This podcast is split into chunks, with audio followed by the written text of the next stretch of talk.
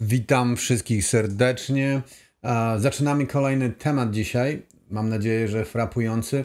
Będzie dalszym ciągiem, e, takim głębszym wejściem w świetliste aspekty naszej egzystencji e, na tej planecie.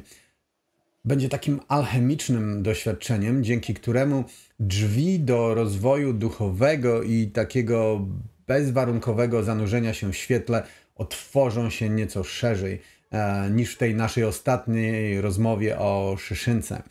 E, postanowiliśmy z Moniką uchylić rąbka wiedzy e, zwanej zakazaną.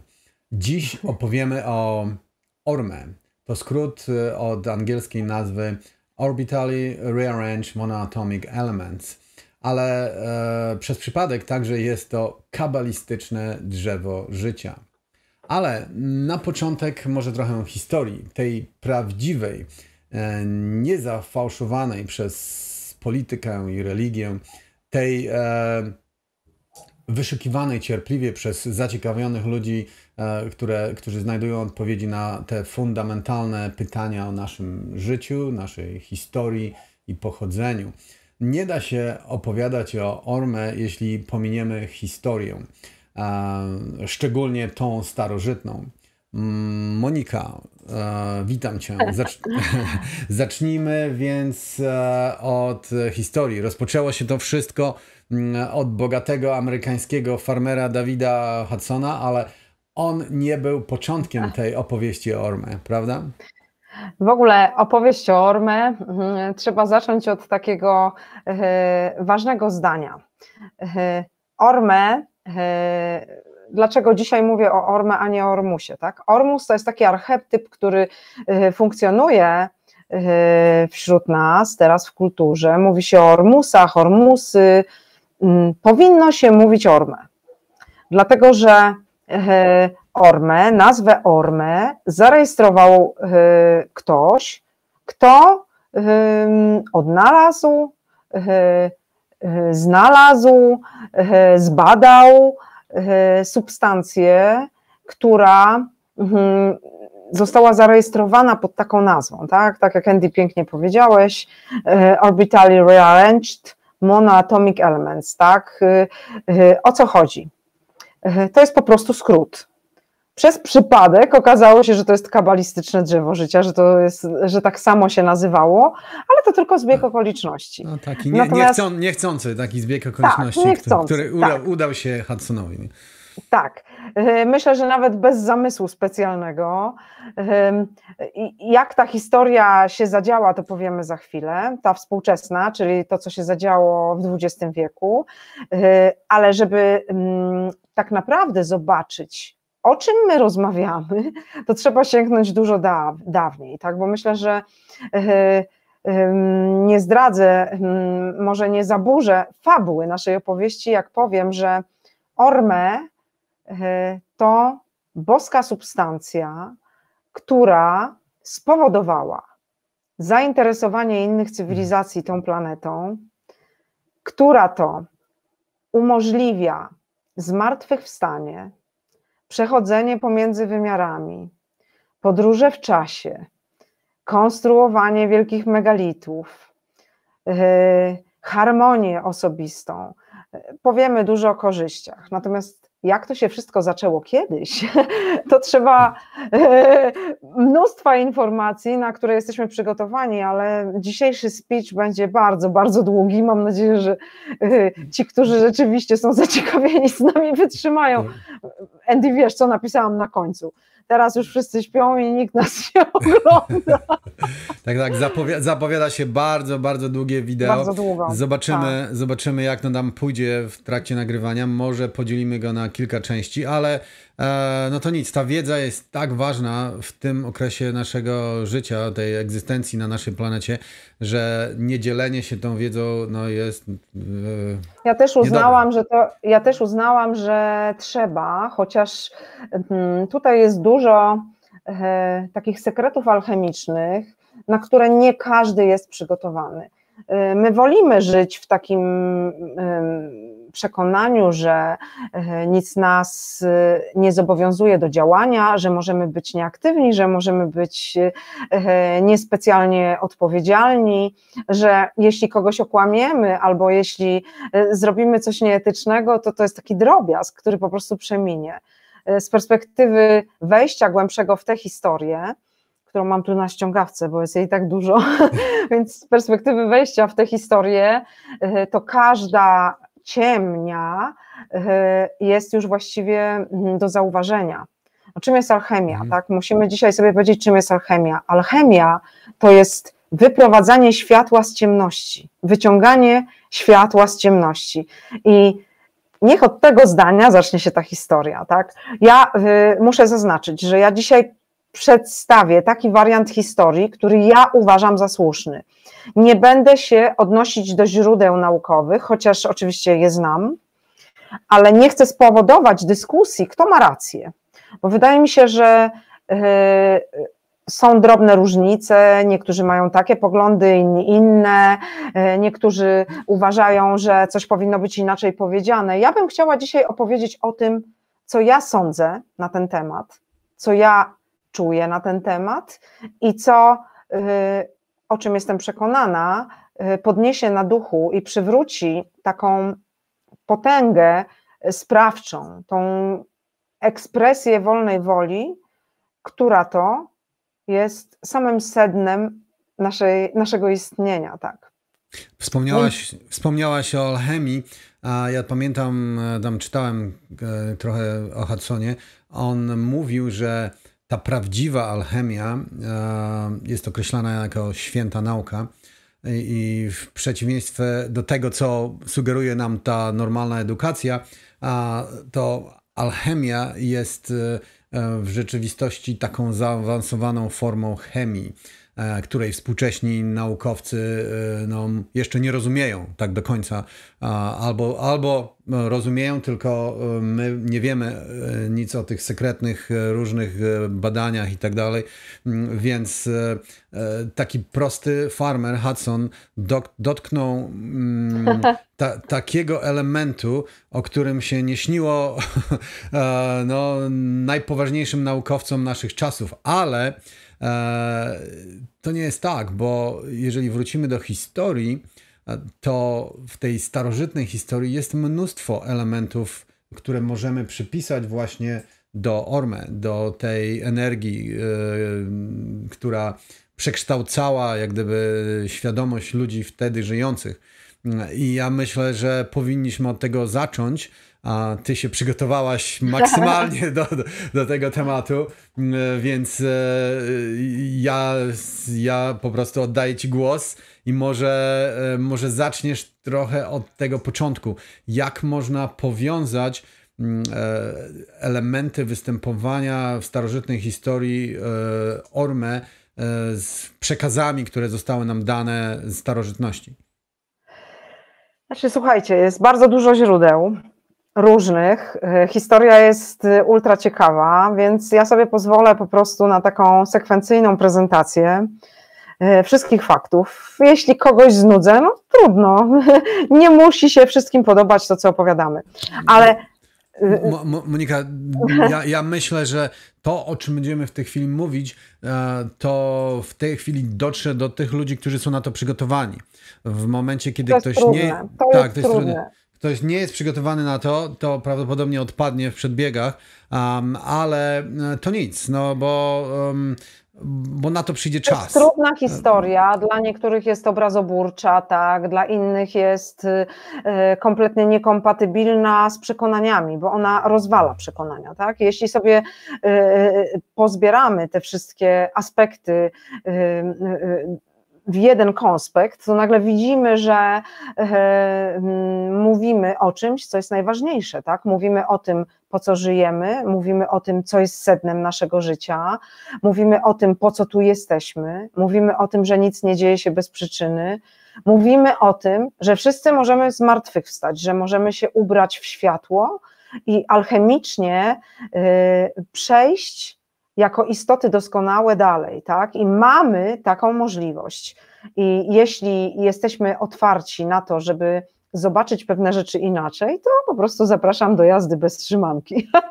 No, no właśnie. ale, Także... trzeba powiedzieć, ale trzeba powiedzieć ważną rzecz. Będzie tutaj dużo takich y, wyprostowań historii, która to została celowo zafałszowana. Więc dlatego mówimy o tym, że będzie trudno. Będzie trudno. No właśnie, nadszedł czas, żeby przestać słuchać się już tych wszystkich guru różnego rodzaju um, przywódców e, politycznych, um, tak różnych manipulatorów um, korporacyjnych, wszelkiego rodzaju autorytetów. Autorytety zniknęły. Zobaczcie, że autorytety w ostatnich czasach po prostu zniknęły. Ich nie znaczy, Wygląda na to, że się kompletnie zagubiły, prawda? Tak, także te religijne, te religijne, kościelne autorytety także padły nam. Um, Także... No, a to, co dzisiaj powiemy, może spowodować, że zaburzymy e, równowagę e, tych, którzy są bardzo przywiązani do współczesnych religii, więc jeśli ktoś taki z nami jest, e, no to może nie dla niego jest ten materiał. Także przepraszamy z góry. Ja będę prezentować własne poglądy i nie zachęcam nikogo, żeby zmienił swoje poglądy, żeby zmienił swoje przekonania. Ja po prostu opowiem, co we mnie dzwoni, a jeśli ktoś będzie chciał za mną podążyć, to, e, to zrobi. Jeśli nie, e, jeśli nie będzie miał chęci zmierzyć się z tym, co jest może obrazoburcze, czy e, bardzo jakieś takie dojmujące, to ja bardzo przepraszam. Chcemy też zaznaczyć, że ta wiedza jest osiągalna, ona jest na wyciągnięcie ręki, tylko trzeba jej poszukać. Także to nie ma, nie ma tutaj nic takiego um, jakiegoś schowanego. Ona jest, ona była jest, zaka jest zakazana. Jest troszkę takich alchemicznych rzeczy, jest troszkę takich alchemicznych rzeczy, ale w ostatnich latach pojawiło się mnóstwo źródeł, tak? Mnóstwo źródeł nowych od właściwie od 20 y, lat XX wieku w Syrii, tak? Zaczęły się pojawiać takie dokumenty, no, które są kompatybilne z tym okresem, o którym będziemy dużo mówić, czyli y, z, z, z pobytem Izraelitów e, w Egipcie, e, w Babilonie, tak? E, tutaj hmm. będziemy o tym dużo mówić. Dobrze. Więc tak. Jedźmy. Sta startujemy, startujemy. Więc tak pierwsze jest. pytanie do ciebie. Monika, jaka jest historia Orme? Nie Ormusu, ale Orme. Tak, mówimy już o Orme, mimo że, jak podkreślam, w kulturze mówi się o Ormusach, tak? I mówiąc o Ormusach, mamy na myśli, no właśnie, te wszystkie pierwiastki, tą prasubstancję. Co mamy na myśli, to powiem zaraz, tak? Zacznijmy od tego, y, od samego początku, tak? Y, Ewangelie Mateusza i Łukasza prezentują rodowód Jezusa. Wszyscy wiedzą, kim był ten wspaniały mąż. Wywodzą go z rodu Dawida Izraelskiego, czyli z rodu królów Izraela. To była szczególna linia, pojawiła się w historii bardzo silnie i wielu odkrywców próbowało rozszyfrować, dlaczego jest tak niezwykła. Oprócz tego, że jest ocechowana religią, która w jej efekcie się pojawiła, to dlaczego ona jest tak niezwykła, tak? Biblia niesłusznie niesłusznie podaje, że mm, e, linia Jezusa wywodzi się od Adama i Ewy, których trzeci syn o imieniu Set założył ród, który przez Matuzalema i Noego e, doszedł aż do Abrahama, który był wielkim patriarchą narodu żydowskiego, no, który właśnie poprowadził swoją rodzinę z Mezopotamii na zachód do Kanaanu, czyli do obecnej Palestyny, skąd część jego potomków przeniosła się do Egiptu. Po kilku pokoleniach wrócili do Kananu, gdzie Dawid Betlejemski został królem nowo powstałego Królestwa Izraela. Proszę Państwa, to nie jest prawda. To nie jest prawda, tak? Yy, co w tym nie jest prawdą? To nie jest prawdą, że ród Jezusa wywodzi się od Seta. To nie jest prawdą. Warto sobie przypomnieć, że te wszystkie księgi chrześcijaństwa w IV wieku y, były poddane obróbce dostojników Kościoła. Y, ta obróbka sprowadziła się do tego, że amputowano i przeinaczono wszystko, co było niespójne z założeniami nowej wiary, która wtedy powstała. E, jednak jeśli pomyślisz sobie, że w IV wieku przed naszą erą Żydzi znajdowali się właśnie w niewoli babilońskiej, wydaje się oczywistym, że powinno się szukać tej prawdy w babilońskich księgach. Całość, całość patriarchalnej historii Starego Testamentu, od Adama aż do Abrahama, 19 pokoleń, to są dzieje mezopotamskie. Tak, mezopotamskie. Historia zaczyna się w, w czasach Szumerów, zamieszkujących południowe tereny Mezopotamii, w ogrodzie, czy tam w Edenie, tak, mówi się, że Edin to Eden, w delcie Eufratu. Na początku trzeba powiedzieć o ważnym aspekcie. Bóg Hebrajczyków, ten biblijny, który prowadził ich, nie wiem dlaczego prowadzi się ulubieńców przez cierpienia, katastrofy, klęski, przez potopy. Od czasu do czasu pokazywał takie bardzo spolegliwe, piękne oblicze, nagle y, sprzyjał ludziom. Proszę Państwa, to nie jest jedna postać. To są dwie osoby, dwie osobowości, tak? Y, współczesne religie uznają jedynego Boga. Jedynego. Ale początkowo występowało tu rozróżnienie na Jehowę.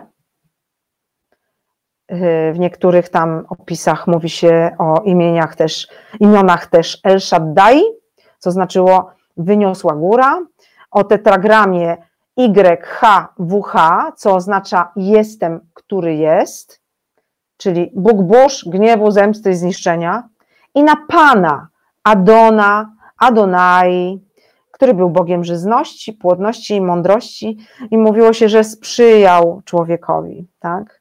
Wśród Kananejczyków Pan był nazywany Balem, a Jehowa El Elionem lub Alianem właśnie z perspektywy tego e, katolickiego ujęcia historii, to bal to było wielkie zło.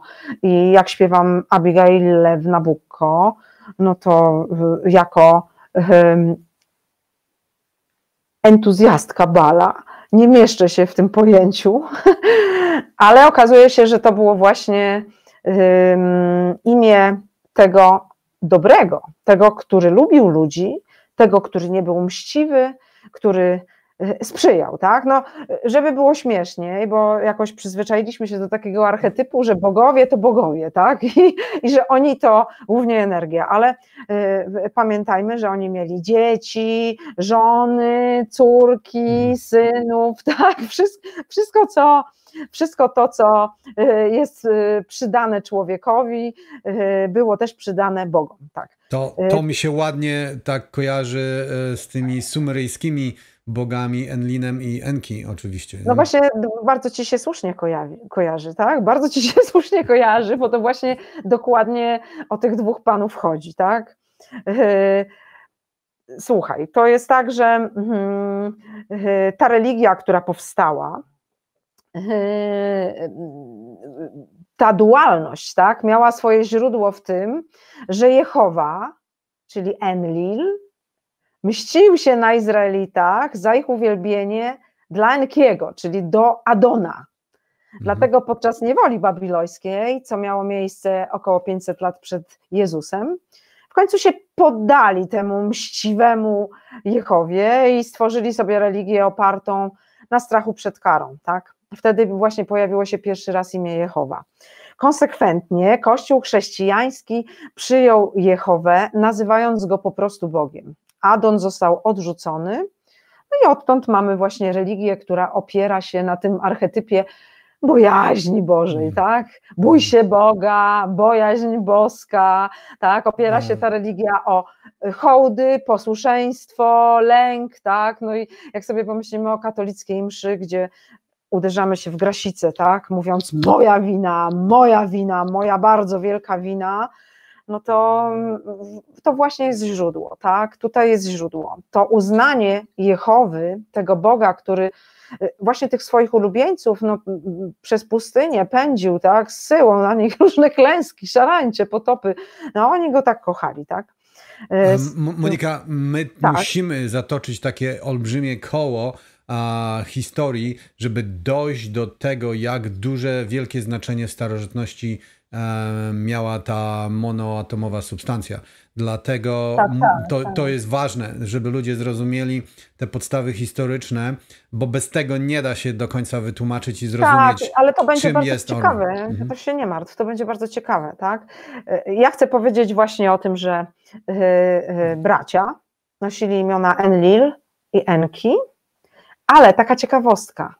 Ten dobry, ten, którego bardziej lubimy jako ludzie, Enki, wiecie co znaczy to słowo szumeryjskie? Archetyp, pierwowzór i prototyp. To taka ciekawostka, tak? Wczesne sumeryjskie teksty przypisują Enlilowi e, wszystkie klęski, tak, które spotkały dawnych właśnie mieszkańców tego obszaru, czyli potop, zniszczenie Babilonu i Ur, zrównanie z ziemią Sodomy i Gomory. No wcale nie dlatego, że były to siedliska nieprawości, tak? To jest taki przesąd, y, nasze współczesne przekonanie. Y, Dlatego je zniszczył, że były ośrodkami mądrości i nauczania. Enlil tego nie chciał, tak? Enki zaś y, obdarował Szumerów mądrością i wiedzą i dostępem do drzew wiedzy i życia to on powiedział swojemu synowi, co prawda nieprawemu, bo yy, poczętemu przez przypadek, nie miał takiego planu, Atrahasisowi, Noemu, jak uciec przed potopem, jak ocalić kod genetyczny, wszystkie te fiolki, jak yy, załadować na arkę, tak? No, no właśnie, na, nam się, nam się tak. tłumaczy, że tam na arce wszystkie zwierzątka a, pospędzano, a tak naprawdę to była walizeczka z kodami Tak genetycznymi. jest, tak jest, tak jest, tak jest. I on przekazał tablicę przeznaczenia, czyli te prawa naukowe, które stały się fundamentem szkół misteryjnych w Egipcie. Bo te szkoły misteryjne egipskie to w ogóle jest y, clue historii Orme. Zaraz się o tym dowiemy. Tutaj y, mamy na myśli właśnie szkołę hermetyczną Tutmozisa III, który panował w Egipcie około 1450 roku przed naszą erą. Y, Ta szkoła pochodziła z takiego stowarzyszenia, które się nazywa Królewskim Dworem Smoka. To był taki królewsko-kapłański zakon, który przyszedł z Egiptu do królów Jerozolimy oraz do e, słynnych czarnomorskich książąt z Cytii i Bałkanów. I istnieje do dziś taka ciekawostka pod postacią Królewskiego Dworu Smoczej Monarchii. To jest najstarsza najstarszy dwór monarszy na świecie, ma już w tej chwili ponad 4000 lat, Yy, pełni funkcję, uważajcie, królewsko-kapłańskiego zakonu, który ma za zadanie zachować królewską krew pana Enki, archetypu pierwowzoru. Tak? Słuchajcie, królowie wczesnej sukcesji byli podczas koronacji namaszczani tłuszczem smoka który to w Egipcie nosił nazwę Mesech. Mesech. To jest źródło słów hebrajskiego słowa namaszczać. I byli nazywani smokami, mesjaszami, czyli właśnie namaszczonymi. To, co się mówi we współczesnym języku, pomazańcy, tak? To Mhm. jest y, związane z tym namaszczaniem, tak? Tym tłuszczem tego smoka. Kim był ten smok? Ten smok y, był y, obrazowany jako taki wąż, który miał łapy, który miał wielką szczękę. No mówiło się właśnie czasem wąż, czasem smok. Nikt do końca nie wie, co to była za bestia. Był nazywany właśnie Mesech, tak. I był, jak to potem opowiemy szczegółowo bardziej, symbolem Enkiego. No taka ciekawostka też. W czasach wojen jak się pojawiał taki wielki król, który zarządzał połączonymi armiami, czyli takim pospolitym ruszeniem wielu, wielu populacji, to był nazywany wielkim smokiem albo pendragonem. To właśnie stąd pochodzi. No i co? I teraz powiem coś, za co mnie tutaj już pierwszy raz nabiją na pal, że pierwszym królem z tej smoczej mesjanistycznej sukcesji był biblijny Kain głowa szumeryjskiego domu Kisz. I teraz się zaczyna to, co ja mu uważam za zakazaną historię, tak? Bo y, bardzo się powstrzymywałam, żeby w speechu o Szyszynce o tym nie powiedzieć, żeby nie powiedzieć y, tych informacji, które tutaj wstrząsają y, no, wieloma twoimi mhm. Widzami, tak? Bo masz tutaj wielu widzów, którzy są bardzo przywiązani do tej wersji historii, którą rozpowszechnia Kościół katolicki, tak? to, co teraz Ale nie mówimy. tylko protestancki, cała, ca, cała chrześcijańska doktryna właściwie. No właśnie, no, ale, ale ja uważam, że słuchajcie, y, biorąc pod uwagę to, co powiedziałam w którymś z ostatnich speechów, że dusza przychodzi, yy, inkarnuje po to, żeby przybierać formy, to to, co powiemy o Orme, właśnie jest opowieścią o przybieraniu form. Nie ma tutaj znaczenia, kto y, był z jakiej mhm. planety, z jakiej cywilizacji, kto był stworzony, kto był przekomponowany. Ważne było, czy jest w nim substancja, która y, miała swoje y, pochodzenie w czymś, co właśnie ma swoje początki w tej historii. Dlatego musimy o tym powiedzieć, wybaczcie Państwo, tak? Dobrze. Wbrew księdze Genezis, linia Dawida i Jezusa nie wywodzi się od Seta, syna Adama i Ewy, tak? Lecz pochodzi od syna Ewy, Kaina, którego odnotowani sukcesorzy byli pierwszymi królami, wtedy się to nazywało Kainami, nie królami, Mezopotamii i Egiptu. Kain nie był pierwszym synem Adama. Adam też funkcjonuje pod y, imionami Attab lub Adamu i Ewy. Tiamat lub Awa, tak? To też są alternatywne imiona. Słuchajcie, był synem Ewy i Enkiego. Był synem Ewy i Adona, o czym nawet sama Ewa poinformowała Adama w księdze Genezis, więc wszystko jest na razie zgodnie z, literą Biblii. E, polska i angielska Genezis e, mówi nam o Kainie dość sporo, ale też y, nieprawdziwych informacji, źle przetłumaczonych. Tak? Zajmuje się opisem Kaina jako tego, który uprawiał glebę czy rolę. Tak? Jednak oryginalne teksty podają, niebiblijne, że Kain miał zwierzchnictwo nad ziemią. To nie jest to samo, co uprawianie roli, tak? Y, autorzy Biblii często właśnie odwracali znaczenie słowa ziemia tłumacząc, tłumacząc to słowo jako grunt czy gleba, tak? przeciwnie do intencji prawdziwych autorów ksiąg biblijnych. Myśląc o Adamie i Ewie, tutaj słuchajcie, trudno nie sięgnąć myślą do Sicina czy Berossusa, którzy przytaczają, że w Edin Adamu i Tiamat e, dostali, czyli Adam i Ewa, dostali dożebrowo esencję Enkiego czym była ta esencja, też trzeba się zastanowić, nad tym trzeba się zastanowić, tak? Bo za sprawą tej esencji yy, doznali poznania i otrzymali możliwość rozmnażania. Czyli słuchajcie, yy, czym była ta esencja yy, boska?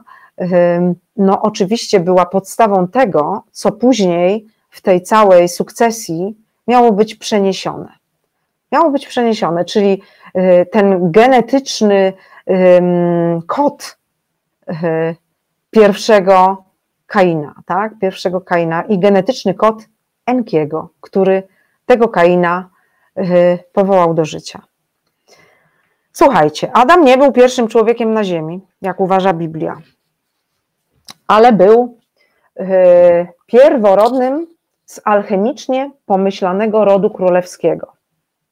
Co to znaczy? To znaczy, że w trakcie eksperymentów genetycznych, bo wiadomo, że Anunnaki pracowali nad stworzeniem rasy, która byłaby y, pomocna y, w wydobywaniu surowców ziem rzadkich, platynowców i złota. Po co oni to wydobywali, to jeszcze powiemy, bo oczywiście y, wersja Sicina i Berossusa tutaj mówi o tym, że Anunnaki przylecieli na Ziemię po to, żeby no. szukać złota, które to miało uratować ich atmosferę, atmosferę Nibiru, tak? tak? To, to tak, jest tak, na początku tak, zaczęli od na początku zaczęli od morza, od, od wody morskiej, ją tam przecedzali, tak, ale zatoki, nie, zatoki ale nie, nie tak. udało mi się to, by, to nie było bardzo ekonomiczne, więc przeszli na ląd później. No i potrzebowali pracowników. Taka jest wersja, że tak powiem, ogólnie dostępna, tak? Moje zdanie jest inne. Moje zdanie jest takie, zresztą zajęło mi sporo lat, żeby sobie ułożyć to w głowie, tak? Że Anunnaki pojawili się na Ziemi właśnie w poszukiwaniu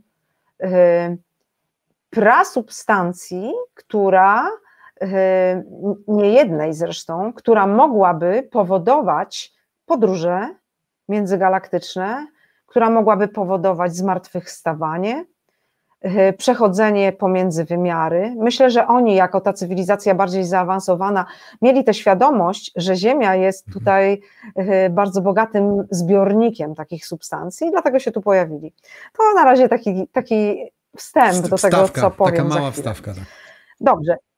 Tak, mała wstawka, żebyśmy wiedzieli, dlaczego mówiąc o Orme, zaczynamy od y, króla Dawida. Słuchajcie, Nin Hursak, przyrodnia siostra Ankiego i Enlila, y, była właścicielką tego słynnego pierwszego genu użytego do stworzenia Lulu. Bo, y, żeby jeszcze podkreślić, nie stworzyli nas Anunnaki, stworzył nas Bóg.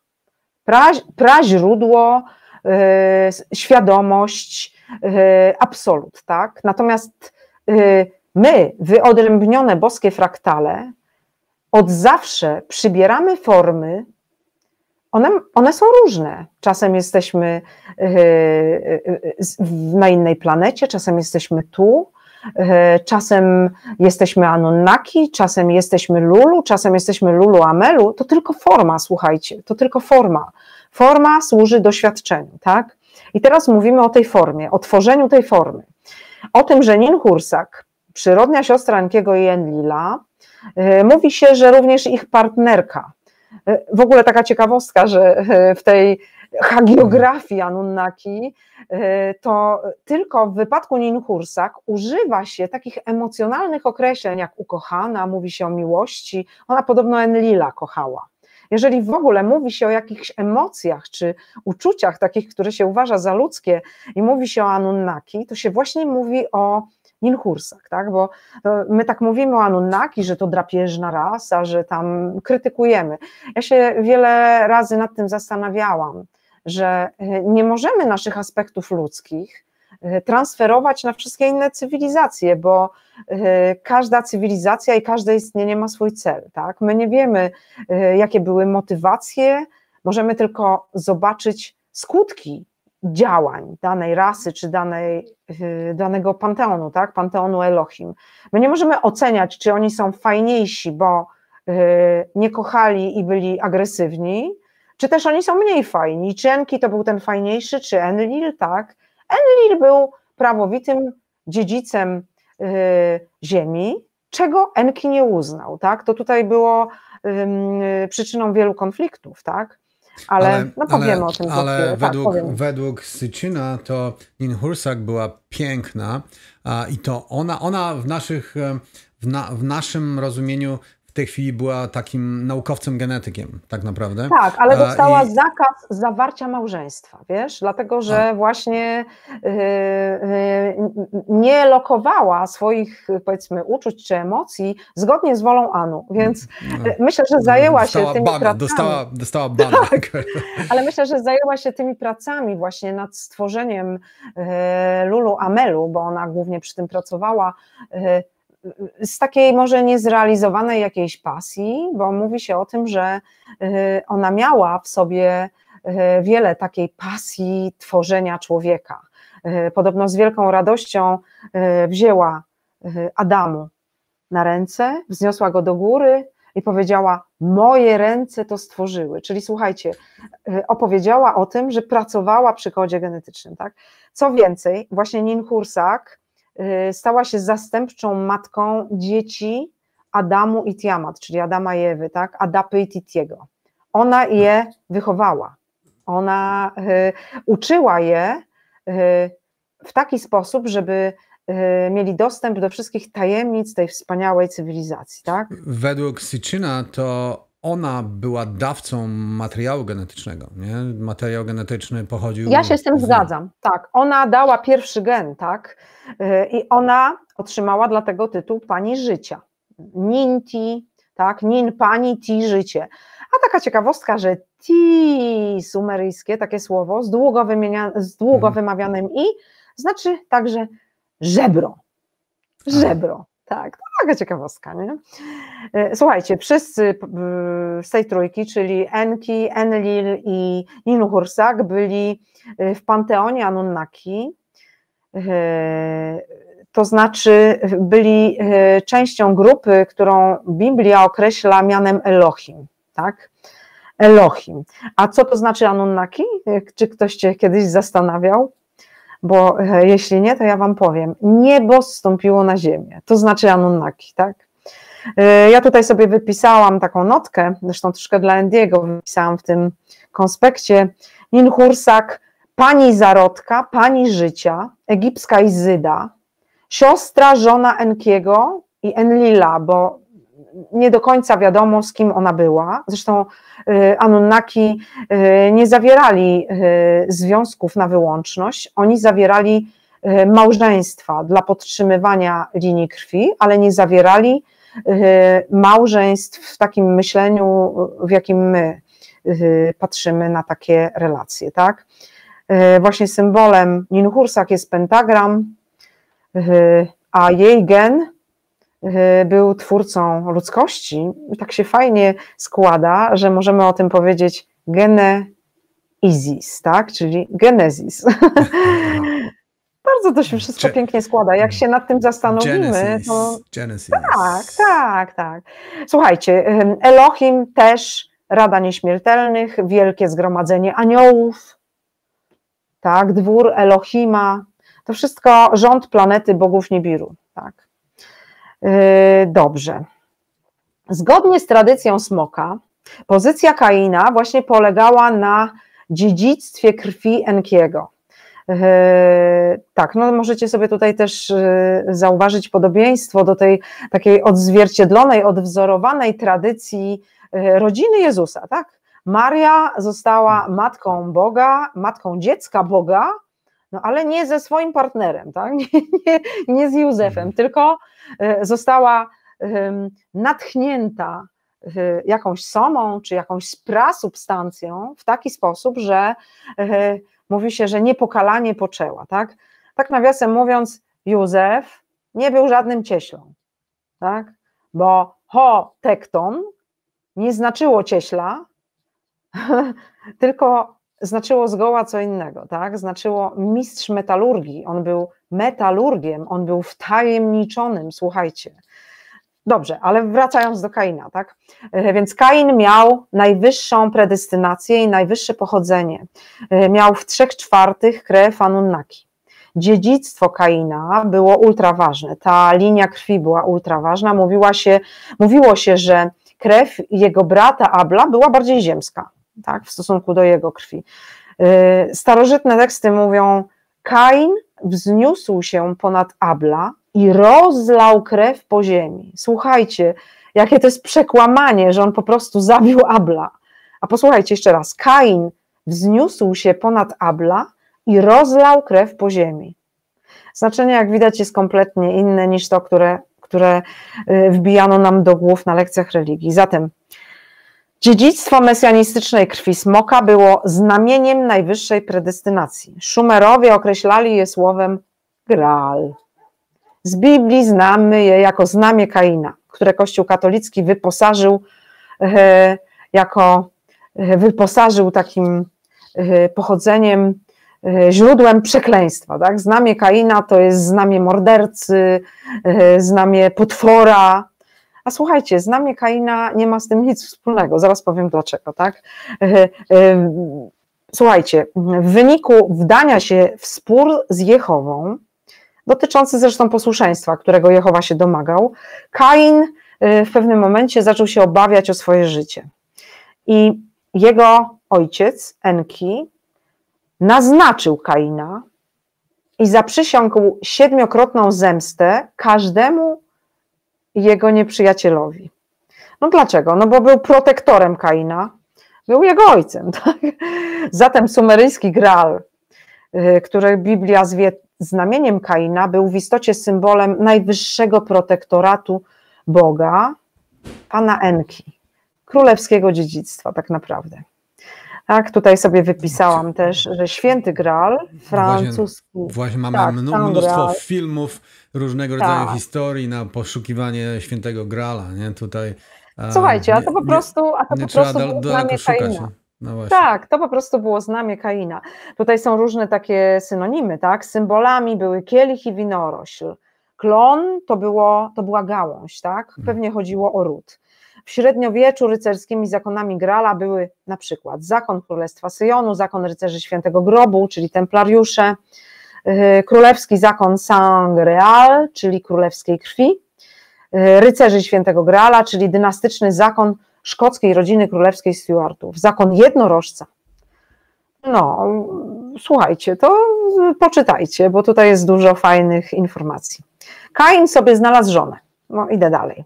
No, y, patrząc na Biblię, to tak y, nie za bardzo wiadomo, kim byli jej rodzice, jeśli mhm. innych niż Adam i Ewa na ziemi właśnie, nie było właśnie, według właśnie, Biblii. No, tak, tak, zgadzam. No to, to jest taka zagwozdka, że e, w jakiś Nie, jakimś, nie ma żadnych zagwozdek. No, ja wiem, wiem. No, to po prostu nieprawda. No. no, w jakiś sposób e, znalazły się inne istoty, które no, potrafiły się z nimi tak, rozmnażać. Właśnie, które to miały córkę, tak jest, które to miały córkę, Lulu, Luluwę, tak. Y, była to y, bardzo z prawego łoża, tak, nibiruańska księżniczka z dziedzictwa podwójnego nasienia.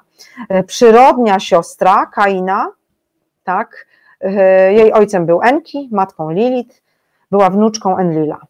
Słuchajcie, jak sobie tak pomyślimy, żeby zrobić taki dobry wstęp do tego, o czym powiemy za parę godzin, bo tak trzeba to e, e, zobaczyć, to pomyślcie, czy, czy to jest prawda, teraz powiem coś bardzo obrazoburczego, ja tylko zadam pytanie, czy to rzeczywiście jest prawda, że w tych, jeśli w tych najwyższych sukcesjach tak się pilnowało, żeby wiązać się wyłącznie z krewnymi, to czy to rzeczywiście jest prawda, że na ziemi to my tak pilnujemy, żeby nie było kazirodztwa, tak? Skąd to się wzięło na ziemi? Skąd, to są, skąd są te wzorce? Jeżeli trzeba było y, współżyć z siostrą, z siostrą przyrodnią, z córką, z wnuczką, żeby mieć dzieci z prawego łoża, pomyślcie. To taka, taki początek, tak? Taki początek pewnej kwestii, y, o której sobie powiemy, tak? Y, słuchajcie, na razie wracamy do Kaina. E, e, kiedy już się ożenił, to miał oczywiście dzieci. E, starszy syn, Etan, król Kisz, jak piszą starożytne babilońskie teksty, przechadzał się z bogami i był karmiony z rośliny roślin. Czyli Biblia nazywa tę roślinę roślin drzewem życia. Ja na końcu, pod koniec już wszystkiego, powiem, czym jest drzewo życia i jak możemy sobie we własnym ogrodzie zrobić drzewo życia. Bo możemy, proszę Państwa, możemy zrobić tak, żeby mieć owoce, które mają w sobie prasubstancję orme. Powiem to. Linia krwi była kształtowana za pomocą odpowiednich związków. Sukcesorzy zawsze przewyższali wszystkich y, sobie współczesnych pod względem charyzmatów, pod względem wykształcenia, mądrości, yy, intuicji, zawsze wiedzieli, co zrobić, umieli podejmować decyzje, od których zależały cywilizacje, tak?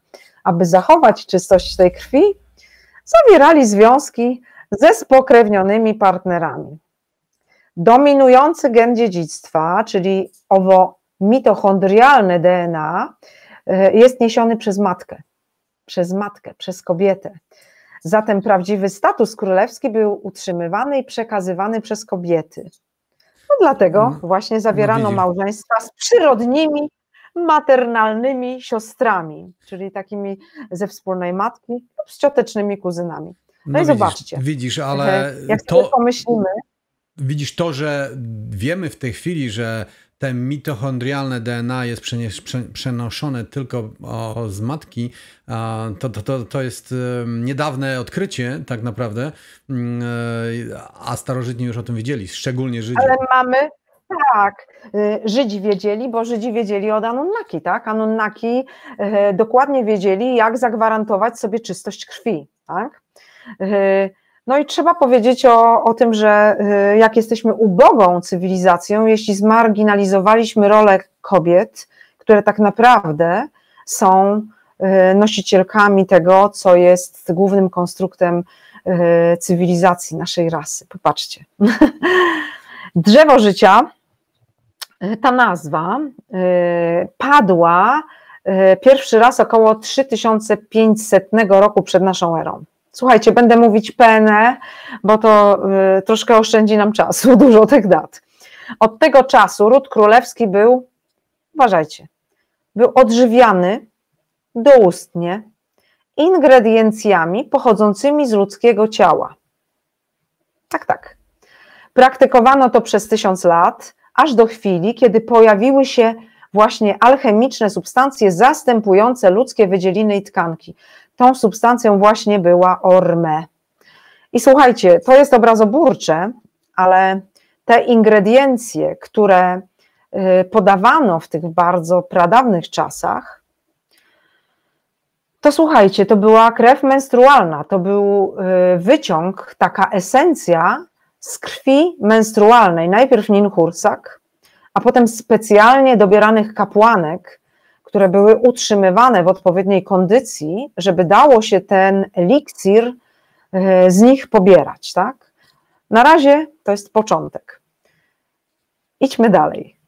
Jehowa zakazał Noemu, jak wiecie, i jego synom spożywania wydzielin i krwi. Moim zdaniem walczył tu o minimalizację dziedzictwa swojego brata Enkiego, z którym e, właściwie przez, całe, przez cały ich pobyt na ziemi no, nie mogli się dogadać w sprawie sukcesji, bo Enki uważał, że to jemu należy się e, pierworództwo, tak? Czyli e, uważał, że skoro, zresztą powiem dokładnie, jak to wyglądało, jaki był powód, jak będę opowiadać o końcu e, Imperium Szumeryjskiego, nie będę tego uprzedzać, tak? Ale słuchajcie, we współczesnej takiej tradycji chrześcijańskiej, to zobaczcie, spożywanie krwi jest ultra ważne, tak? Podczas komunii, podczas mszy katolickiej pije się y, konsekrowane w krew Jezusową wino.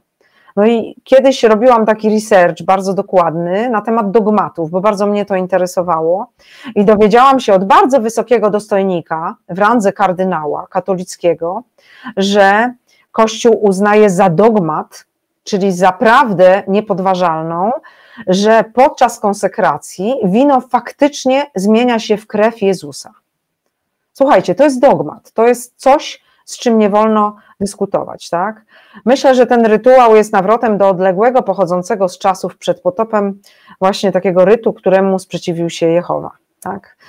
Owa krew, jak powiedziałam, była ekstraktem esencji Anunnaki pochodzącym od Ninhursak, zwanej Panią Życia, który to właśnie ekstrakt uchodził za najpotężniejszą siłę życiową. Nazywano go gwiezdnym ogniem. To się pierwszy raz pojawi, pojawiła ta nazwa w tej chwili w naszym speechu. Zapamiętajcie, gwiezdny ogień.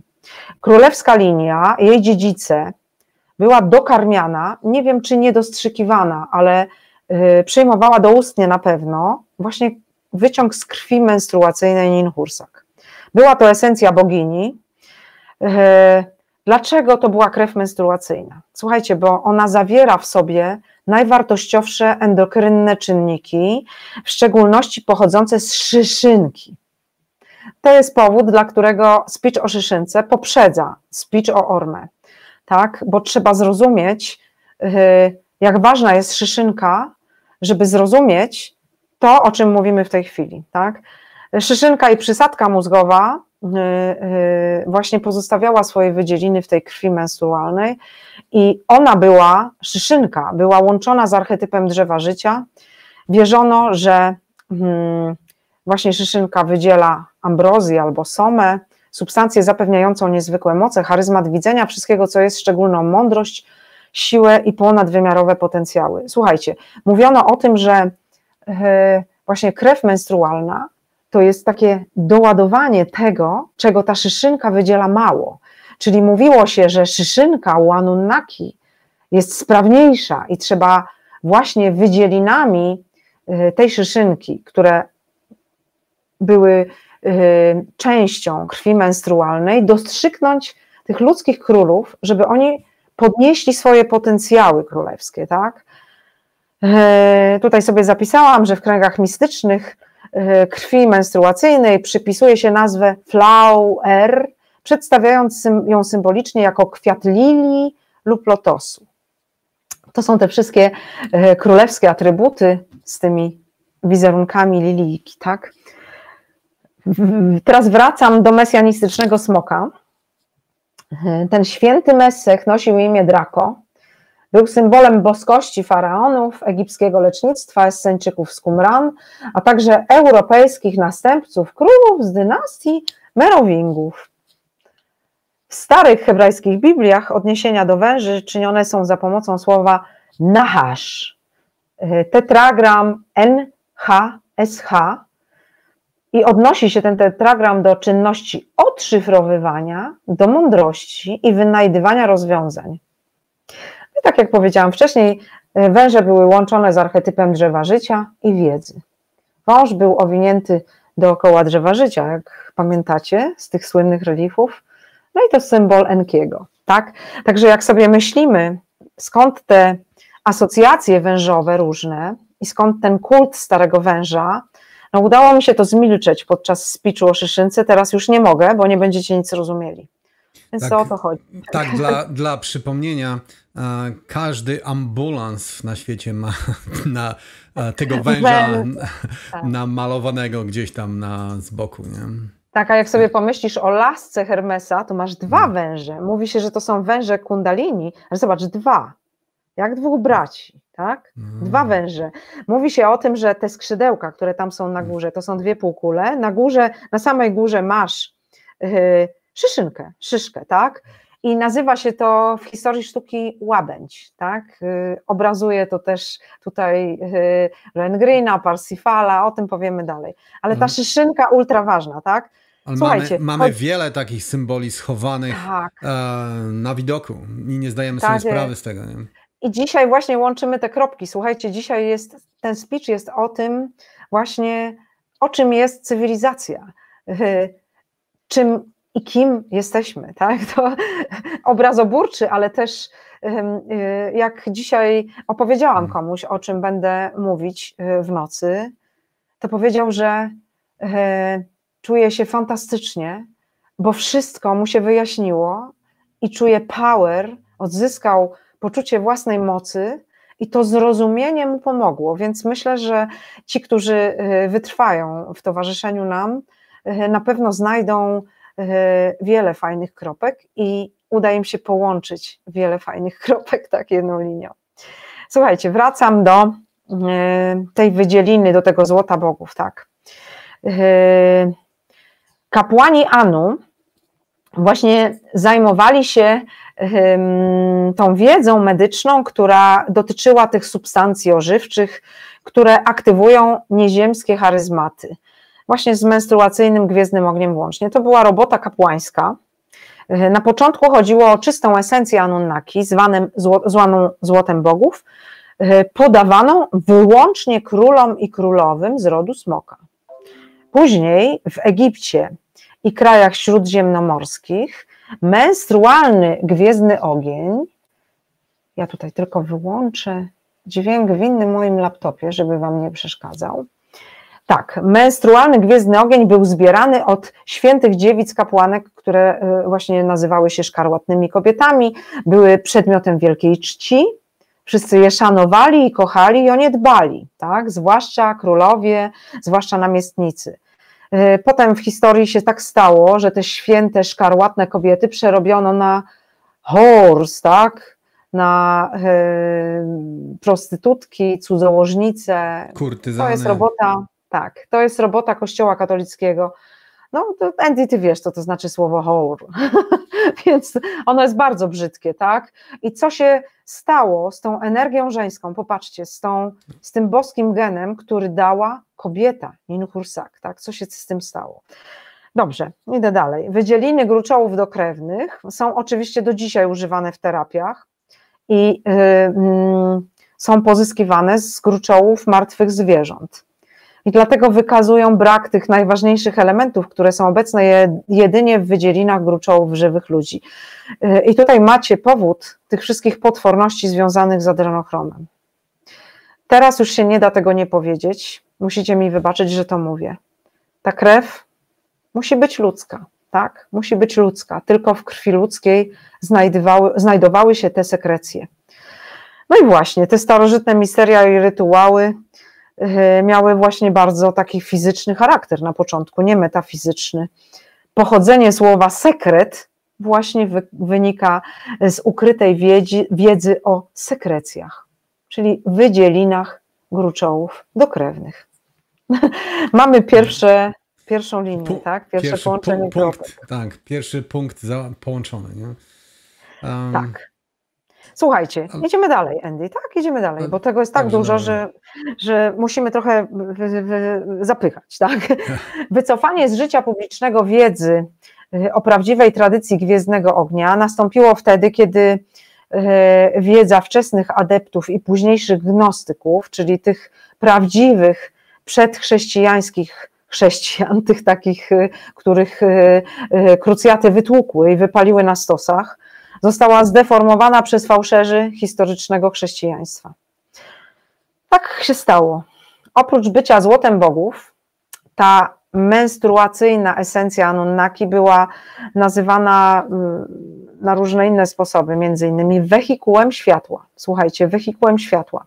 Była stawiana na równi z mistycznymi wodami kreacji. E, mówiło się, że jest przepływem nieskończonej wiedzy, czyli dawała taki potencjał stwarzania. Czy my w tej chwili yy, mamy świadomość, że zgubiliśmy potencjał stwarzania?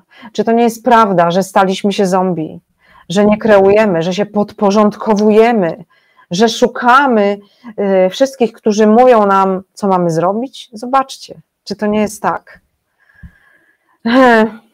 Możemy sobie powiedzieć o tym, że puchar rosy, tak, czy ten puchar wód, no to właśnie jest symbol znamienia Kaina i później stał się herbem jego królewskiego rodu. Mówiono, że światło pozostaje w osobie duchowo nierozbudzonej w stanie uśpienia i że można je pobudzić i umotywować przy pomocy duchowej energii własnej woli oraz przez stałe sprawdzanie samego siebie. Czyli słuchajcie, trzeba się było i trzeba się trzymać w ryzach, trzeba się kontrolować, trzeba mieć na uwadze jakość swojej egzystencji. Nie jest to jednak jakikolwiek proces umysłowy, ale prawdziwie wolna od myśli świadomość, czyli bezcielesna forma czystego bytu. O tym tu mówimy. Nauki wczesnych szkół wiedzy tajemnej wyrażały się bardzo zdecydowanie na temat drzew życia i wiedzy. To były dwa drzewa, które były w Edinie, i było to dokładne powtórzenie nauk Enkiego. Jak sobie sięgniemy do księgi Enki, księgi Enkiego, no sobie tam znajdziemy taki cytat.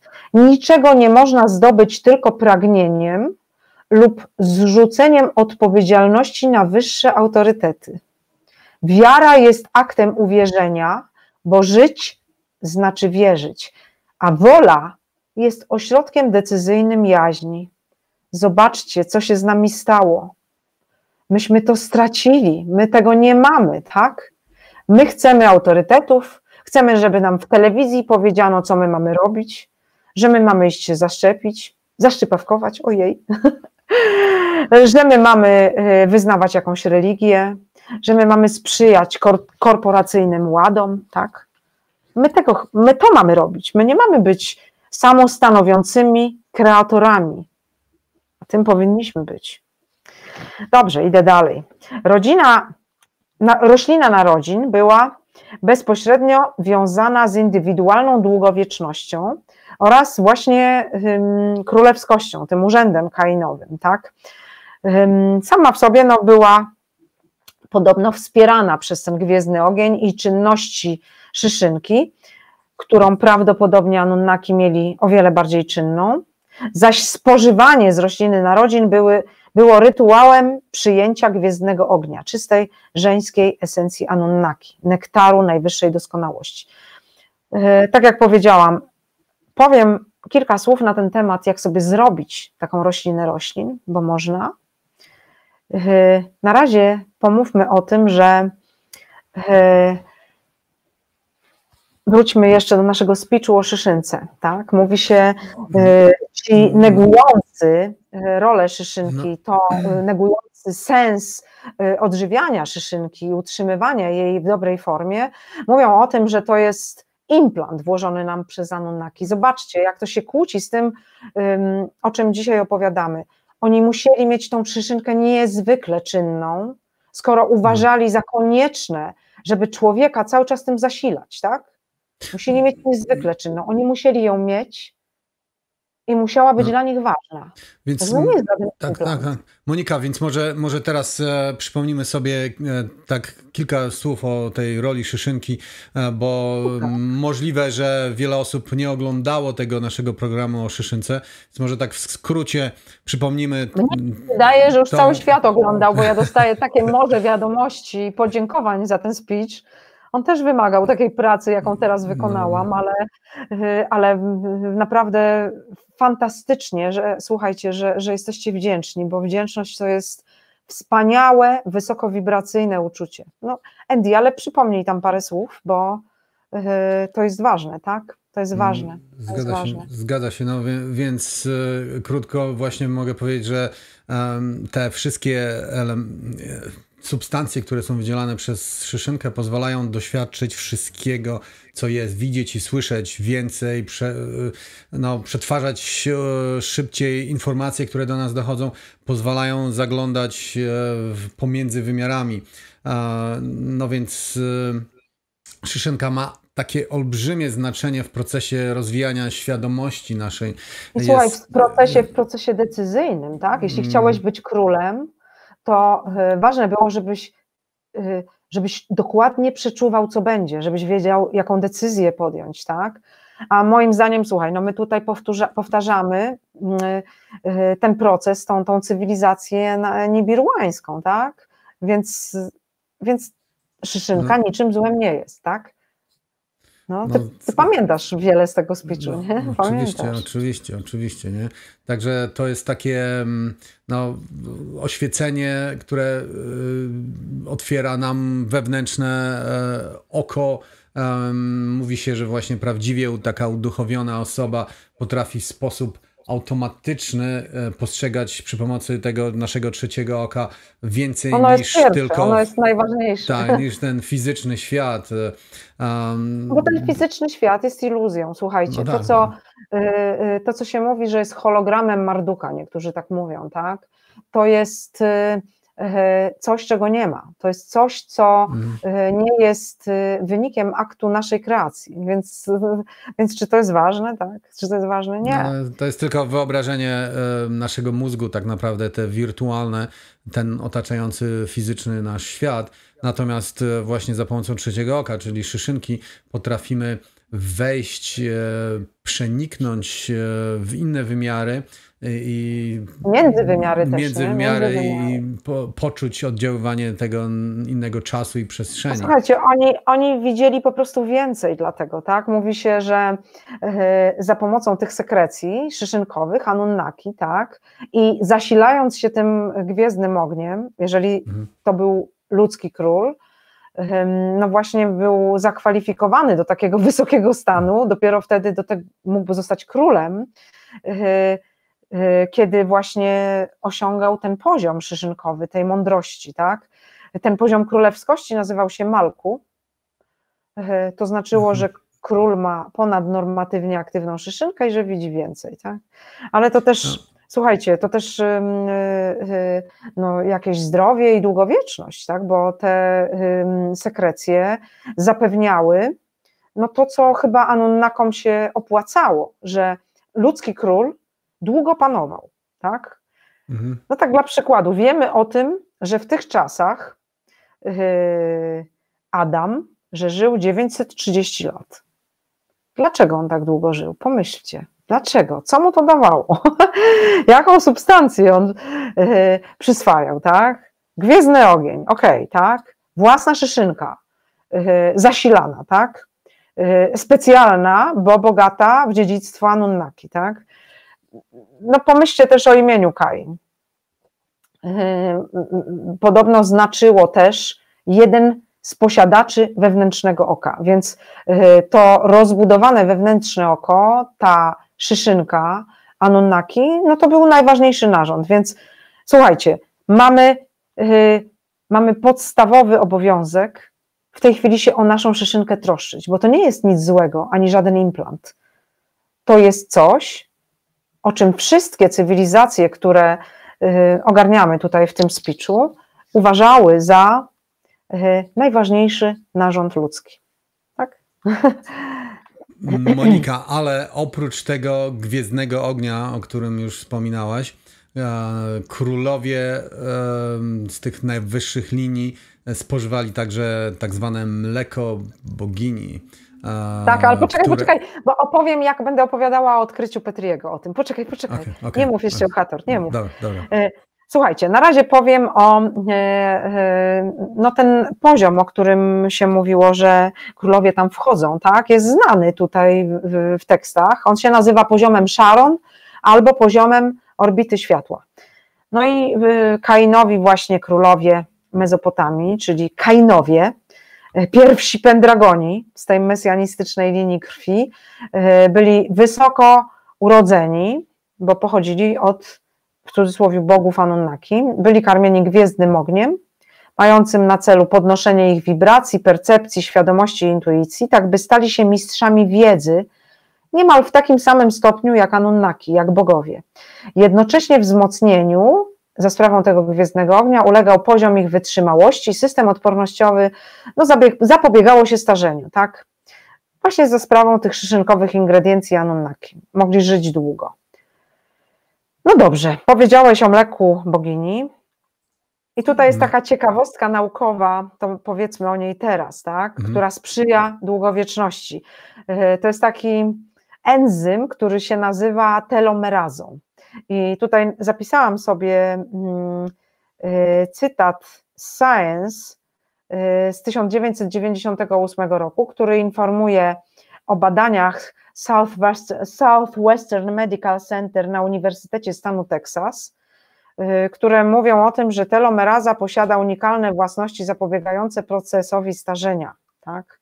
Komórki zdrowego człowieka są zaprogramowane na wielokrotny podział w okresie życia organizmu, tak? Mają określoną ilość tych podziałów. Tak jest. I y, za, y, zamykają y, te komórki, tak? Zamykają kapsle znajdujące się na końcuchach, na końcach łańcucha DNA, no takie jak metalowe skóweczki, tak? Jak na sznurówkach mamy, żeby sobie buty nanizać, żeby sobie sznurówki do butów włożyć, tak? I za każdym razem, kiedy komórka ulega podziałowi, y, skraca się ten telomer, tak? Kiedy telomery osiągają krytyczną długość, proces podziału ustaje i następuje śmierć komórki. Prowadzone w laboratoriach na próbkach tkanek badania wskazały, że działanie genetycznym enzymem telomerazy może zapobiec skracaniu się telomeru w czasie podziału komórki. Czyli komórki mogą kontynuować proces podziału w okresie dłuższym lub e, no, no po prostu w dłuższym niż ten, który przewidziano na, e, zaprogramowano na czas tego życia, tak? To znaczy kon koncepcja tego podziału, mechanizmu e, starzenia się komórek, to jest, to jest, to jest ta, tak można powiedzieć, koncepcja tak głosi, że taka tak, tak normalna tak, tak, ludzka komórka może się replikować dzielić tylko tak od 40 do 60 razy, zanim nie będzie już mogła w ogóle e, się dzielić i po prostu rozpadnie się, Ale umiera. Nie? Posłuchaj, Andy, tak mi się pomyślało, jak pisałam ten konspekt, tak, w który patrzymy oboje, że y, telomeraza wiemy, że nie występuje w normalnych tkankach, tylko występuje w komórkach reprodukcyjnych naszych. Ona nie hmm. występuje w innych tkankach, tak? I wiecie, gdzie jeszcze występuje? W guzach złośliwych, tak? I zobaczcie, hmm my to mamy w sobie. My to w sobie mamy, bo jeżeli ona występuje w komórkach reprodukcyjnych, to ona w nas jest, tak? Ale no słuchajcie, nie da się jej użyć. To gdzie ona jest? No? Gdzie ona jest? Ona pewnie jest w tym junk DNA, tak?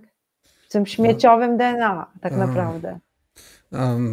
bardzo możliwe, bardzo możliwe. Także pytanie i e, zajadka do naukowców. Może by się tak e, zaczęli orientować i zaczęli zadawać sobie takie pytania i w końcu jak zaczęli robić jakieś konkretne, fajne badania, które przynoszą nam korzyść, nie, nie tylko... Ale wiecie co? Można też, można też, myślę, ja tak czuję, że to jest prawda, że dobre ormy właśnie zajmuje się tym aspektem, tak? Bo czym jest orma, jak powiemy, to, to wam się zamknie ta historia. Uciekam tak, myślą, bo, bo, bo mi się tak chce, ale ważna jest tutaj kolejność, tak? Yy, tak. Więc. Yy, musimy więc... chronić to DNA. Słuchajcie, musimy chronić to DNA i musimy pracować ze światłem. Pamiętajcie, bo yy, bez tego mleko Hator nam nie pomoże. Jeżeli nie będzie w nas światła, to, to słynne mleko Hator, powiemy, co to jest to mleko bogini, mleko Hator. Mhm. Y, mleko Hator to jest taki, takie, y, taka nazwa, tak, taki symbol, tak, kulturowy, ale chodziło o mleko Ninhursak, tak, o mleko Ninhursak, czyli jej esencję, tak. Dobra. No właśnie te, te, chronienie naszego DNA jest szczególnie w tej chwili ważne, bo te wszystkie szczypawki chcą nam je e, trochę po segregować, pomieszać, nie? Więc... No, słuchajcie, ale mówi się o tym, że orme restartuje DNA do stanu urodzeniowego. Więc jeśli ono zostało czymś uszkodzone, to no to jedzcie dobre orme. Po prostu. Tak. Tyle mogę powiedzieć. Więcej nie powiem publicznie, bo to nie będzie dobre dla mnie. Tak. Dobra, idziemy Idziemy w historię. Kanoniczna Biblia mówi, że w czasie życia Noego i jego synów Jehowa wydał zakaz spożywania krwi. Tak? W każdym razie temu okresowi, właśnie tłumacze Starego Testamentu z VI wieku PNE przypisują wprowadzenie tego zakazu. Od tamtego czasu wiek członków tego, tych patriarchów, tak, czyli ludzi, zaczął się skracać i od czasów Abrahama i Izaaka nie przekraczał już normalnej długości ale okresy życia królów Szumeru, potomków Kaina i Etany pozostały długie.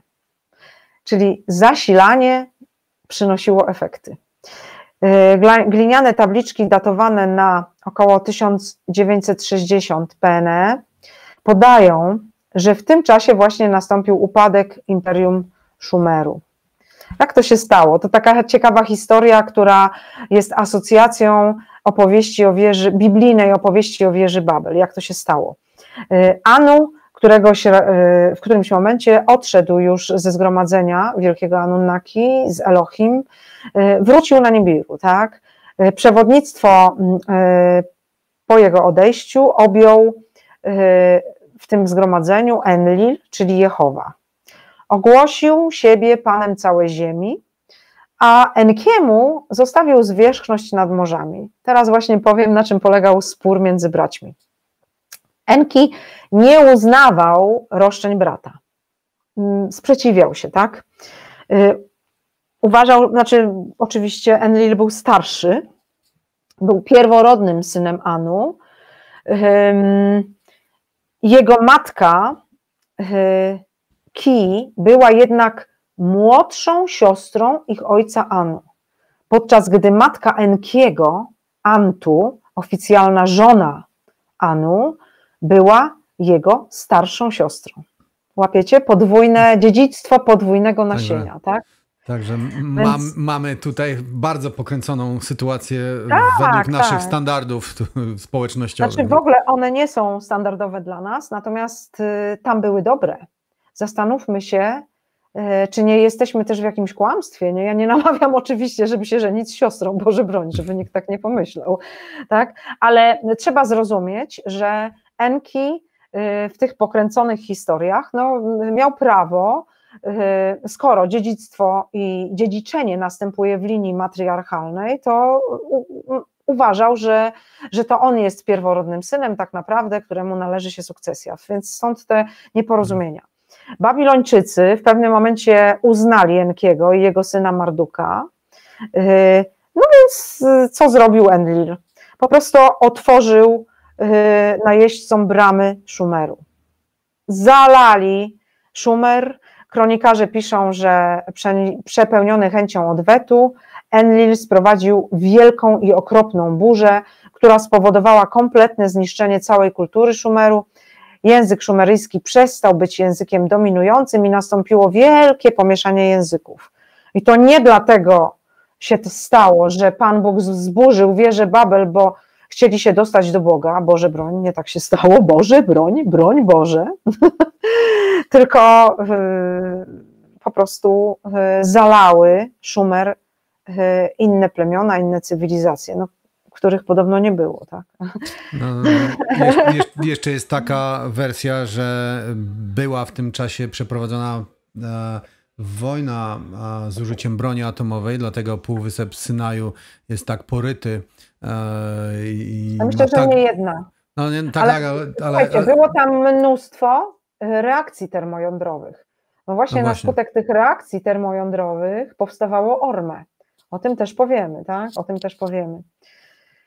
Natomiast słuchajcie, yy, pochodzące z tamtego okresu zapisy potwierdzają, że w tym momencie historii Szumeru wielkie zgromadzenie Anunnaki opuściło siedzibę i odeszło, i tutaj cytuję, jak migrujące ptaki. Czyli to znaczy, że oni się pomiędzy różnymi ciałami niebieskimi mogli przemieszczać, właśnie jak migrujące ptaki. Bardzo piękne sformułowanie poetyckie. Gwiezdny ogień Anunnaki przestał być dostępny, zaistniała pilna potrzeba stworzenia substytutu gwiezdnego ognia. No, no. I, no i tutaj, i tutaj e, trzeba było coś zaczyna się nasza wymyślić. Historia. Tak. I tutaj tutaj się zaczyna tak. historia Orme, proszę Państwa. Tutaj się Zgadam. zaczyna. Także, także no, wprowadzenie mieliśmy ładne, ponad godzinę, długie, długie ale, ale było potrzebne, bo zrozumienie... Myślę, że bardzo, tak. myślę, że bardzo ciekawe, Andy, jak się łączy te kropki, to my tak naprawdę wiemy, e, co się zadziało na Ziemi, co się zadziało, bo e, wydaje mi się, że to, że nie mamy o tym wiedzy, że tego nie rozumiemy, że się nam narzuca półprawdy, czy jakieś amputowane historie, hmm. które się przypasowuje, żeby były żeby sprzyjały, jak y, wszystkie towarzystwa archeologiczne, podbijaniu znaczenia Biblii, no nie ma sensu, tak? Przyszedł czas prawdy, stoimy w prawdzie i dlatego ja też mówię pewne rzeczy, y, których no nie opowiadam każdemu, mówię publicznie. Nie opowiadam ich każdemu, bo przekonania panujące na naszej planecie są zupełnie inne, tak? My mamy zupełnie inne wyobrażenie. No też dlatego, że nie było tych źródeł. Te źródła y, zaczęły się pojawiać w XX wieku dopiero. Słuchajcie, my te źródła mamy od niedawna, więc dopiero teraz sobie y, tą historię oglądamy, tak? I y, mając wglądy takie interdyscyplinarne, połączymy, połączy, łączymy te kropki, tak? Mo, może przejdziemy do Mojżesza w tej chwili, bo, bo tak. to jest kolejny punkt e, zaczepienia. Teraz już się zaczyna o Ormę. Teraz już tak się jest, zaczyna o Ormę. Tak? Gdzie, gdzie była ta słynna manna, gdzie... E, tak jest, tak jest. Gdzie to już jest ten moment. Nie, te, techno, e, teraz, te, technologiczne sprawy wchodzą w tak, grę. Teraz już się odwołam do Księgi Wyjścia, e, która mówi, że w czasach Mojżesza żył sobie pan, który miał na imię Besalil, o którym mówiono, że został obdarzony duchem Elohim w mądrości, rozumieniu i wiedzy. E, był biegłym złotnikiem i mistrzem rzemiosła. Ten tytuł będzie się często pojawiał, zapamiętajcie. E, został mianowany szefem tego zespołu, który miał zbudować Arkę Przymierza. Arkę Przymierza. Nawiasem mówiąc, niektórzy twierdzą, że Arka Przymierza wytwarzała Ormę. Słuchajcie, Besalil wykonywał no, różne atrybuty królewskie ze złota, pierścienie, jakieś tam naczynia yy, oraz coś, yy, co nazywa się chlebem pokładnym przymierza. Kroniki Szkół Wiedzy Tajemnej podają precyzyjny opis mówiący, że ten chleb pokładny był wyrabiany z jakiegoś białego proszku. Tak? Mhm. Chleb pokładny to jest też pojęcie do zapamiętania. Tak? Ja pamiętam taką książkę Maszyna do produkcji manny. E, mm, to, to, było, to, to jest bardzo tajemnicze, bo ta manna e, utrzymywała Izraelitów przy życiu, nie? kiedy uciekli z... Tak, tak, tak. W ogóle się a, mówi, że Izraelici na pustyni za pomocą tej maszyny mm, na polecenie Mojżesza spalili złotego cielca i złotym proszkiem, który z tego złotego cielca powstał, się odżywiali. Na razie nie powiem więcej, tylko tak sygnalizuję, że był taki fakt, tak? E, czym był ten proszek, z którego się piekło ten chleb pokładny? Czy piekło, czy, czy konstruowało? Bo to wygląda, na hieroglifach to wygląda, e, e, hieroglificzny symbol tego chleba pokładnego to taki stożek, jak ciasteczko w formie stożka, jakby ktoś nasypał proszku, albo jakby to była taka kokosanka, to tak wygląda. I to był hieroglif y, właśnie y, tego chleba pokładnego. Y, no właśnie. Poprzez regularne zażywanie gwiezdnego ognia, ci, którzy je spożywali, ci, którzy go spożywali, przechodzili na wyższe poziomy świadomości za sprawą właśnie wchłanianych tych sekrecji szyszynkowych. Była to dziedzina wyższego oświecenia, taka równina, którą nazywano Sharon, Złoto było traktowane jako, złoto gwiezdnego ognia było traktowane jako ostateczna droga ku światłości. Nawet każdy przyziemny człowiek mógł się wznieść na wyższy poziom świadomości. I ten pogląd właśnie stał się podwaliną tradycji alchemicznej, o której teraz zaczynamy opowieść. Chleb pokładny, lub jak nazywali go Egipcjanie, pożywienie szefa, pożywienie szefa, stanowił tradycyjne wtajemniczenie izraelskich i egipskich mesjaszy. To była droga ich, tak? Y, jako, że pierwsi faraonowie byli w pełni wyświęconymi kapłanami, królami z linii Grala, będąc poprzez Nimroda potomkami z linii Kaina. No właśnie, ten chleb był używany do karmienia świetlistego ciała, będącego przeciwieństwem ciała fizycznego, przy czym świetliste ciało było traktowane jako świadomość. Nawiasem mówiąc, słuchajcie, ja uważam, że orme to żywa świadomość. To jest żywa substancja. No, na marginesie. Już w roku 2200 PNE faraonowie używali tego środka zastępczego w celu zwiększenia aktywności szyszynki, czyli zwiększenia zdolności percepcji, rozszerzenia świadomości, tak? Lecz jedynie adepci Wydziału Metalurgicznego Szkół Wiedzy Tajemnej, czyli ci słynni właśnie mistrzowie rzemiosła dworu Smoka, znali sekret jego produkcji. Yy, teraz powiem mm, bardzo prosto.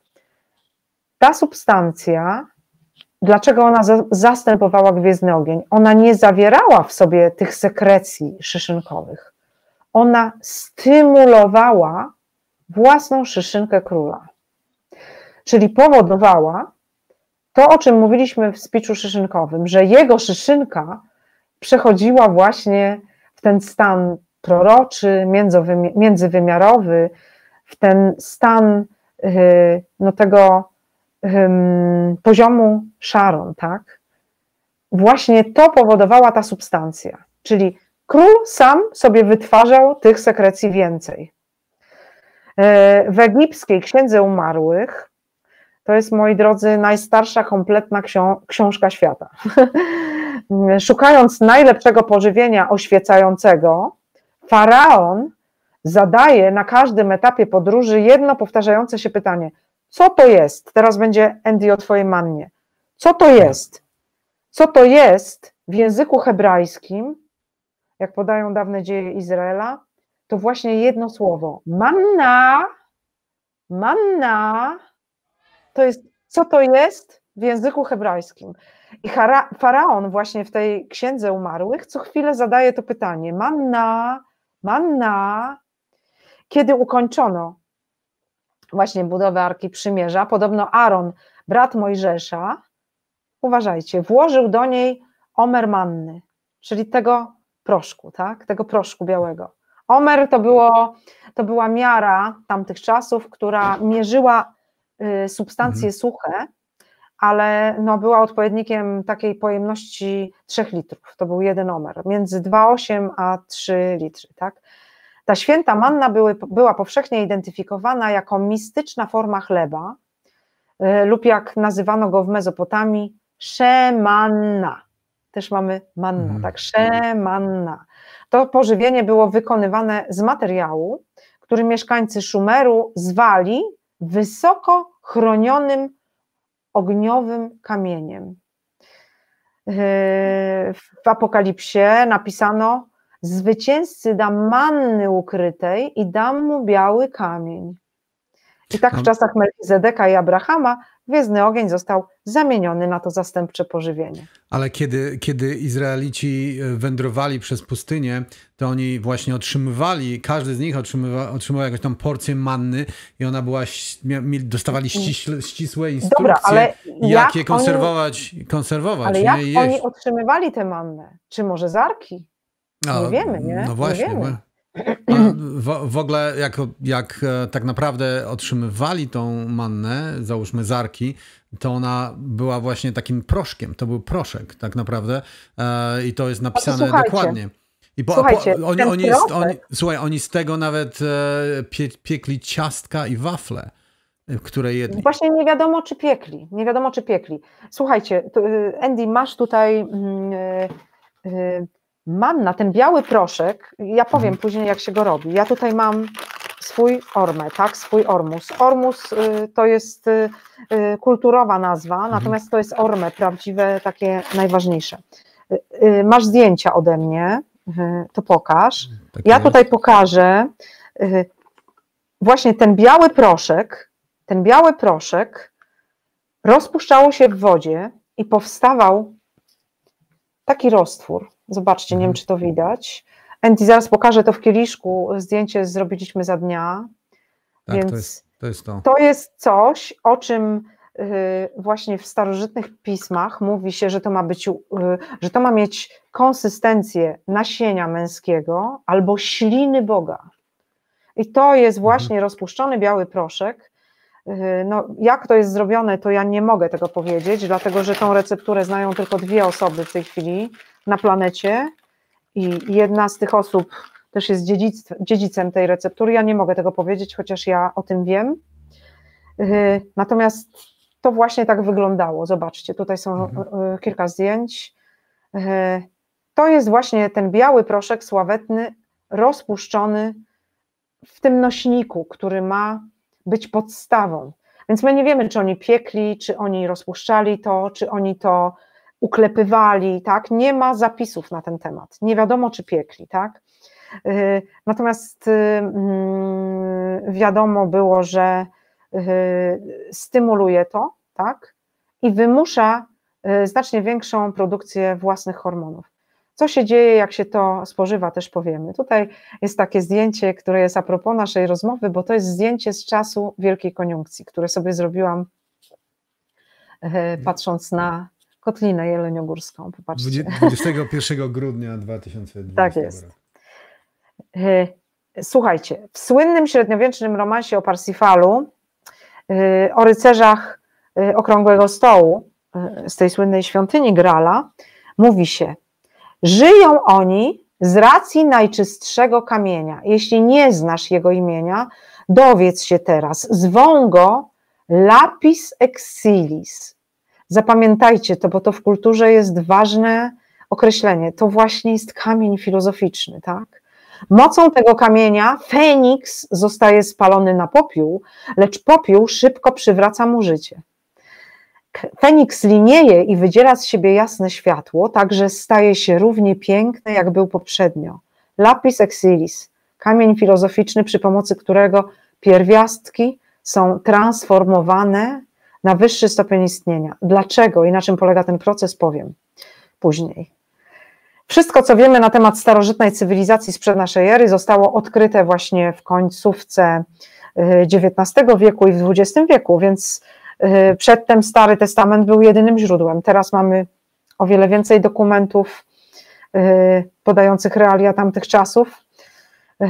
No, w Starym Testamencie nie było zamiarem jego autorów dokładne y, przekazywanie nam faktów historycznych. No była to księga stworzona w celu y, podtrzymania założeń pewnego ruchu religijnego, jak wiadomo, tak.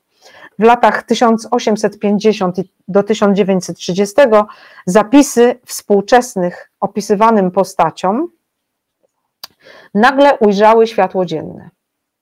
Księgi Starego Testamentu zostały opracowane ponad tysiąc lat później. Rozumiecie, co mówię? Wow, no to tutaj. Rozumiecie, co mówię? No tutaj, ma, tutaj strzał jest e, niesamowity, nie? bo to kompletnie odwraca tak. historię do góry nogami. Nie? Tak, czyli to, co znaleźliśmy ostatnio, było prawdą, a nie to, co zostało zapisane tysiąc lat po tych księgach, tak? Mimo to dokumenty te jeden po drugim ciągle są degradowane, stale, tak? Do rangi mitu są sprowadzane. A dlaczego? Ano dlatego, że opowiadają po prostu inną wersję historii, tak? Niż ta, której naucza Biblia. W latach 80. XIX wieku prowadzenie wykopalisk no właściwie było ściśle limitowane, tak? Nie można było się dowiedzieć tego, się, czego się chcieliśmy dowiedzieć.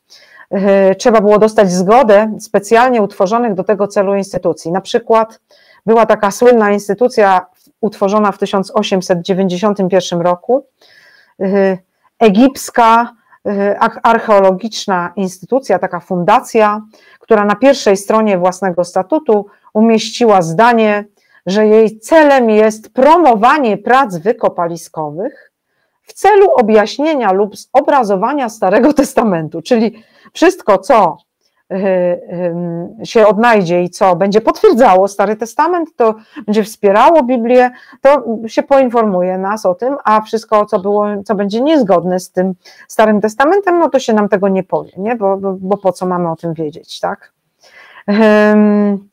No dobrze, no ale teraz powiem mm, o pewnych biblijnych faktach, bo w Księdze Wyjścia y, pojawia się taka ważna biblijna góra. Wszyscy znamy tę nazwę Synaj, Choreb, tak? W czasach Mojżesza, czyli 1350 Pene, y, w czasach Jezusa, a także przez następne 300 lat nie było góry Synaj. nie było takiej góry, tak? Stary Testament, który dziś znamy, jest tłumaczeniem tekstu hebrajskiego, opracowanego zaledwie tysiąc lat temu, w związku z czym jest o kilkaset lat młodszy od kanonicznego Nowego, Test Nowego Testamentu. Tak? Wyobrażam, wyobrażam, sobie teraz komentarze, które spadną na nas wszystkich to w ogóle tych bardzo bi, bi, źle, ale... biblijnych e, nauczycieli i e, badaczy. Dobrze, ale ja dlatego zaznaczam, że to jest tylko mój pogląd. Ja ciebie nawet w to nie mieszam, Andy. Ja napisałam ten konspekt, tu są tak, moje tak, poglądy. Tak. Nie, ja, ja, na ja, mnie to może spaść. Ja się z tobą zgadzam, bo wiele elementów e, właśnie zapisanych w Biblii jest tak nieścisłych i tak pokręconych, tak. E, no, że to w końcu no, trzeba jakoś rozgryźć. Nie? Tak. E, słuchajcie, góra znana dziś jako Synaj znajduje się w południowej części Półwyspu Synaj, e, blisko podstawy wypiętrzonego trójkąta. Tak? Nazwę tę otrzymała 1700 lat po czasach, w których żył Mojżesz. To sobie zapisałam dokładnie. Czy ta góra była starotestamentalną górą Choreb? No nie. Księga Wyjścia podaje szczegóły drogi, przez którą przemierzał Mojżesz i Izraelici w drodze z delty Nilu do Goszen, w poprzek Synaju, przez pustynne obszary Szur i Paran, aż do krainy Midian, czyli na północ od dzisiejszej Jordanii. Tak? Y, właśnie na podstawie tej trasy można określić położenie góry Choreb i mm, mm, ci rozkminiacze y, sobie zadali ten trud i mm, zobaczyli, że y, właśnie ta góra leży daleko na północ od Jabal Muza, czyli od góry Mojżesza. Słowo Choreb no, oznacza po prostu pustynię i właśnie tą inkryminowaną górę znaleziono na pustyni, która wznosi się, ona się wznosi na środku skalistego płaskowyżu nad równiną Paran, ma wysokość 780 metrów i nazywa się dziś Serabit. Pełna jej nazwa to Serabit el Kadim, czyli dostojeństwo Kadima. Pod koniec lat 90., teraz jest w ogóle najpiękniejsza część tej historii, bardzo frapująca, e, egiptolog William Petrie William Flinders Petrie, profesor University College w Londynie, wystąpił do Fundacji Eksploracji Egiptu, tej właśnie, która miała tą piękno, to piękne zdanie w statucie, z propozycją zorganizowania i współfinansowania Egipt, y, ekspedycji na Półwysep Synaj. Dostał to pozwolenie i w 1904 roku się tam, tamże pojawił. W marcu zorganizował wyprawę na szczyt góry Serabit. W 1905 już opublikował dokładne sprawozdanie z tej wyprawy z adnotacją, że uważajcie, nie może być oficjalnie udostępnione prenumeratorom wydawnictw Fundacji Eksploracji Egiptu. To jest ten nie człowiek. może być. Tak. To jest ten człowiek. Udostępnione mogły być im jedynie mapy i ogólnikowy opis. Potem sam Petri wyznał, że początkowo jego zespoły były finansowane przez fundację, ale od chwili właśnie opublikowania mm, tych map i od chwili tej wyprawy na Serabit, fundacja przestała go sponsorować. Petri odkrył największy sekret Góry Mojżesza, który nie tylko tłumaczył to, co zostało opisane w Księdze Wyjścia, ale podważył jednocześnie powszechnie obowiązującą jej interpretację. Tym, czego, Biblia nie mówi jasno, jest to, że Półwysep Synaj nie był dla Egiptu ziemią położoną poza jego granicami. Znajdował się on pod kontrolą faraona i był uważany za część Egiptu. Tak więc Mojżesz i Izraelici, znalazłszy się na wschód od delty Nilu, wcale nie byli poza granicami Egiptu, e, byli wciąż na jego terytorium mieli przed sobą do pokonania cały półwysep Synaj przed wejściem do Kananu, czyli do Palestyny. Tak? W czasach Mojżesza Synaj podlegał dostojnikom egipskim, dwóm były podzielone funkcje. Kanclerzowi i królewskiemu namiestnikowi, no, czyli miał takiego gubernatora. Stanowisko kanclerza było dziedziczne, zaś pana Hesji e, w innym brzmieniu, w innych źródłach e, Pinehas, pochodzący z tego samego rodu, rodu sprawował funkcję właśnie oficjalnego gubernatora Synaju. Został jednym z pierwszych kapłanów nowego mojżeszowego wyznania. I teraz ciekawostka, zanim do tego doszło, był arcykapłanem w świątyni faraona Echnatona w Amarnie.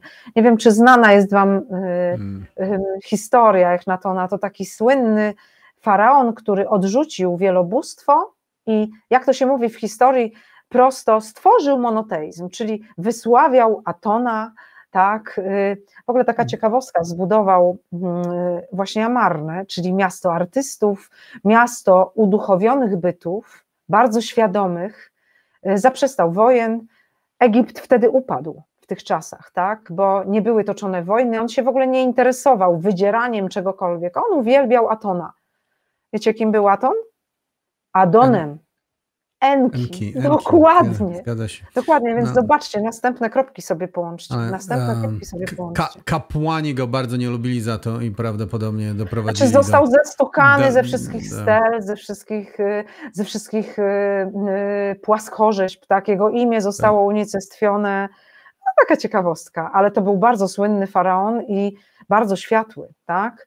Niektórzy mówią, że mm, był przybyszem z innego układu, Inni mówią, że cierpiał na zespół Marhana czy Marfana, tak, na chorobę genetyczną, która y, objawiała się tym, że miał taką kobiecą sylwetkę i wydłużoną czaszkę. No o wydłużonych czaszkach też coś wiemy, prawda? Więc bądźmy ostrożni w osądzaniu go jako człowieka chorego. W ogóle w osądzie bądźmy, bądźmy ostrożni.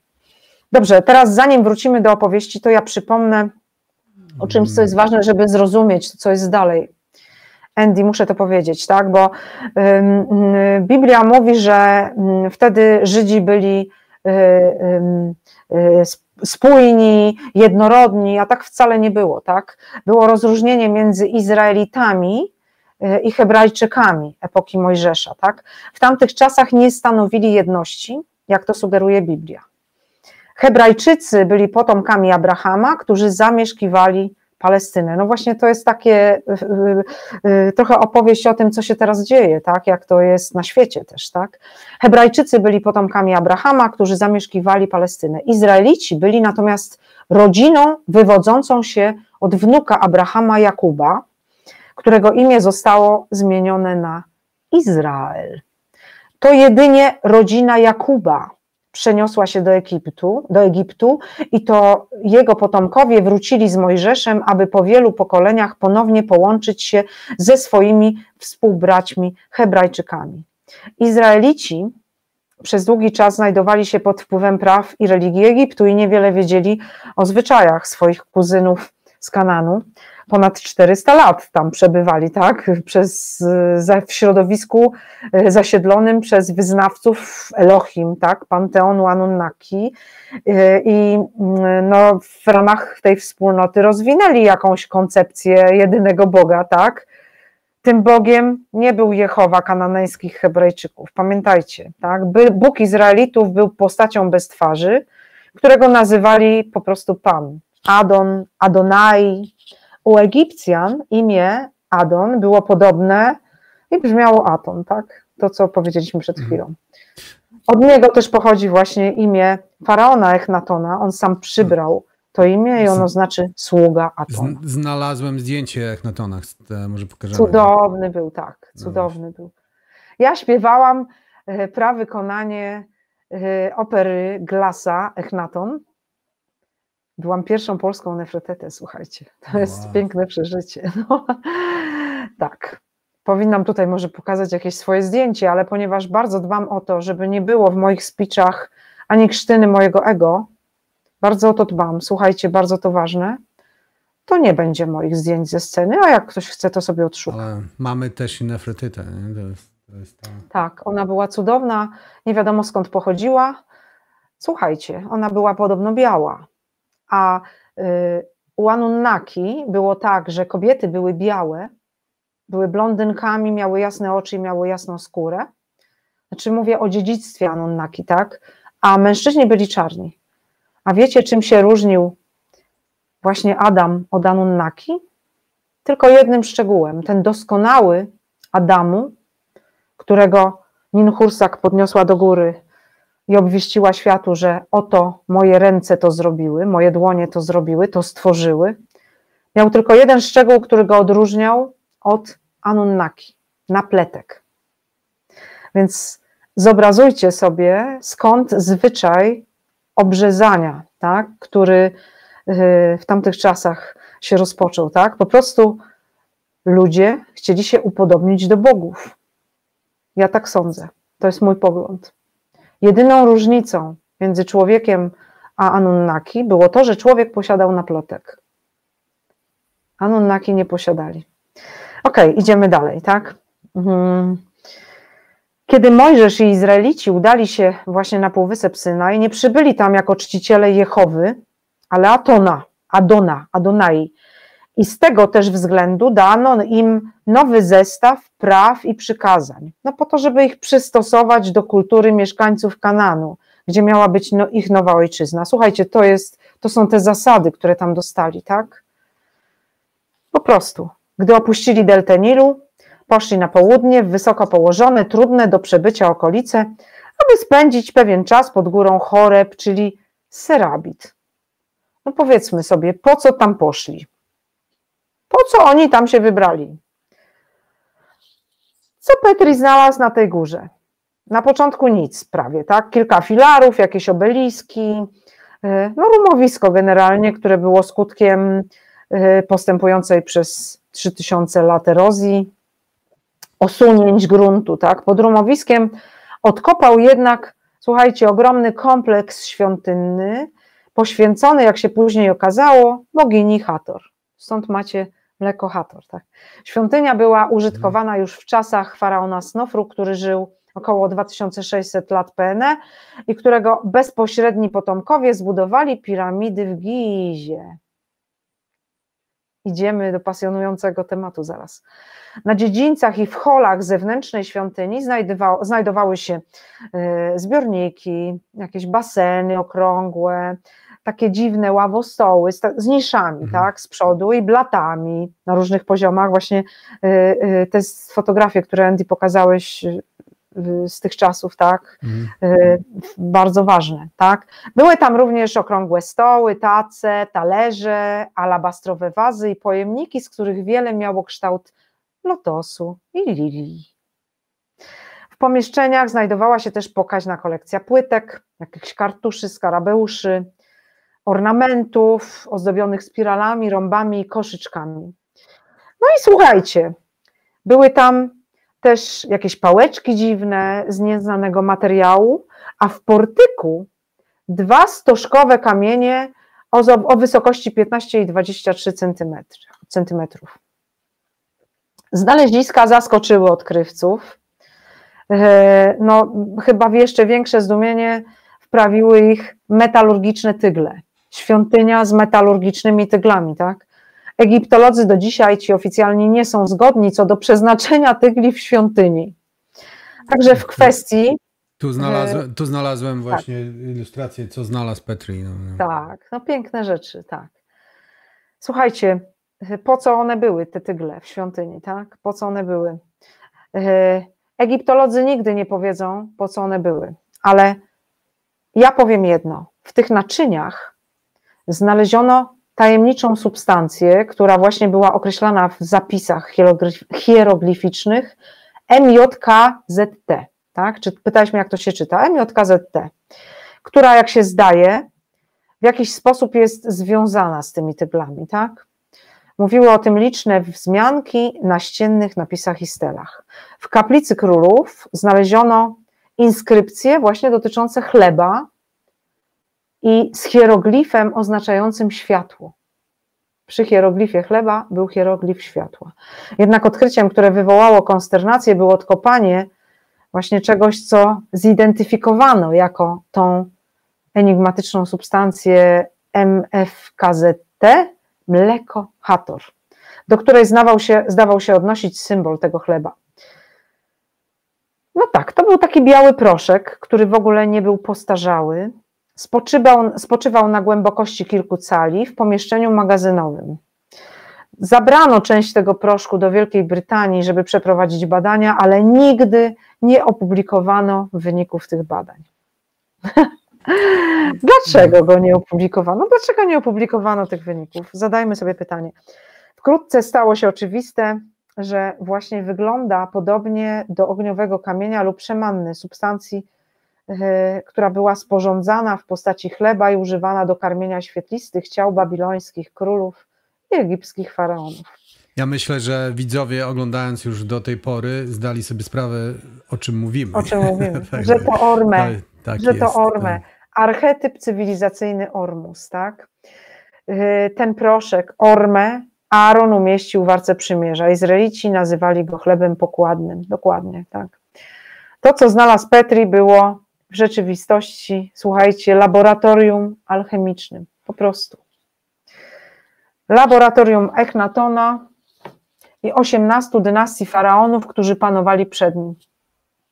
Była to świątynia laboratorium, w której piec metalurgiczny ryczał i dymił, wytwarzał um, ogniowy kamień, tak, przetwarzał na wysokospinowy szemannę, ten chleb szemanny. No i oto zupełnie nieoczekiwanie słowa Księgi Wyjścia nabierają sensu, kiedy je analizujemy z zupełnie innego punktu widzenia. Góra zaś Synaj była cała spowita dymem, gdyż Pan stąpił na nią w ogniu i uniósł się dym z niej jakby z pieca. I cała góra bardzo się trzęsła. 19 rozdział, 18 wers. Tym, którzy zreorganiz- tym, który zreorganizował starożytne szkoły nauk tajemnych Tota i założył królewską szkołę mistrzów rzemiosła w Karnaku, był faraon Totmes III. Jej adeptów nazywano, słuchajcie, Wielkim Białym Bractwem. Wszyscy y, spotykamy tą nazwę, tak? Y, y, jedni wiedzą, co ona znaczy, inni nie wiedzą, tak? Słuchajcie, a może dlatego, że się interesowali białym proszkiem, to byli wielkim białym bractwem. Połączcie kropki. No właśnie. Już, już, zrobiły się takie duże linie w tej chwili, e, także mamy powoli, mamy, odkrywamy ten rysunek, Ale który przyznajcie, że historia pasjonująca, prawda? Może nie wiem, czy my ją y, nie za bardzo skracamy, bo tam jest dużo takich y, y, pięknych opowieści, które domagają się ich przytoczenia, ale no nie skończylibyśmy tego w dwa dni, gdybyśmy to wszystko mówili, także wybaczcie. Nowe prawa, jak głosi księga Jaszera, zostały przekazane przez Jetro, tak? Czyli Mojżesz usłyszał je przez Jetro, który był najwyższym kapłanem Midian i właśnie panem góry, czyli El Shaddai, generalny, przez, był generalnym zarządcą tej świątyni synajskiej. Yy, pan góry lub ten wysoki, yy, właśnie to jest El Shaddai hebrajski, co ma mhm. szczególne znaczenie, jako że było to imię, które Mojżesz usłyszał, kiedy poprosił y, to przejawienie, żeby się ujawniło, tak? Zapytał się, y, kim jesteś, tak? A ten ktoś odpowiedział: Jam jest, który jest. Jestem ten, którego Abraham zwał El Shaddai. Ostatecznie Jam jest, który jest, stało się po przetłumaczeniu imieniem Jehowa. Lecz jak podaje księga Jaszara, która została wycięta z Biblii przez redaktorów tak, i cenzorów, e, co również potwierdza Księga Wyjścia, jeśli czyta się ją właściwie. W, ty, w tych czasach powiedzieliśmy, ty, powiedzielibyśmy fact checkers. Tak jest, tak jest. No właśnie on nie był wcale bóstwem żadnym, on był szefem tej świątyni, był to Jetro El Shaddai, wielki wulkan, bo taki nosił tytuł, i mistrz rzemiosł. Tak? No więc y, słuchajcie, y, te 10 przykazań, które y, tam dostali, pochodzą z, zaklęcia 125 z egipskiej Księgi Umarłych. Według Jaszara zostały przekazane Mojżeszowi Izraelitom, Izraelitom przez Jetro, właśnie najwyższego kapłana Midian, wielkiego wulkana i mistrza rzemiosł świątyni Hator na Synaju. Więc zamknęliśmy następną część historii. W tradycji różokrzyżowych szkół wiedzy tajemnej, tabula smaragdina hermetis, bo to była szkoła hermetyczna, tak? była określana jako najstarszy pomnik Chaldejczyków dotyczący kamienia filozoficznego. Związane z mądrością Tota lub Hermesa, były one określane jako nauki hermetyczne i miały bezpośredni związek właśnie z alchemią stosowaną przy budowie piramid. Swoją A, drogą, jak sobie przeanalizujemy słowo piramida, y, to zobaczcie, pyrę ogień, pyramid zrodzony z ognia. Tak? Mhm. Więc o, właśnie, właśnie Monika, e, w, taka, takie krótkie pytanko. Jak zbudowano piramidy według ciebie? Takie piękne, krótkie pytanko. To jest takie tak, pytanko, tak, wiesz, na które. na dwa dni. Więc ja zaprezentuję, ja zaprezentuję swój pogląd, tak? Bo mm, jak mówimy o Orme, to jest do tego okazja, tak? Słuchajcie, wysoko chroniony, wysoko, ja sobie nawet zrobiłam notatkę, żeby mi nic nie umknęło, wysokospinowy ogniowy kamień jest, uważajcie, monoatomowym nadprzewodnikiem. Piątym stanem skupienia po gazie, cieczy, ciele stałym i plazmie e, o przyciąganiu grawitacyjnym mniejszym od zera. Tak? Ostatnie eksperymenty z tym zadziwiającym białym proszkiem, bo są prowadzone cały czas badania, dowodzą, że w pewnych warunkach substancja ta waży mniej niż nic. Ja to potem wyjaśnię. Ma ujemną wagę, ujemną wagę i może zniknąć z oka, przechodząc do innego wymiaru. To jest wszystko fizyczna prawda, tutaj nie ma żadnego przekłamania. Najbardziej interesującą własnością tego proszku jest jednak to, że może on jeździć na magnetycznym polu ziemskim, także kiedy jest w stanie zerowej grawitacji, może przekazywać swoją nieważkość swojemu nosicielowi, a więc wywoływać jego lewitację. Tak? Tym nosicielem może być naczynie laboratoryjne, pojemnik albo kamienny blok. No właśnie, i tu jest e, te clue do piramid. Nie? Tak jest. Słuchajcie, w tajnym schowku Komory Królewskiej zapisano, że mają się znajdować y, instrumenty z żelaza i broń, która nie rdzewieje, oraz szkło, które daje się giąć i nie pęka, a także różne dziwne zaklęcia. No więc słuchajcie, jedyną rzeczą, którą tam znaleźli pierwsi odkrywcy po wejściu do opieczętowanej komory, była pozbawiona wieka kamienna skrzynia, czyli taki sarkofag, jak to się mówi, zakładając, że piramida była grobem, ale to nie był grób. Y, taki, taka kamienna skrzynia, której dno pokrywała właśnie warstwa białego, tajemniczego proszku. Na pierwszy rzut oka wyglądał on jak ziarenka szpatu polnego i miki. tak zapisano w tej historii. To są minerały z grupy glinokrzemianów. W trakcie ostatnich badań białego proszku konwencjonalne metody analityczne wykryły w nim obecność krzemu, glinu i mimo iż było wiadomo, że badana próbka składała się w 100% z pierwiastków należących y, do grupy platynowców, no trzeba było y, przeprowadzić test laboratoryjny, poddaniu tej próbki y, wyżarzaniu łukiem elektrycznym w temperaturze 5500 stopni, tak? Trzeba było kontynuować dużo dłużej to wyżarzanie niż przy wszystkich innych procesach, bo szukano tych platynowców. Tak właśnie się wytrąca te platynowce. Dobrze, komora królewska była w rzeczywistości wykonana jako nadprzewodnik zdolny do przeniesienia faraona w inny wymiar czasu przestrzeni. Słyszeliście? Nadprzewodnik, ten biały proszek, przenosił faraona w inny wymiar czasu przestrzeni. Ten para, proszek, ten nadprzewodnik przyjmowany doustnie i znajdujący się w sarkofagu. Każda postać, każdy e, król, osiągając stan doskonałości, mógł liczyć na przekroczenie granicy wymiarów, czyli na zmartwychwstanie. E, pracę Corrado Malangi, ja bardzo go lubię, zresztą e, dowiedziałam się o nim dość niedawno i z pasją słucham mówią właśnie o tym, że piramidy były zbudowane w określony sposób po to, żeby oddzielać ten element spirytualny ducha, przenieść go, przenieść świadomość, być może do innego ciała, do innego klona, a być może między wymiary. Orme w tym pomagało, Orme do tego służyło. Słuchajcie, każdy z nas może zmartwychwstać, jeśli to zrozumiemy. Zaraz powiemy o tych fizycznych aspektach.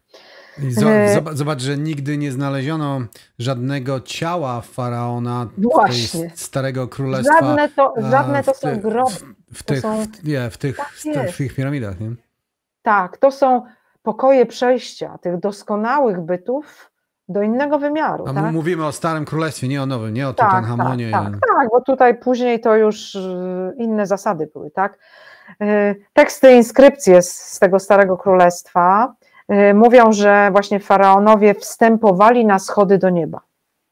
Klucz do tego obrządku zdefiniowany jest właśnie stożkową inskrypcją umieszczoną w pobliżu wejścia do komory.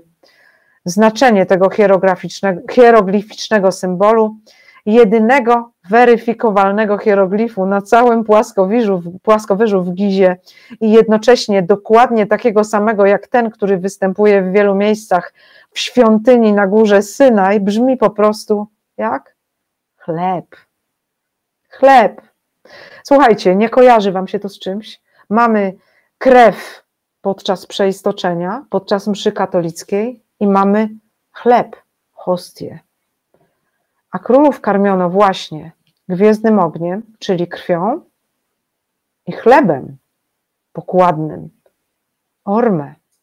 Wow, wow, to na, naprawdę zakręciliśmy duże koło w tym momencie Słuchaj, no historycznym. Każdy, każdy może zmartwychwstać, tak. tak? Y, jeżeli założymy, że na przykład ormę mogło służyć do tego, żeby dawać to zmartwychwstanie tym, którzy zasłużyli, to zrozumiemy, dlaczego to jest substancja misteryjna, dlaczego się o niej mało mówi. Y, ja próbowałam się, przygotowując się do tego speechu, y, ze wszystkim zapoznać, z każdym materiałem na temat Orme i Ormusu, który się znajduje w dostępnej przestrzeni, tak, no i w niedostępnej też, bo ja y, traktaty misteryjne studiuję od 20 lat ponad, a już w podstawówce, jak wygrywałam olimpiadę chemiczną, to chciałam się dowiedzieć, jak znaleźć substancję, która zapewnia nieśmiertelność. Tak? To taka ciekawostka. Więc ja mam po prostu taki umysł, który wiąże te wszystkie mm, nitki tak, razem i ja to lubię. Ale zobaczcie, jak pomyślicie, że te wszystkie sprawy są tak zafałszowane, żebyście tego nie wiedzieli, żebyście nie wiedzieli, że tego potrzebujecie, że okłamuje się was mówiąc, słuchajcie, nie bierzcie tego, bo to jest technologia Anunnaki. Zobaczcie, co wy sobie zamykacie. Jeżeli jesteście w stanie sprowokować własną szyszynkę, żeby dała wam petardowy wyrzut do tych przestrzeni, yy, o których mówimy, w których nie potrzebujecie żadnego wsparcia, to zróbcie to. Ale jeśli potrzebujecie, to wspierajcie się. Nie unikajcie pewnych substancji, zdobywajcie wiedzę, czytajcie, uczcie się. No po to też robimy ten speech, żebyśmy mieli bryk prawdy, tak? Może innej, może kontrowersyjnej, ale bardzo inspirującej. Wystarczy sobie usłyszeć jedno zdanie. Prawdą jest to, co powiedział Jezus. Możecie zmartwychwstać. Wszyscy możecie zmartwychwstać, tak? Ta świetlna szata Rozenkrojca, tak, w Różokrzyżu, którą przyoblekacie, jeśli y, dokonujecie tego, tego, tej zmiany ciała, zmiany szaty, to jest właśnie zmartwychwstanie. To jest to, że możecie przekroczyć granice wymiarów. Dlaczego? Dlatego, że Orme jest nadprzewodnikiem. O tym jeszcze powiemy, hmm. tak? No, Monika, Monika, no, do tej pory to mamy pasjonującą historię. Mam nadzieję, że ci, co wytrwali, wytrwali z nami, e, no już w tej chwili nie odejdą Słuchaj, od nas. 320, 320 szyszynkowe obejrzało naprawdę tak wielu twoich widzów, że ja myślę, że wytrzymają, tak? No, no wiem, wiem, no, to, to, bo, to, bo to naprawdę jest pasjonujące. Nawet jeżeli ktoś nie zgadza się z tymi naszymi poglądami, no to wysłuchanie tej drugiej strony alternatywnej jest zawsze ważne, żeby porównać. To jest inspiracja. To poru, jest inspiracja po, tak, tak, porównać i wyciągnąć wnioski, właśnie inspirować się na poszukiwanie innych informacji w przyszłości. Tak, ale, tak. No, ale widzisz, w czasie tego wykładu poruszyliśmy e, praktycznie. Poczekaj, poczekaj, poczekaj, poczekaj. Jeszcze bym chciała powiedzieć coś, e, żebyś mi nie uciekł z tego, tak? Dobra, dobra, no to. E, to bo e, napisałam sobie o jednej ważnej rzeczy, żeby nie zapomnieć, tak? E, że ta e, piramida, o którą pytałeś, właśnie oddziela ten aspekt duchowy. Para, faraon żyje dalej pomiędzy wymiarami. Czyli słuchajcie, ci, którzy od nas odchodzą, jeśli doznają tego uwznieślenia, żyją dalej. Żyją dalej, tak? Oni są. Oni są między wymiarami, tak? Zapewniając sobie odpowiednią ilość e, tego światła w sobie, bo możemy nad tym pracować. Zapewniamy sobie również długowieczność, wydłużamy organiczną egzystencję, a potem, słuchajcie, przechodzimy do stanu czystego światła. To jest ten poziom Sharon. To jest ten poziom, e, w którym jeśli się znajdujemy wychodząc z ciała, tak, praktykując oboje Zendim, e, jesteśmy praktykantami out of body experience, prawda, więc jest nam to znane, że na pewnych wysokich poziomach właśnie jeśli mamy w sobie ten poziom świetlistości, to trafiamy tam bardzo pewnie, szybko. Dbajcie o światło w sobie, żyjcie etycznie, porzućcie hmm. kłamstwo, pychę, rozbijajcie ego. Nie bądźcie przywiązani do tego, co jest materialną wartością. Oczywiście to do Was przyjdzie, jeśli będziecie stwarzać nową ziemię, jeśli będziecie iść w stronę światła, jeśli to będzie Wam potrzebne do tego, żeby pomnożyć dobra własne i innych bytów. Koniecznie chciałam to powiedzieć, koniecznie chciałam to powiedzieć. Dobrze, idziemy dalej. No, no właśnie tak jak mówię, zakręciliśmy taki olbrzymi krąg e, biblijny, można by powiedzieć, e, historyczno-biblijny. E, I czy jeszcze czuję taki niedosyt tego? Może może powiedziałabyś o genezie królów Grala, bo to też jest chyba tak, ważne. bo to ta, właśnie ta linia jest tutaj istotna, tak? To jest bo to się przeniosło do naszych linia, czasów, nie? Tak, tak. Ta linia sukcesji Kaina no dalej przez Egipt, potem przez króla Dawida, aż do Jezusa, bo się mówi, że kto rządzi ziemią? To jest takie pytanie, tak? Właśnie ta linia była hodowana przez ziemskich dostarczycieli światłości, tak? Jej sukcesorzy byli prawdziwymi synami bogów, którzy od około 3800 roku PNE byli karmieni gwiezdnym ogniem Anunnaki, a od mniej więcej 2000, 2000 roku PNE wysokospinowymi materiałami zastępczymi, tymi, tymi substytutami, które y, powodowały zwiększone wydzielanie ich osobistych sekrecji. Hodowano ich na przywódców ludzkości. No właśnie to trwa do dziś, tak?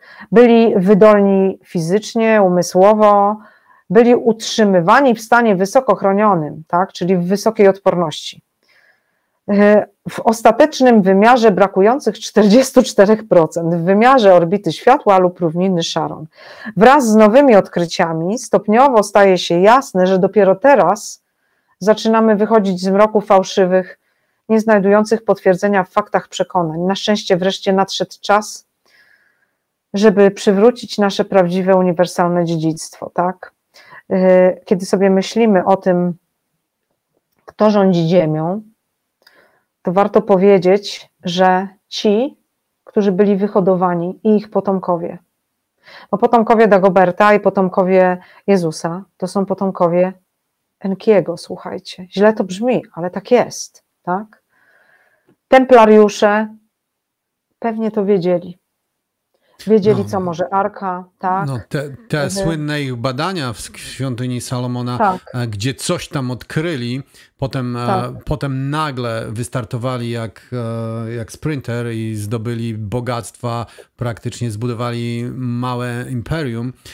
Możliwe, że posiadało jakieś instrukcje, które dawały im możliwość właśnie zwiększenia tak potencjałów tak nad innymi ludźmi.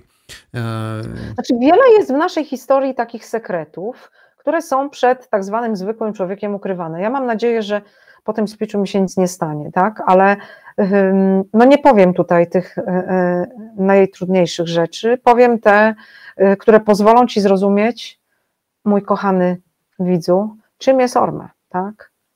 I teraz idziemy już do współczesności, do Hudsona, no, o którym no mówiliśmy właśnie. na początku. Tak, tak, tak. tak no, do tak. 1983 roku, czyli historii pochodzącej z Arizony. No ty od Hudsonie czytałeś, wielu z nas czytało, y, są opublikowane różne źródła dotyczące, jego wykłady są też opublikowane, można się z nimi zapoznać, ja też się oczywiście z nimi zapoznawałam przygotowując ten speech. Y, natknął się, ponieważ zajmował się różnymi y, ciekawostkami, chciał być bardzo bogaty, był bardzo bogaty, ale chciał być jeszcze bardziej bogatszy, więc próbował wypłukiwać złoto, szukać złota w glebach, które miał, miał bardzo dużo ziemi i natknął się, no właśnie, specyficzna sprawa w tych jego gruntach. One, ponieważ miały specyficzną strukturę, y, wymagały ostrego zakwaszania kwasem siarkowym.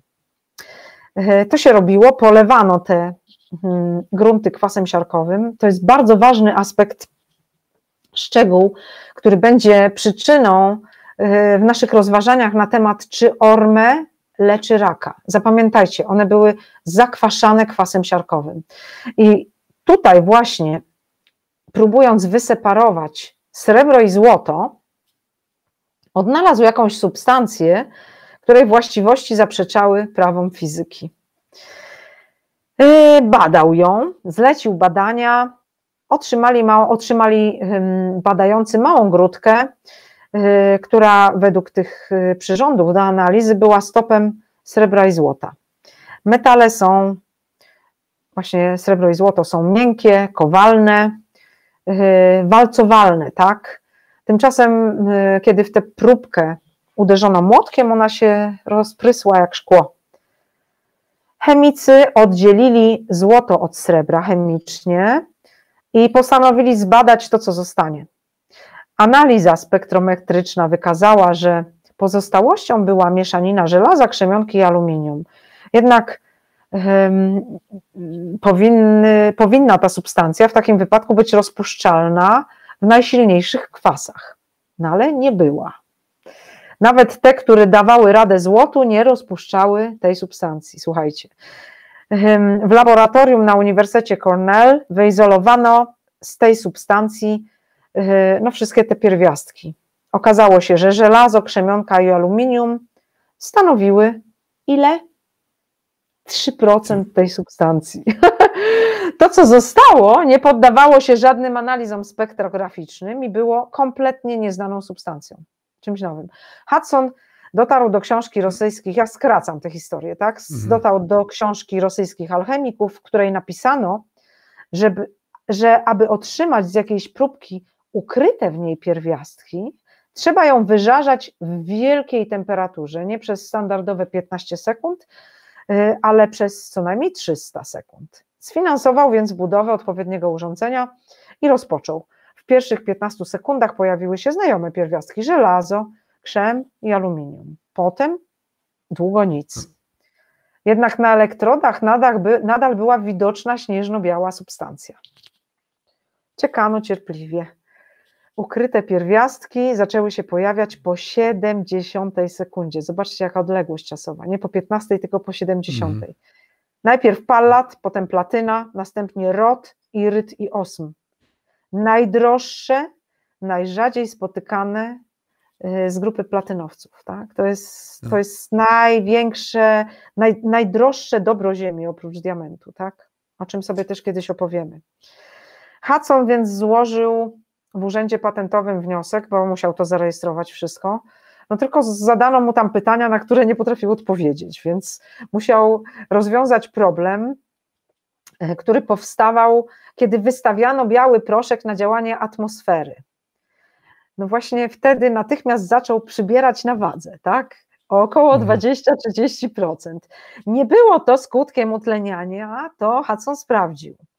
Gdy go podgrzewano do punktu zeszklenia, do tego punktu, w którym stawał się czarny, ważył 100% ale gdy przywracano mu śnieżno-białą postać, e, ważył tylko 56% pierwotnej wagi.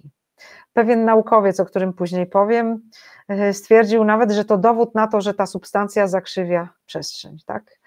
E, w trakcie kolejnych eksperymentów naukowcy doszli do wniosku, że mają tu do czynienia, słuchajcie, z super nadprzewodnikiem, nadzwyczajnym, tak? Nadprzewodniki to święty gral współczesnych fizyków. Gdy przykładamy do nich pole magnetyczne, wzbudzamy prąd, który płynie i płynie bez końca, jak w perpetuum mobile. Ten dziwny biały proszek zachowywał się właśnie jakby był nadprzewodnikiem. Hudson dowiedział się, że naukowcy z US Naval Research doszli do wniosku, że komórki w ciele, w ciele człowieka, zwłaszcza w komórki w mózgu, porozumiewają się ze sobą, tak jak właśnie nadprzewodniki, i że między komórkami przepływa światło, a nie jak się mówi powszechnie prąd elektryczny. Słyszycie? Światło przepływa w naszym mózgu. My mamy nadprzewodniki w mózgu, to jest prawda. Słuchajcie, ja tutaj cytuję historię, ale to jest prawda. Y, Hudson Spa, y, zadał sobie trud. Tak, on, zadał on sobie spalił trud. tak mózgi e, zwierząt. Nie? Tak. Tkanki Y, mózgowe ssaków, tak? Y, krówek i świnek. Okazało się, że 5% suchej tkanki stanowią rod i iryt w stanie wysokospinowym, czyli tym wysokoenergetycznym. No. Posłuchaj, nadprzewodniki, się... słuchajcie, nadprzewodniki to są. Pa, tak? pamięta, pa, przypomniało mi się, pamiętasz ten, któryś z tych filmów Indiana Jones, jak oni gdzieś tam byli w Indiach i podano im na stole e, głowy mózgi, mózgi tak, małp. To, to, też, tak, tak, to też, to też taki mały, e, mała tak. aluzja, nie? Tak, asocjacja. Słuchajcie, to się wszystko łączy. Po to to opowiadamy, żebyście wiedzieli, e, skąd to się bierze, skąd są te połączenia, co wynika z czego. E, nie musicie wyznawać naszych poglądów, nie musicie. Tylko się zainspirujcie, tak? Może sami odnajdziecie coś, na co mnie nie udało się trafić, bo przecież nie wszystko y, może wyszukałam, a może wiecie coś więcej, tak? Ja się tym zajmuję od bardzo dawna i od bardzo dawna przyjmuję ormę, tak? Ormusy, ormę od bardzo dawna i sądzę, że ma na mnie gigantyczny wpływ. Y, dość dużo o nim wiem y, z autopsji i dzielę się tym dobrem, żebyście też mogli go doświadczyć, tak? Nawiasem mówiąc, dobro to po szumeryjsku stwarzanie. Rozumiecie? Stwarzanie. Dobro to stwarzanie. Więc co jest naszą rolą? Stwarzanie. Nie zapominajmy o tym, nie bądźmy zombie. Pracujmy nad szyszynką. Dobra. Hudson wyciągnął wniosek, że w naszym ciele nieustannie przepływa światło podtrzymujące nić naszego życia, a wokół ciała rozciąga się niespolaryzowane pole magnetyczne zwane polem Meissnera lub aurą. Wokół głowy jest go więcej, tak. Wizerunki świętych macie z aureolami, dlatego. Czym jest efekt Meissnera, pokażemy. Um, poczekaj, poczekaj, jeszcze chwilę, jeszcze nie, jeszcze nie, tak. Ale dowiecie się tego, zobaczycie to, tak? Zobaczycie, jak budowano piramidy. Przeczytawszy dostarczoną właśnie przez wujka książkę, która miała tytuł Sekrety alchemików, Hudson uznał, że opisany tam kamień filozoficzny, źródło światłości życia, no to właśnie jego biały proszek. Alchemicy twierdzili, że poprawia on komórki ciała, jest eliksirem zdrowia, młodości i nieśmiertelności. Przekazał próbki tej substancji słynnej swojej laboratorium Bristol Myers Squibb, zresztą się powołuje na te badania często w swoich wykładach i otrzymał wyniki badań potwierdzające, że proszek wchodzi w reakcję z DNA, przywracając mu pierwotną, zdrową formę, likwidując po drodze wszelkie deformacje i choroby. Przeczytam to jeszcze raz, bo sobie to zapisałam na żółto. Proszek wchodzi w reakcję z DNA, przywracając mu pierwotną, zdrową formę, likwidując po drodze wszelkie deformacje i choroby. Jak twierdzi Hudson, biały proszek nie jest jednak panaceum. To kamień filozoficzny, żywa, inteligentna świadomość. Ja też tak twierdzę. Ja też tak twierdzę. Na pewno proszek Hudsona nie był panaceum. Powiem później dlaczego. Inaczej mówiąc, jego działanie polega na przywracaniu DNA do stanu idealnego. Istnieje nie po to, by leczyć choroby, lecz by podnosić nasze umysły na wyższy poziom świadomości, ułatwiać hmm. oświecenie. Uleczenie ciała to tylko produkt uboczny. Czyli e, tak naprawdę, jeżeli ktoś w tej chwili myśli, że biorąc ormę pozbędzie się wszelkich problemów, wszelkich chorób, no to się myli. To nie jest nie, tak. To nie, nie myli się, nie myli się. Tak też się zdarzy, no tak, ale, ale, ale, ale, nie z tego to jest, powodu. To jest, to jest proces. Orme jest... nie jest tabletką, tak. Orme to jest um, rakieta, która, na której dalej i szybciej polecisz, tak? Ale Orme pracuje ze świadomością, z twoją świetlistością. Słuchajcie, mm, co, ona ta... dawała zdrowie, ta substancja i niezwykle długie życie. Ona to robiła. Ona pracowała z układem immunologicznym, to jest prawda i tak się dzieje. Wiesz co, taki naszło mnie e, teraz takie porównanie, bo e, tak normalnie, załóżmy, jeżeli porównamy e, Ormę do internetu, do połączenia internetowego, to ten e, taki, no, i, i, porównamy to do człowieka, to normalny człowiek funkcjonuje na takim starym jakimś połączeniu dial-up, gdzie trzeba tak. tam dzwonić, nie? A Orme to jest taki high-speed internet, szybki internet, który łączy nas my możemy uzyskać tą samą informację poprzez te y, łącze wolne, tylko że będzie to trwało dłużej i, i, i gorzej. Znaczy, a znaczy, na... słuchajcie, ja nie sądzę, żeby y, mnisi buddyjscy byli spowolnieni, tak? Y, żeby ci, którzy przebywają w sytuacjach deprywacji sensorycznej, żeby mieli spowolniałe szyszynki. To wszystko można zrobić, tak? I e, mistrzowie e, z tego obszaru pustyni Gobi, którzy żyją, którzy żyją po kilkaset lat, przecież to wiedzą i nie używają być może ormy, ja tego nie wiem. Ale uważam, że to, co powiedziałam przy Szyszynce, że jeżeli istnieje jakaś technologia, że jeżeli ktoś coś odkrył, to ja nie mówię, że ja nie pójdę tymi drzwiami, które prowadzą łatwiejszą i szybszą drogą, bo e, ja chcę dowiedzieć się więcej, a nie mniej tak? Ja jestem zaciekawiona, więc chcę iść szybciej. To tak, po prostu, tak? Więc teraz może przyszedł poczekaj, czas... ale poczekaj, poczekaj, powiem o jednym, bo to y, wynika wprost z tego, co powiedzieliśmy. Słuchajcie, Anunnaki nie przylecieli na Ziemię właśnie po złoto do atmosfery. Anunnaki przylecieli po platynowce, po to, żeby mieć ten nadprzewodnik, żeby regenerować siebie, tak, żeby y, osiągnąć władzę nad tymi, którzy o tym nie wiedzą, żeby nimi sobie rządzić, mieć podwładnych, tak, żeby wiecznie żyć, żeby przechodzić wielokrotne zmartwychwstanie. Wierzę, że znali tę technologiczną tajemnicę i że ona była motywacją właśnie dokonania kolonizacji Ziemi.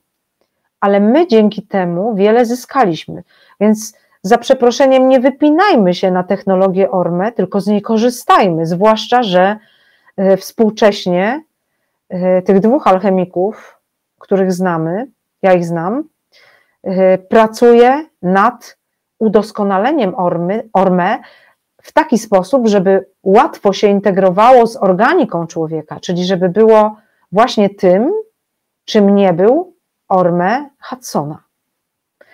Yy, zaparkujmy ten temat, pójdźmy dalej, tak? Zaparkujmy go i idźmy dalej, żeby mhm. sobie yy, nie zgubić się w tym yy, konspekcie, bo jest go jeszcze sporo, tak? Właśnie nasi hodowcy nas hodowali, właściwie królów, mhm. tak? Tych, którzy mieli te boskie charyzmaty, tak? Ludcy, władcy żyli coraz krócej. Zatem zaczęto ich stymulować właśnie ormę, tak? Ormę było, stało się w kulturze tożsame z mlekiem Hator.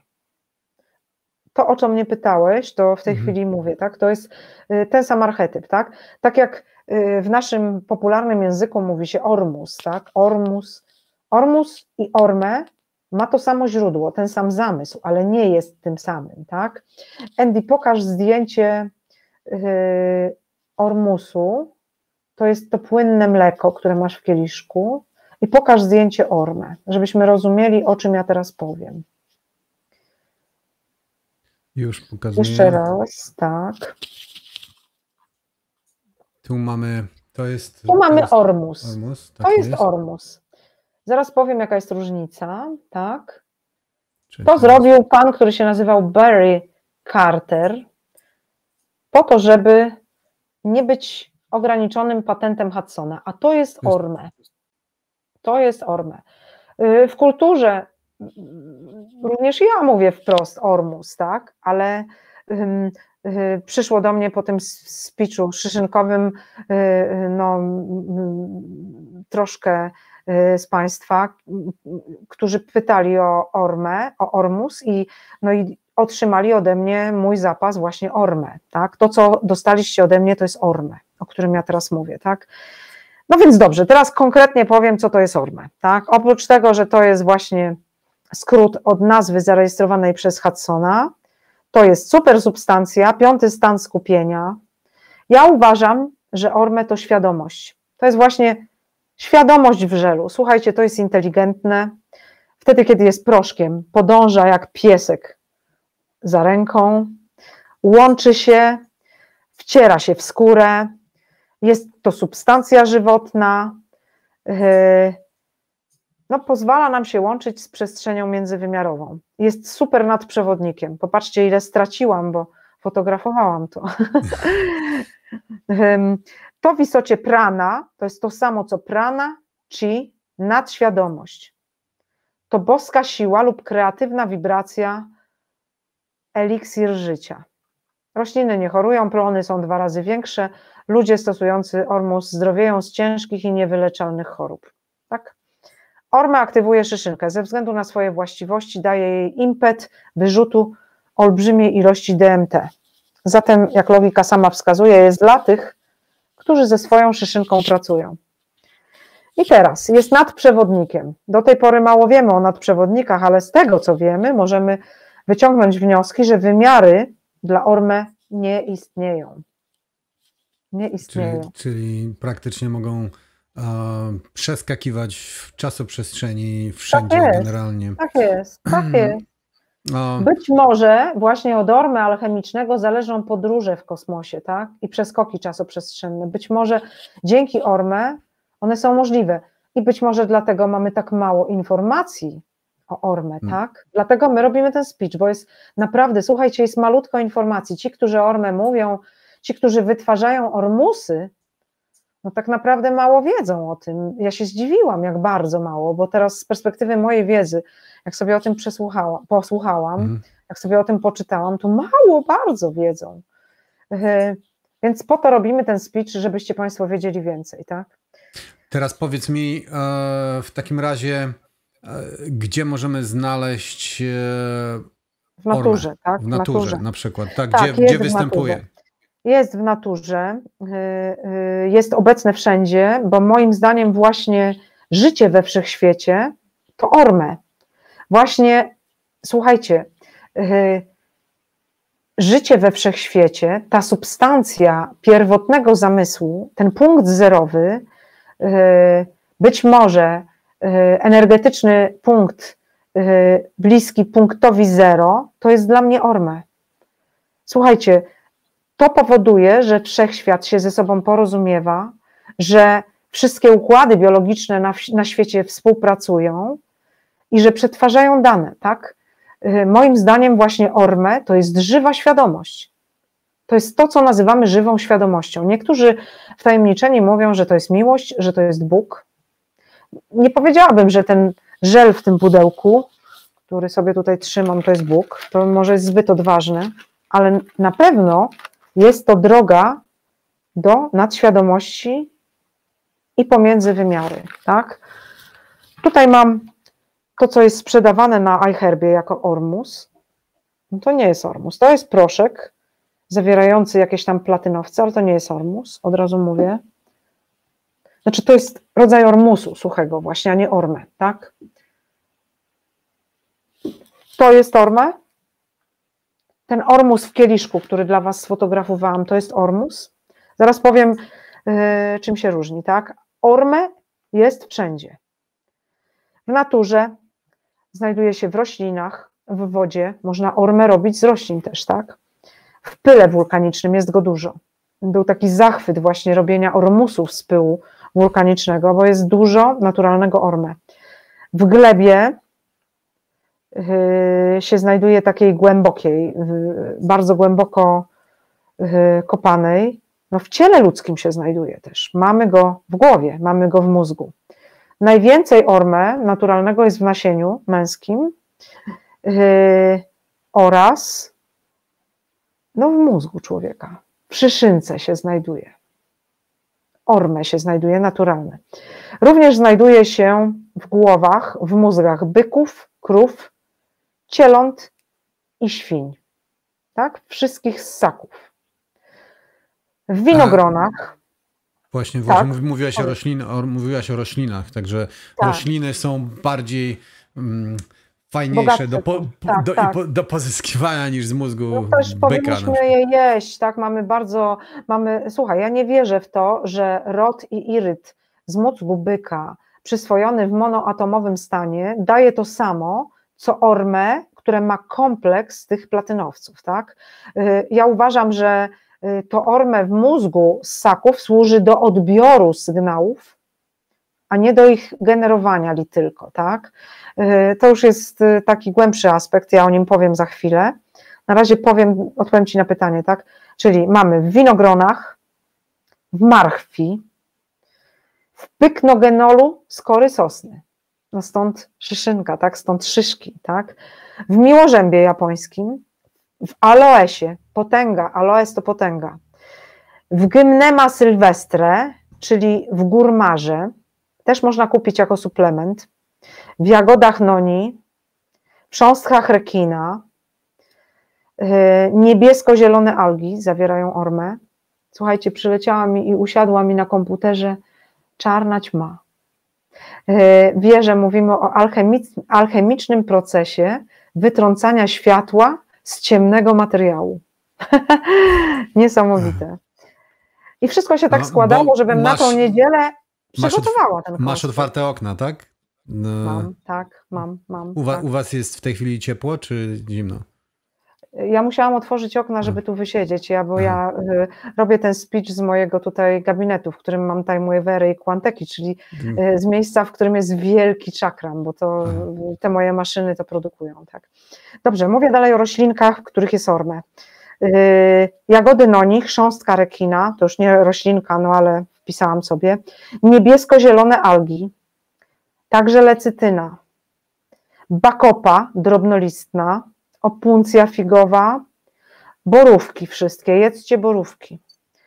Specyficzne, archaiczne gleby z bardzo dawnym rodowodem, chińskie grzybki, czyli te wszystkie maitake, shiitake, reishi, kordyceps, tak, hericum, jedzcie to.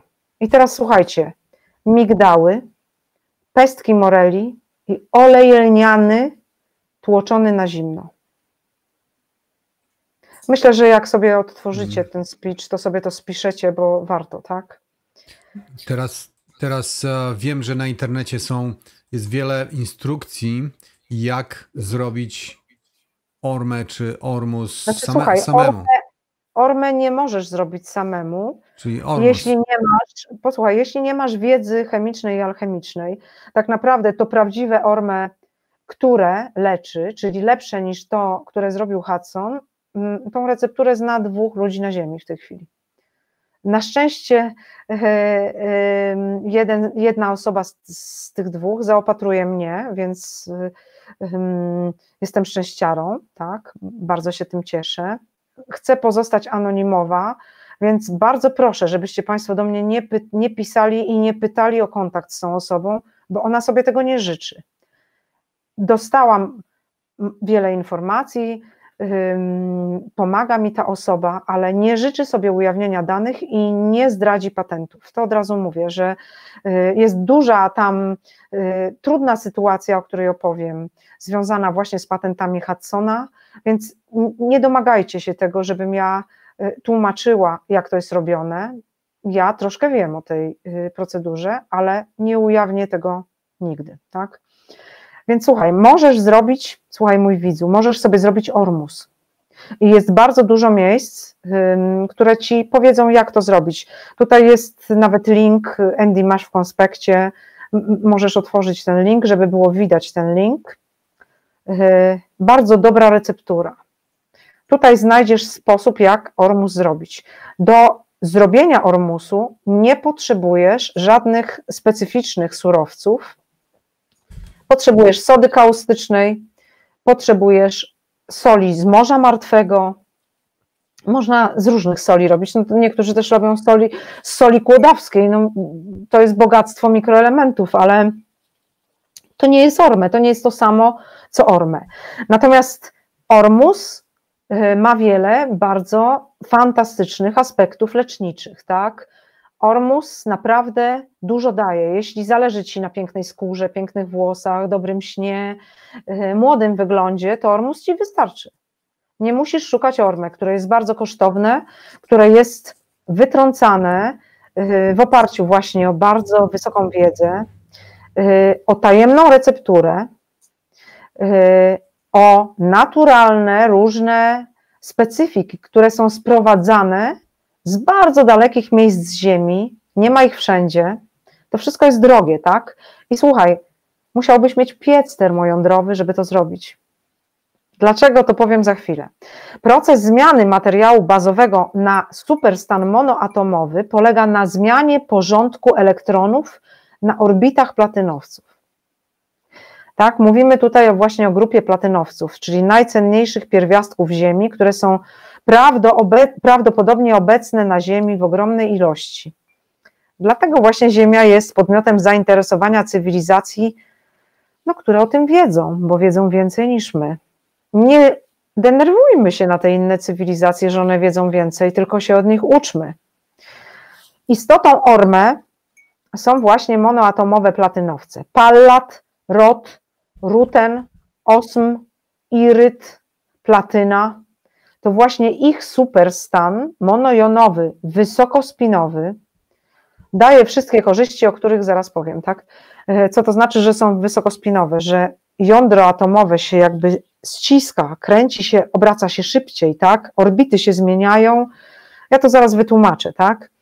Y, to powoduje, no właśnie te korzyści, o których zaraz powiem, tak? I tych właśnie pierwiastków szukamy. Niestety w spektrum, w badaniu ormusu z soli znajdują się, no może w śladowych ilościach, tak?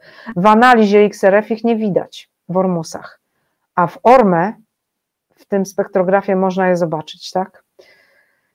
Orme to jest substancja o najwyższej potencjalnej wibracji, czyli możesz swoją wibrację podnieść za pomocą orme. Podno podniesie Twoją osobistą częstotliwość i wydajność Twojego biopola. Mówię to jako ktoś, kto z biopolem pracuje, tak? Leczy, ale to tylko efekt uboczny superbalansu, dzięki, który dzięki obecności w komórkach zwiększonej porcji witalności y, jest po prostu dostępny, tak? Jest y, ubocznym efektem. Orme w laboratorium wymaga skomplikowanego sprzętu, tak? Orme od ormusu różni się zasadniczo i opowiem o tym zaraz. Orme to zestaw pierwiastków monoatomowych, wysokospinowa supersubstancja. Uważa się, że jest obecny wszędzie, składa się z jednoatomowych cząstek, które wyłaniają się inteligentnie z czystej potencjalności przez alchemiczny portal. Materializuje się w określonych warunkach. Słuchajcie, czym jest ten alchemiczny portal, to warto wiedzieć, że nie wyłonisz i nie użyjesz ormę, jeśli nie użyjesz alchemicznych receptur. Alchemią jest również wpuszczanie światła do własnego biopola, do własnego ciała. Aktywacja szyszynki to są alchemiczne procedury. Pamiętajcie, tylko jeśli z tym pracujecie, to Orme jest dla Was. Ja w ogóle miałam taki pomysł, jak zalała mnie fala pytań i wysyłałam trochę tego Orme, czy ja wysyłam Ormę tym, którym powinnam? Czy to nie powinno być tak, że nie każdy powinien się z Ormę stykać, dlatego że Orme jest wielkim białym światłem, jest wybuchem, jest czymś tak Y, nasyconym potencjałem, że y, może być brzytwą y, w rękach małpy, tak? Trzeba czasem zadać sobie pytanie, czy jestem już na tym etapie, żeby skorzystać z dobrodziejstw formy. I tutaj chciałabym o tym powiedzieć, tak? Okej. Okay. Jesteśmy wiesz, w następnym wiesz punkcie. Co, wiesz co, no, no właśnie, no właśnie wspominałaś, że Orme jest nadprzewodnikiem E, więc tak. może wytłumaczymy, co to tak naprawdę znaczy. Co to tak, jest, no co to znaczy, to że Orme jest nadprzewodnikiem? powiedzieć, tak? Orme to jest, no wiadomo, wszystkie pomiary ludzkie bazują na porównaniach różnicy potencjałów, tak? Więc trzeba powiedzieć, że y, nadprzewodnik to materiał o y, zerowej rezystancji, tak? Y, w niektórych materiałach ten stan jest osiągany w bardzo takiej niskiej temperaturze, w temperaturze bliskiej zera, tak, absolutnego. Nadprzewodnictwo jest zjawiskiem kwantowym, właściwie w klasycznej tej fizyce, która do 1000, tej newtonowskiej, tak, do 1960 roku, no właśnie nie byłaby możliwa, nie byłoby możliwe z użyciem tej fizyki wytłumaczenie, czym jest nadprzewodnik, tak. Poza zerową rezystancją, inną ważną cechą nadprzewodnika jest to, że wypycha ze swojej objętości pole magnetyczne. Właśnie przejawia się to efektem Meissnera. Teraz możesz ten efekt Meissnera pokazać, tak?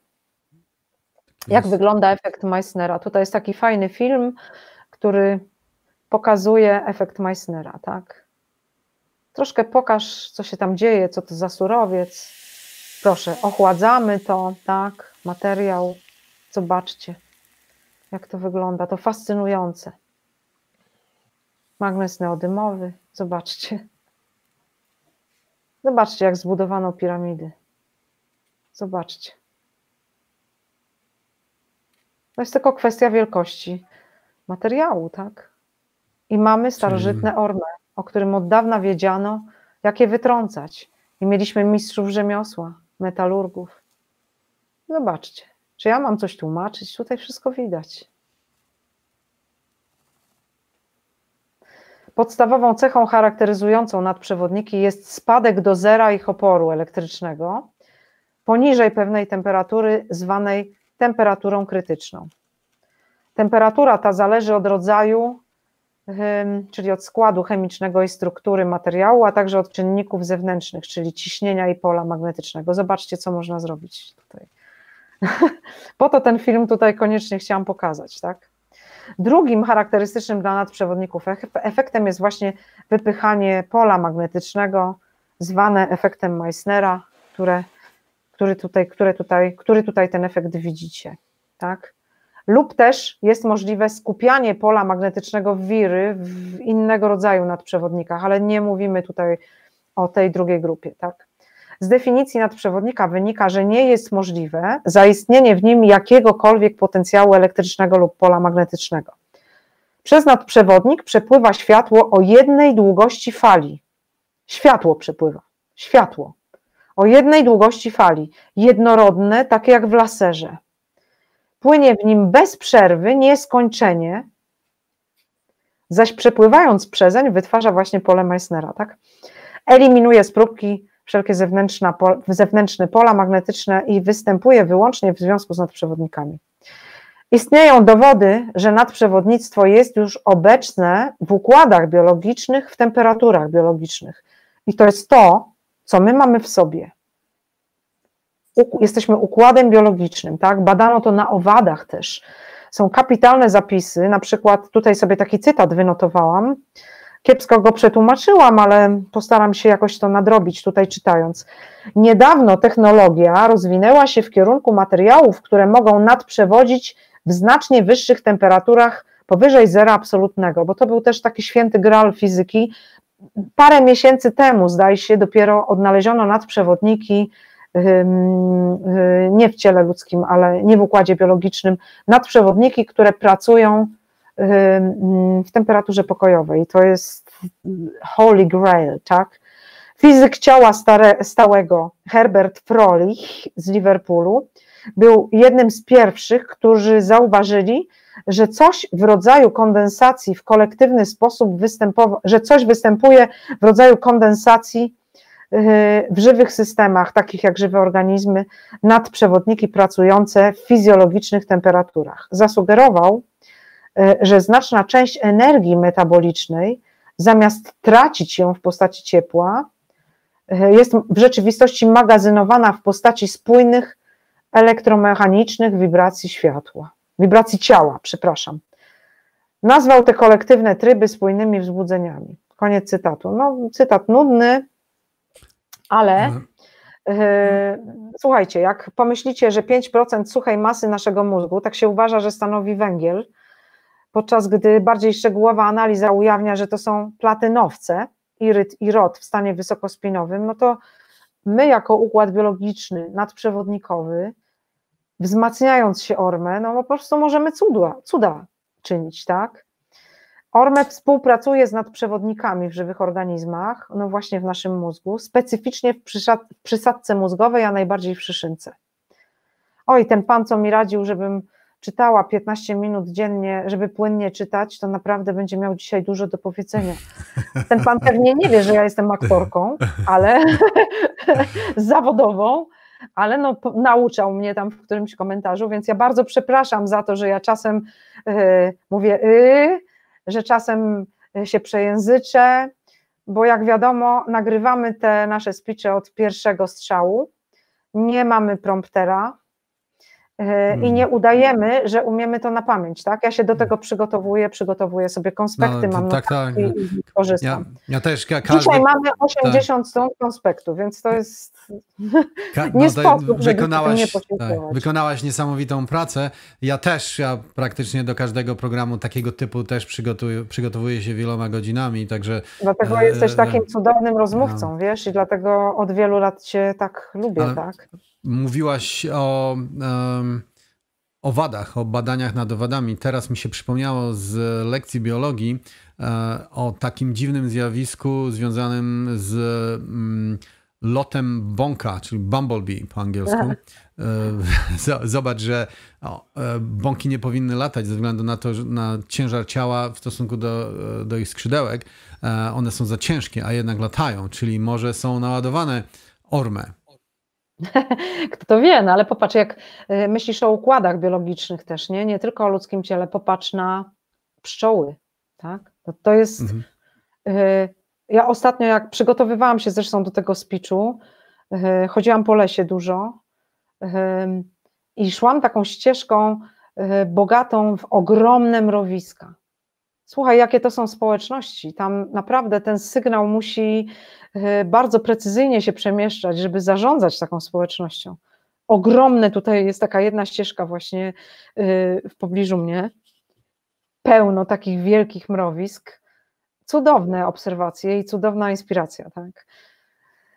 E, słuchajcie, no. jeszcze powiem, powiem o takim ważnym aspekcie dotyczącym Y, y, tej właśnie y, tego nadprzewodnictwa, tak? I, i tych układów biologicznych, tak? Pomyśl tylko, najwięcej orme znajduje się w męskim nasieniu.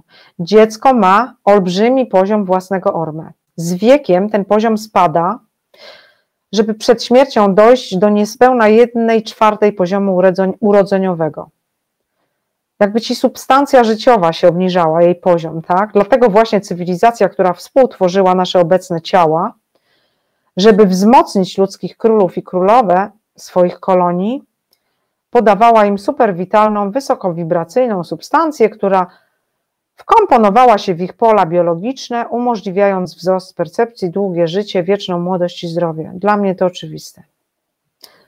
No właśnie.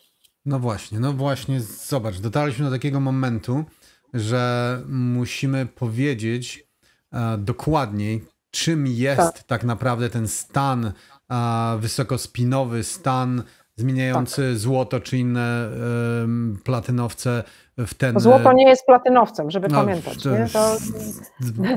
Złoto też tu jest i złoto jest takim jakby archetypem prawdy. My, my, my mówimy o tych rytuałach, misteriach, myśląc o złocie, ale chodzi o platynowce. Te platynowce to jest najwyższe dobro, tak? Także, także no właśnie, co, co, co, co się dzieje, co że tak zmienia? naprawdę tak, zmienia i robi się ten e, biały proszek, biały proszek, proszek tak. bardzo lekki, nie? Ja sobie postarałam się to zanotować, tak, żeby mi nic nie umknęło, bo to jest precyzyjne bardzo. E, normalny atom posiada wokół siebie ekranujący potencjał. Dodatnie ekranowanie wytwarzane przez jądro. Większość, z wyjątkiem najbardziej zewnętrznych elektronów krążących wokół jądra, znajduje się właśnie wewnątrz tego potencjału, wewnątrz tego ekranu. Jądro przechodzi w stan wysoko chroniony lub wysokospinowy, gdy dodatni potencjał ekranujący obejmuje swoim zasięgiem wszystkie elektrony i podporządkowuje je kontroli jądra. W normalnych warunkach elektrony, elektrony krążą wokół jądra w parach. Elektron o spinie przednim i elektron o spinie wstecznym, tak? To są takie pary. Dostawszy się pod wpływ wysokospinowego jądra, wszystkie elektrony o spinie przednim zostają skorelowane z elektronami o spinie wstecznym. Kiedy dochodzi do doskonałego skorelowania, elektrony zamieniają się w białe światło jest niemożliwe, aby pojedyncze atomy substancji znajdującej się w stanie wysokospinowym łączyły się ze sobą. Więc nie mogą przyjąć formy metalu i przyjmują postać niewyczuwalnego białego proszku, który mhm. jest lżejszy od wody o 20-30 razy, tak? a złoto jest 20-30 razy cięższy od wody. Mhm. Tak? Więc jak sobie weźmiesz ten proszek, jak sobie nasypiesz na rękę, to on po prostu się natychmiast wbudowuje w skórę. Jak dmuchniesz, to on po prostu, tyle go widziałeś, tak? On jest leciusieńki, leciusieńki. Yy, yy, manna chleb pokładny, chleb boskiej obecności, złota łza z oka Horusa i słuchajcie, to co wypływa z ust Twórcy i nasienie Ojca z niebios. To jest y, sformułowanie ze starych traktatów. Właśnie gdy weźmiemy ten biały proszek y, i zmieszamy go z wodą, uzyskujemy tę białą, żelową substancję, która wygląda jak nasienie lub jak gęsta ślina. I tak wygląda prawdziwe orme, tak? Nie inaczej. Ormusy z soli nie mają tego, co jest esencją tej substancji, platynowców, i nie są nadprzewodnikami, ale też świetne rzeczy robią, tak? Powracam teraz do informacji, iż prawdziwie niezwykłą własnością tego proszku białego jest to, że przy pomocy różnych procesów można zmienić jego ciężar, redukując go nawet do zera. Jego optymalna waga wynosi 56% wagi metalu, z którego powstał. Gdzie więc mhm. spodziewa się pozostałe 44%? Staje się nicością, czyli czystym światłem. I słuchajcie, przechodzi do innego wymiaru, poza nasz fizyczny, trójwymiarowy świat. Zgadza się to e, z tekstem z, biblioty, z biblioteki aleksandryjskiej, która została zaginiona, spalona, nie wiemy do końca, który mówi, ten tekst był, ocalał, tak, że rajski kamień umieszczony na szalkach wagi przeważa równą mu ilość złota, a kiedy przyjmuje postać pyłu, nawet najlżejsze pióro zdolne jest przeważyć go na szali. Gdybyśmy chcieli stworzyć nadprzewodnik, który ciągnąłby się od Bielska Białej do Wejherowa, czyli y, z jednego punktu Polski do drugiego i ładowali go y, energią przez 2-3 dni, nie musielibyśmy jednocześnie go rozładowywać w drugim miejscu, tak? To, gdyby to był nadprzewodnik. Można byłoby go ładować w dalszym ciągu, właściwie bez końca. A kiedy tym z Wejherowa potrzebna by była energia, to by wzięli yy, przewód, dostroili częstotliwość rezonansową tego przewodu, przyłożyli napięcie i wyssali z nadprzewodnika tę energię.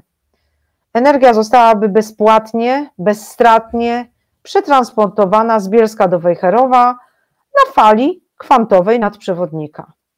Byłaby przeniesiona oczywiście pod podstacią światła, a nie elektryczności. No tylko jak ją zmierzyć, tak? Jeśli ona nie ma napięcia, bo wszystkie pomiary y, opierają się o różnicę napięć, tak? No i w jaki sposób zbudować takie urządzenie, które by to potrafiło to światło zmierzyć, tak? Proszę sobie wyobrazić, że no niestety to jest niemożliwe, nie da się tego zrobić. Z tego względu, że wszystkie przyrządy pomiarowe, jakie człowiek wymyślił, opierają się na zasadzie pomiaru różnic, zaś w nadprzewodniku przecież nie ma napięcia, więc znaczy nie ma różnicy potencjałów, tak? Przepływ w nadprzewodniku zostaje zainicjowany przyłożeniem pola magnetycznego. Reaguje on na nie przepływem światła w swoim wnętrzu i powstaniem większego pola Meissnera wokół niego. Następnie można sobie odłożyć magnes i sobie pójść i wrócić za 100 lat i okaże się, że płynie w nim nadal to samo światło, które płynęło w nim na początku. Tak? Przepływ nie ulega żadnemu spowolnieniu, nadprzewodnik nie eliminuje 99%, ale dokładnie 100% wszystkich zewnętrznych pól magnetycznych. Nie istnieje jakikolwiek opór, ruch odbywa się na zasadzie perpetuum mobile, może trwać całą wieczność. E, słuchajcie, jeden z wielkich hmm. badaczy grawitacji, też świętego grala w fizyce. Nikt nie wie, wszyscy mówią o grawitacji, ale nikt do końca tak, nie wie, tak. czym ona jest, tak? Nie wie, nie, potrafią niby zmierzyć, ale tak naprawdę tak, nie mogą tak. wytłumaczyć tak jak, jak, jak działa. Nie? Jak to działa, dokładnie. Są różne teorie, y, niektóre mi się bardzo podobają. Y, tutaj powiem o takiej dość interesującej też, nie na samą grawitację, ale no właśnie badacza grawitacji. Stworzono przez niego teorię z grawitacją jako energią punktu bliskie, bliską punktu zero, opisał matematycznie i opublikował Hal Puthoff's Institute of Advanced Studies, tak? W sprawie monoatomowego białego proszku wysunął on przypuszczenie, że z uwagi na określenie czasoprzestrzeni przez grawitację, ma on zdolność zaginania czasoprzestrzeni. Ta egzotyczna materia o przyciąganiu grawitacyjnym mniejszym od zera, no to jest właśnie yy, nadprzewodnik, tak? On tak stwierdził. W latach 60. powiedział, że szukając istoty ciążenia, nigdy nie odnajdziemy jej w postaci pola magnetycznego. Ciążenie jest rezultatem wzajemnych oddziaływań pomiędzy protonami, neutronami, elektronami i energią próżni, która znajduje się wszędzie, całym wszechświecie i jest ponadczasowa. Pamiętacie z poprzedniego speechu, że próżnia to odpoczywający Bóg, czyli energia potencjalna, ta, której jeszcze nie ożywiliśmy, czy nie zaprojektowaliśmy obserwacją. Czy to niespójne z ideą Orme? Pomyślcie, pomyślcie, łączcie kropki. Ta energia to eter, tak, w tych starych traktatach. Gdybyśmy wypompowali ze wszechświata całe ciepło i całą materię, dokładnie wszystko, pozostałoby w nim jeszcze, yy, dokładnie wszystko, to jest cytat, tak? Pozostałaby w nim jeszcze ta energia, którą nazywamy energią próżni. Kiedy protony, neutrony i elektrony wchodzą w reakcję z tą energią, wytwarzają ciążenie. Jeśli nie ma materii, nie ma również ciążenia. No interesująca teoria, prawda? Nikt się nią nie zajmuje szczególnie. To taka ciekawostka. Albo nie mówią nam, że się zajmują, nie? Tak, że... tak. Ja myślę, że raczej to drugie, tak? Tutaj sarkastycznie powiedziałam, że nikt się mhm. tym nie zajmuje. Y, no ten sam pan, Hal Puthoff, rozpoczął eksperymenty ze zdalnym widzeniem też, tak? To właśnie on opisał matematycznie teorię grawitacji Sacharowa. Opublikował ją y, w Physical Review 1 marca 1989 roku. Y, artykuł nosi tytuł Gravity as a Zero Point Fluctuation Force, tak? Z matematycznego modelu, który wykonał, wynika, że kiedy materia reaguje w dwóch wymiarach, w przeciwieństwie do reakcji zachodzących w przestrzeni trójwymiarowej, ex definitione, nadprzewodnik to parzysty kwantowy oscylator, rezonujący w dwóch wymiarach, a nie w trzech. Pamiętajcie, kiedy reaguje w dwóch wymiarach, powinna według wzorów matematycznych tracić 4 dziewiąte swojego ciężaru. I teraz następna kropka do połączenia. Czy wiecie Państwo, że to, co pozostaje po odjęciu 4 dziewiątych, to dokładnie 56%? To jest to. Dave Hudson. Teraz, to to, to tak, właśnie tak. pokazuje do tego hala Putofa, nie? Tak. E, Dave Hudson mówi tak. Przeczytałem wiele prac na temat energii próżni. Czy wiecie, że spektrum termalne nakłada się na spektrum punktu zerowego? Te dwa widma nakładają się na siebie, tak więc jeśli coś podgrzejemy, to powinno to reagować wewnętrznie z energią punktu zerowego. Rezonując w dwuwymiarowej przestrzeni, materiał ten dosłownie traci ciężar. Czy wiedzą Państwo, co mi powiedział Puthoff? Otóż stwierdził, Dave, w tym momencie nie powinieneś widzieć tego materiału. Masz rację, Hall, odrzekłem. Kiedy zagląda się do naczynia przez kwarcowy wziernik, okazuje się, że nic w nim nie ma, przy czym ciężar naczynia jest inny niż wtedy, gdy jest ono puste. Dave, teoretycznie powinien on zniknąć z przestrzeni trójwymiarowej, wręcz nie powinien w niej istnieć. Musisz zaplanować takie doświadczenie, w którym będziesz w stanie wykonać następującą rzecz. Kiedy materiału już nie będzie, przesuń ręką nad naczyniem. Jeśli okaże się, że tam jest i rezonuje przy częstotliwości, której nie jesteś w stanie ustalić, strącisz go z naczynia. Dzieje się tak dlatego, że kiedy materiał zostaje oziębiony i zaczyna się ponownie ukazywać, zawsze ukazuje się w tym samym kształcie, jaki miał, zanim zniknął.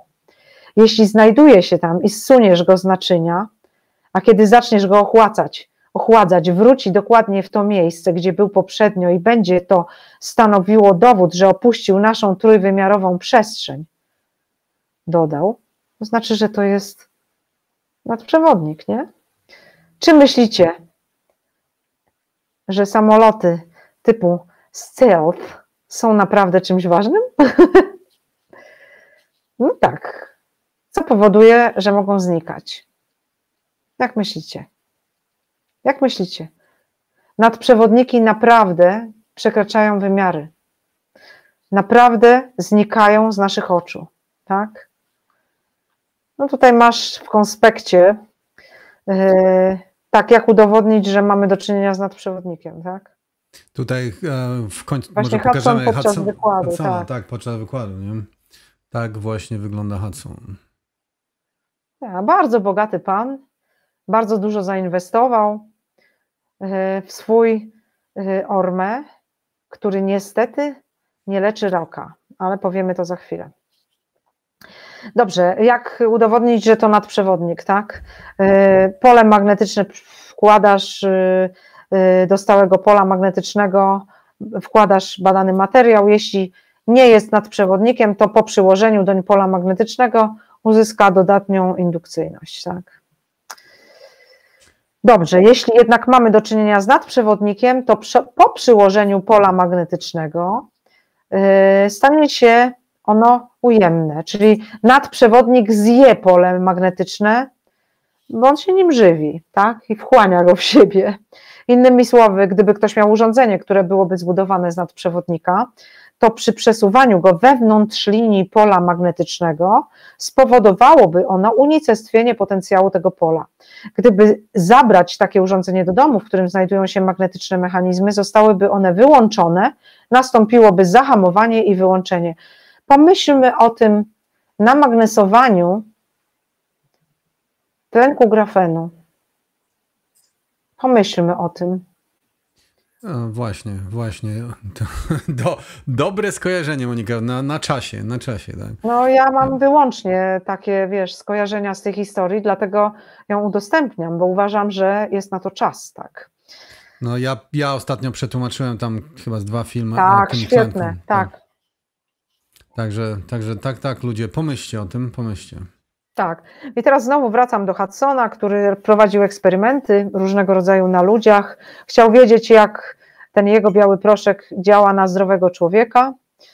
No i tutaj sobie spisałam z jego wykładu. W eksperymencie skróciłam. W eksperymencie wziął udział mężczyzna, nazwisko nie zostało ujawnione, przyjmował jednoatomowy rod i iryt po 500 mg dziennie przez 30 dni, zgodnie z egipskim rytuałem przejścia. Po pięciu, sześciu dniach zaczął słyszeć w głowie dźwięk. Jak ktoś będzie chciał spróbować tego rytuału przejścia, to ja nauczę, nie martwcie się.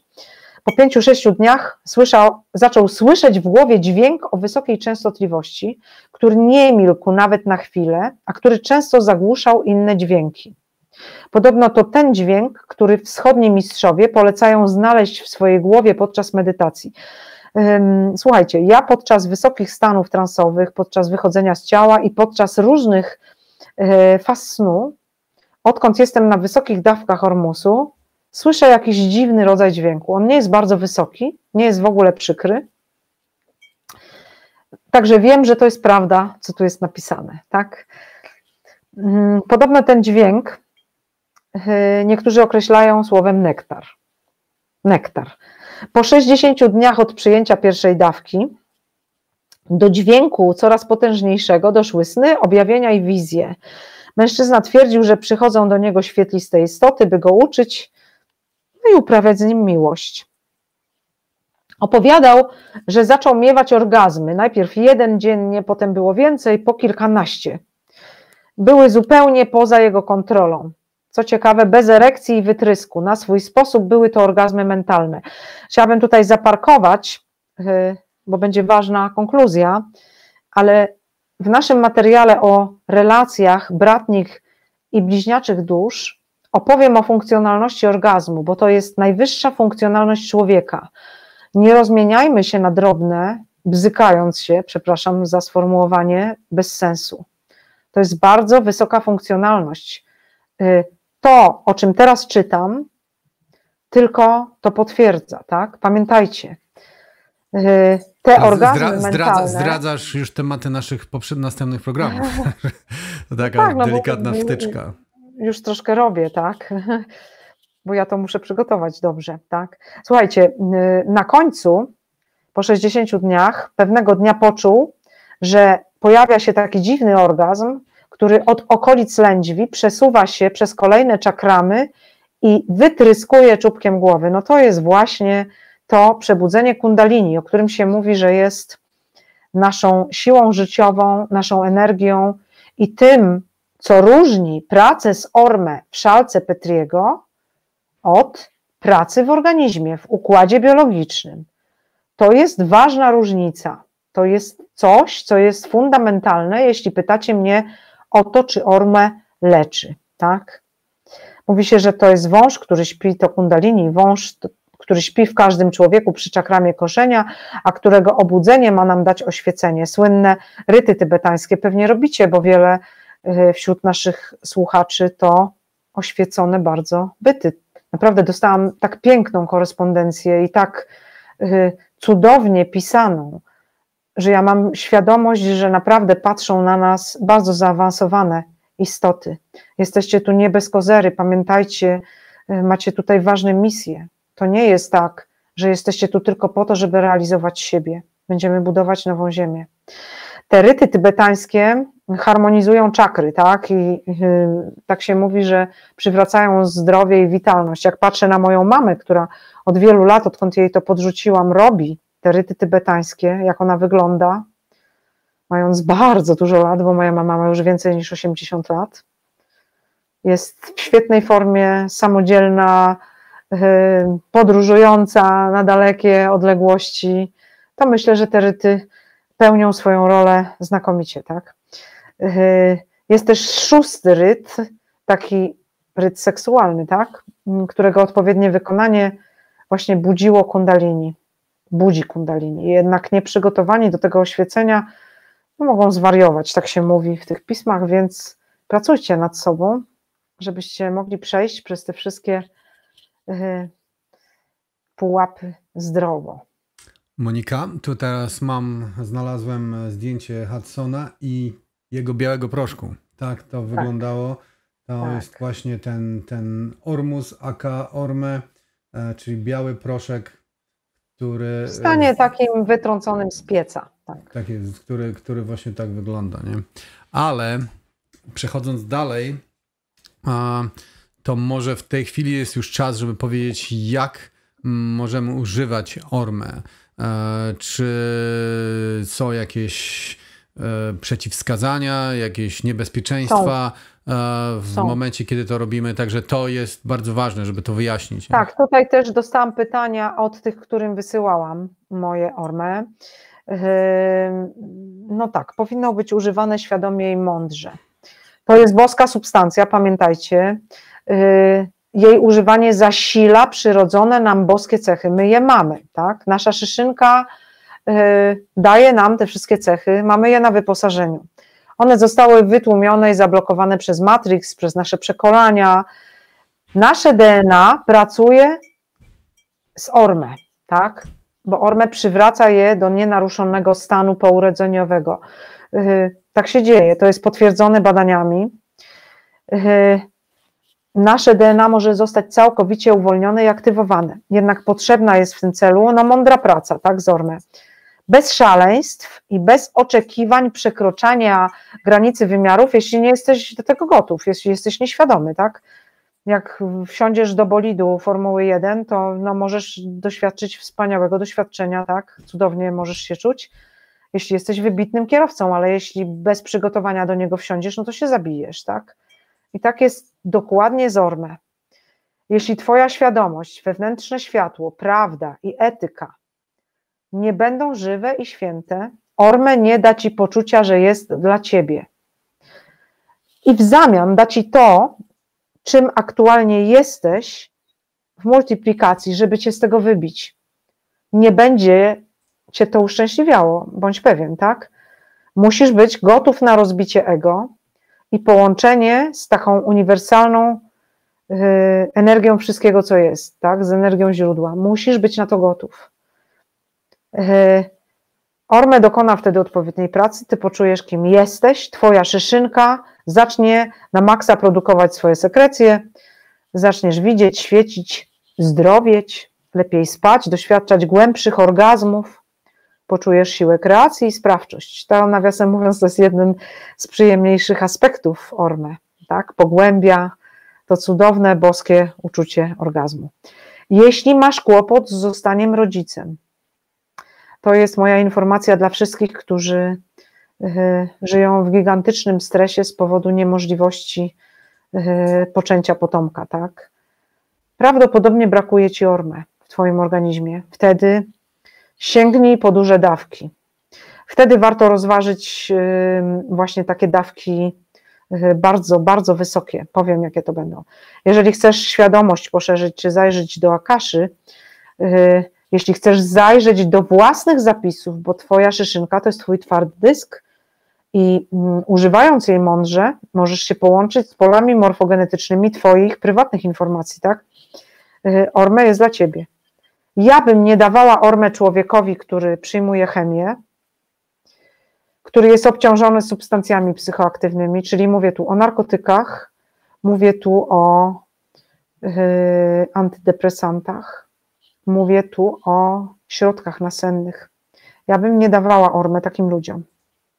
dlatego że no, tych procesów biochemicznych, które ormę powoduje, jest tyle, że skorelowanie tego ze sztucznymi substancjami, które naszą energię witalną, no, jak to powiedzieć, no, zabierają nam energię witalną, nie jest dobrym pomysłem, tak?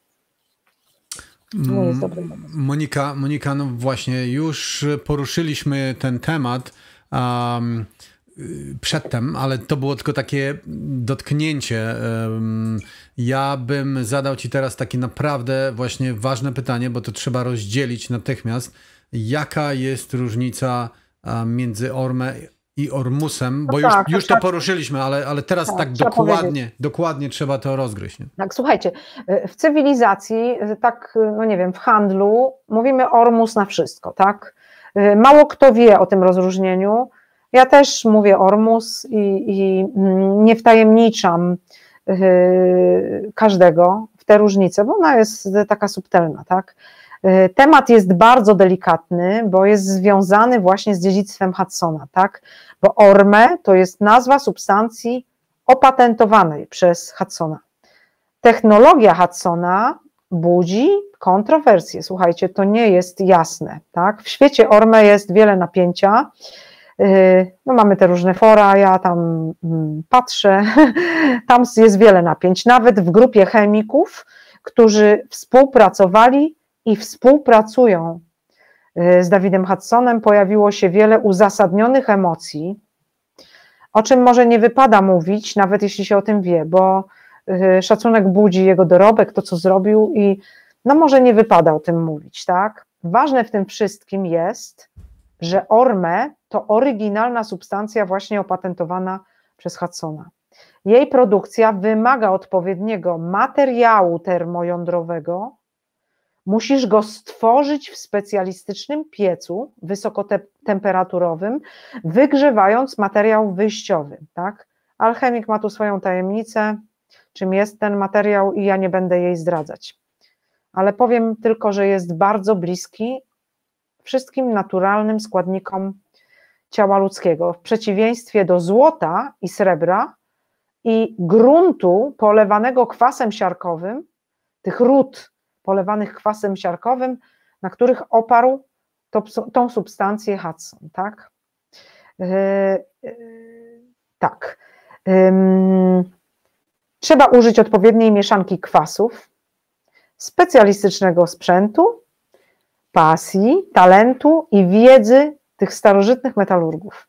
Trzeba czytać te traktaty, trzeba wyciągać wnioski i prowadzić eksperymenty. I to jest e, wytwarzanie orme, orme to jest zawsze efekt długoletniej pasji, bo tej wiedzy nie zdobywa się łatwo i szybko.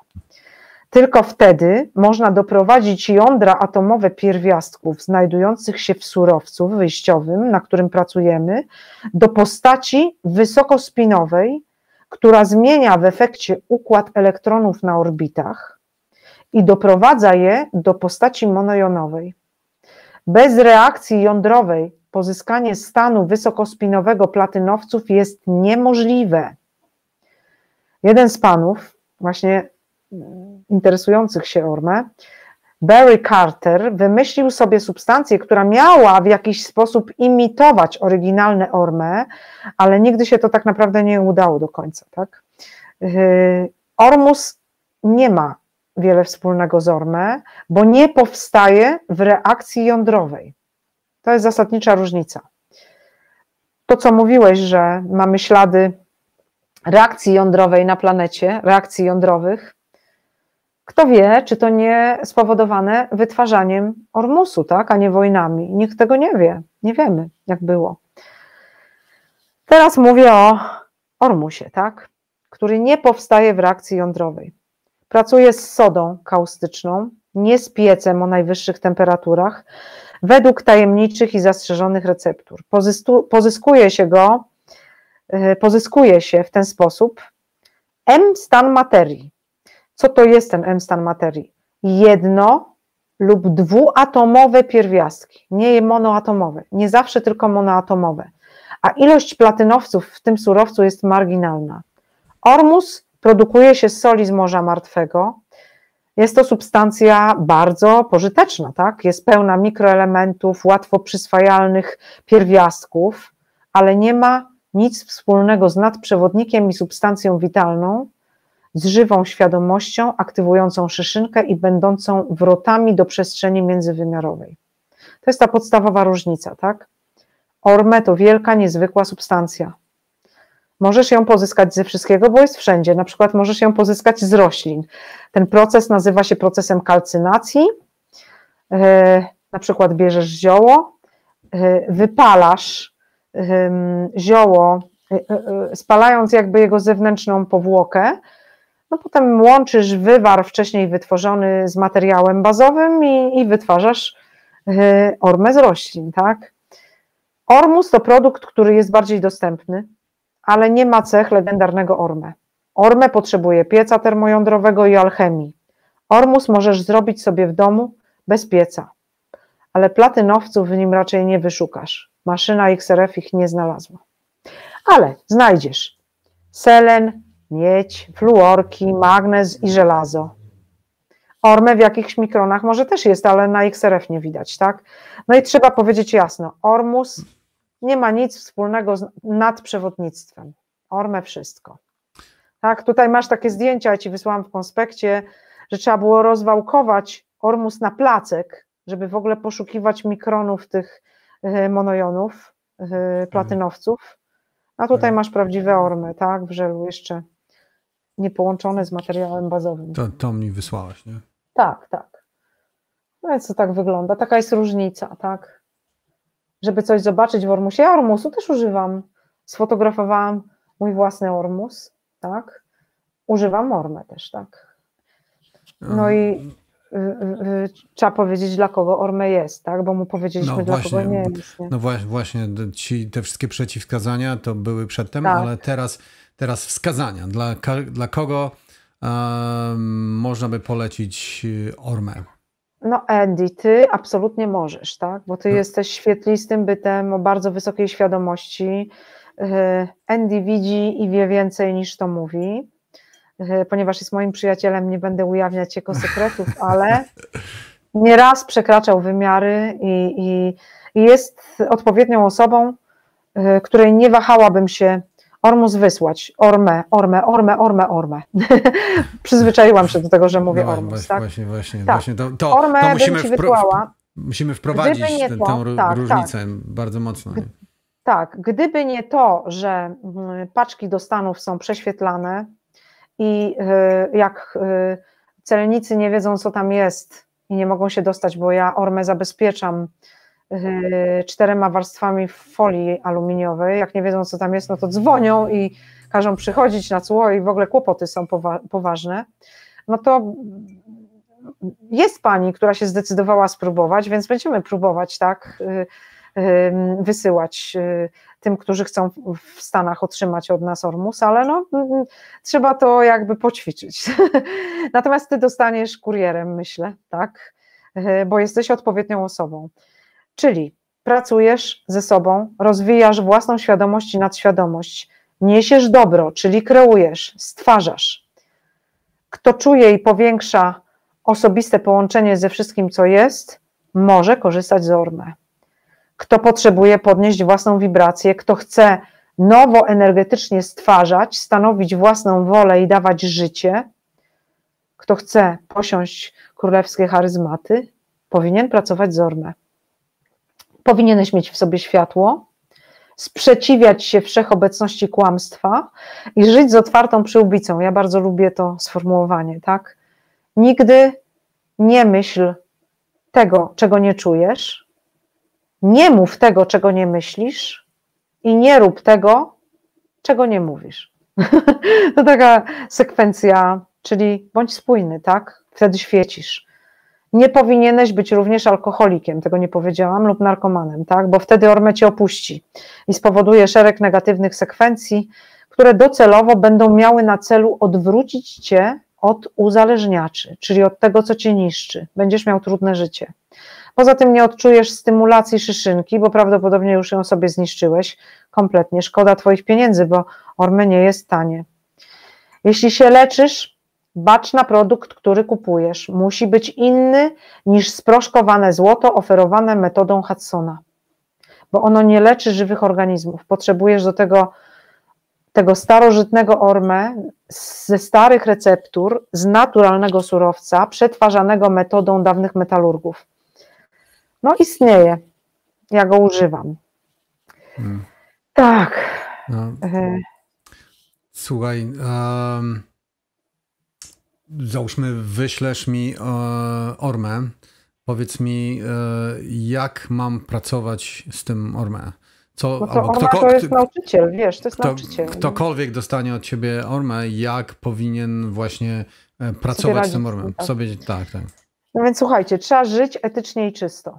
Tak? Także nie robimy y, y, ludziom wody z mózgu, nie okłamujemy ich, nie manipulujemy, nie mm, próbujemy oszukać diabła. Tak? To jest taka częsta przypadłość ludzi, którzy troszkę zaczęli wychodzić z Matrixa, myślą, że coś tam sobie ukradną, oszukają diabła i uda im się uciec. No nie, to nie jest etyczne.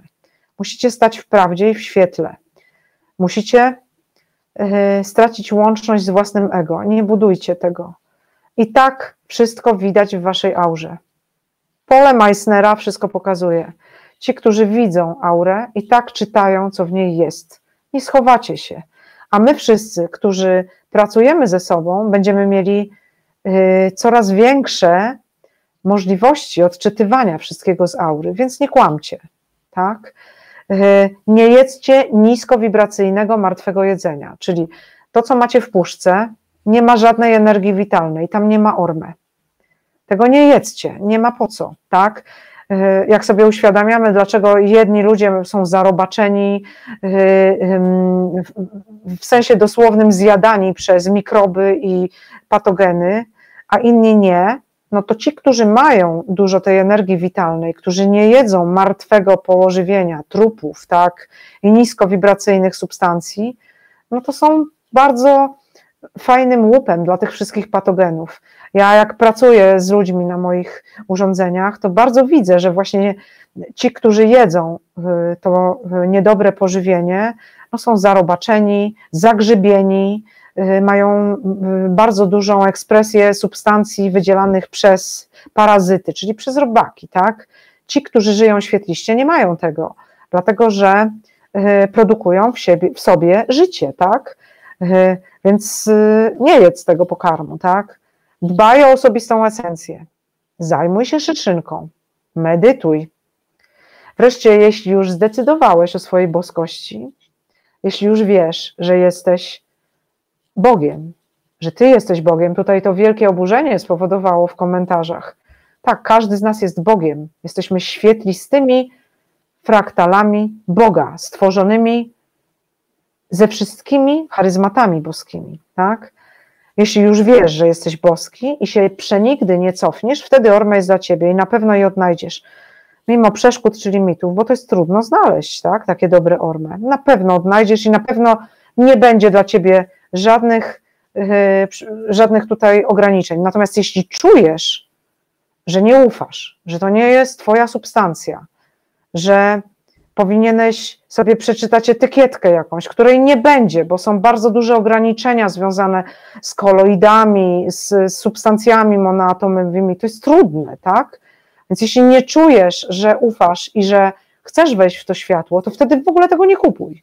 Wtedy w ogóle się nie rozglądaj. Kup sobie ormus solankowy.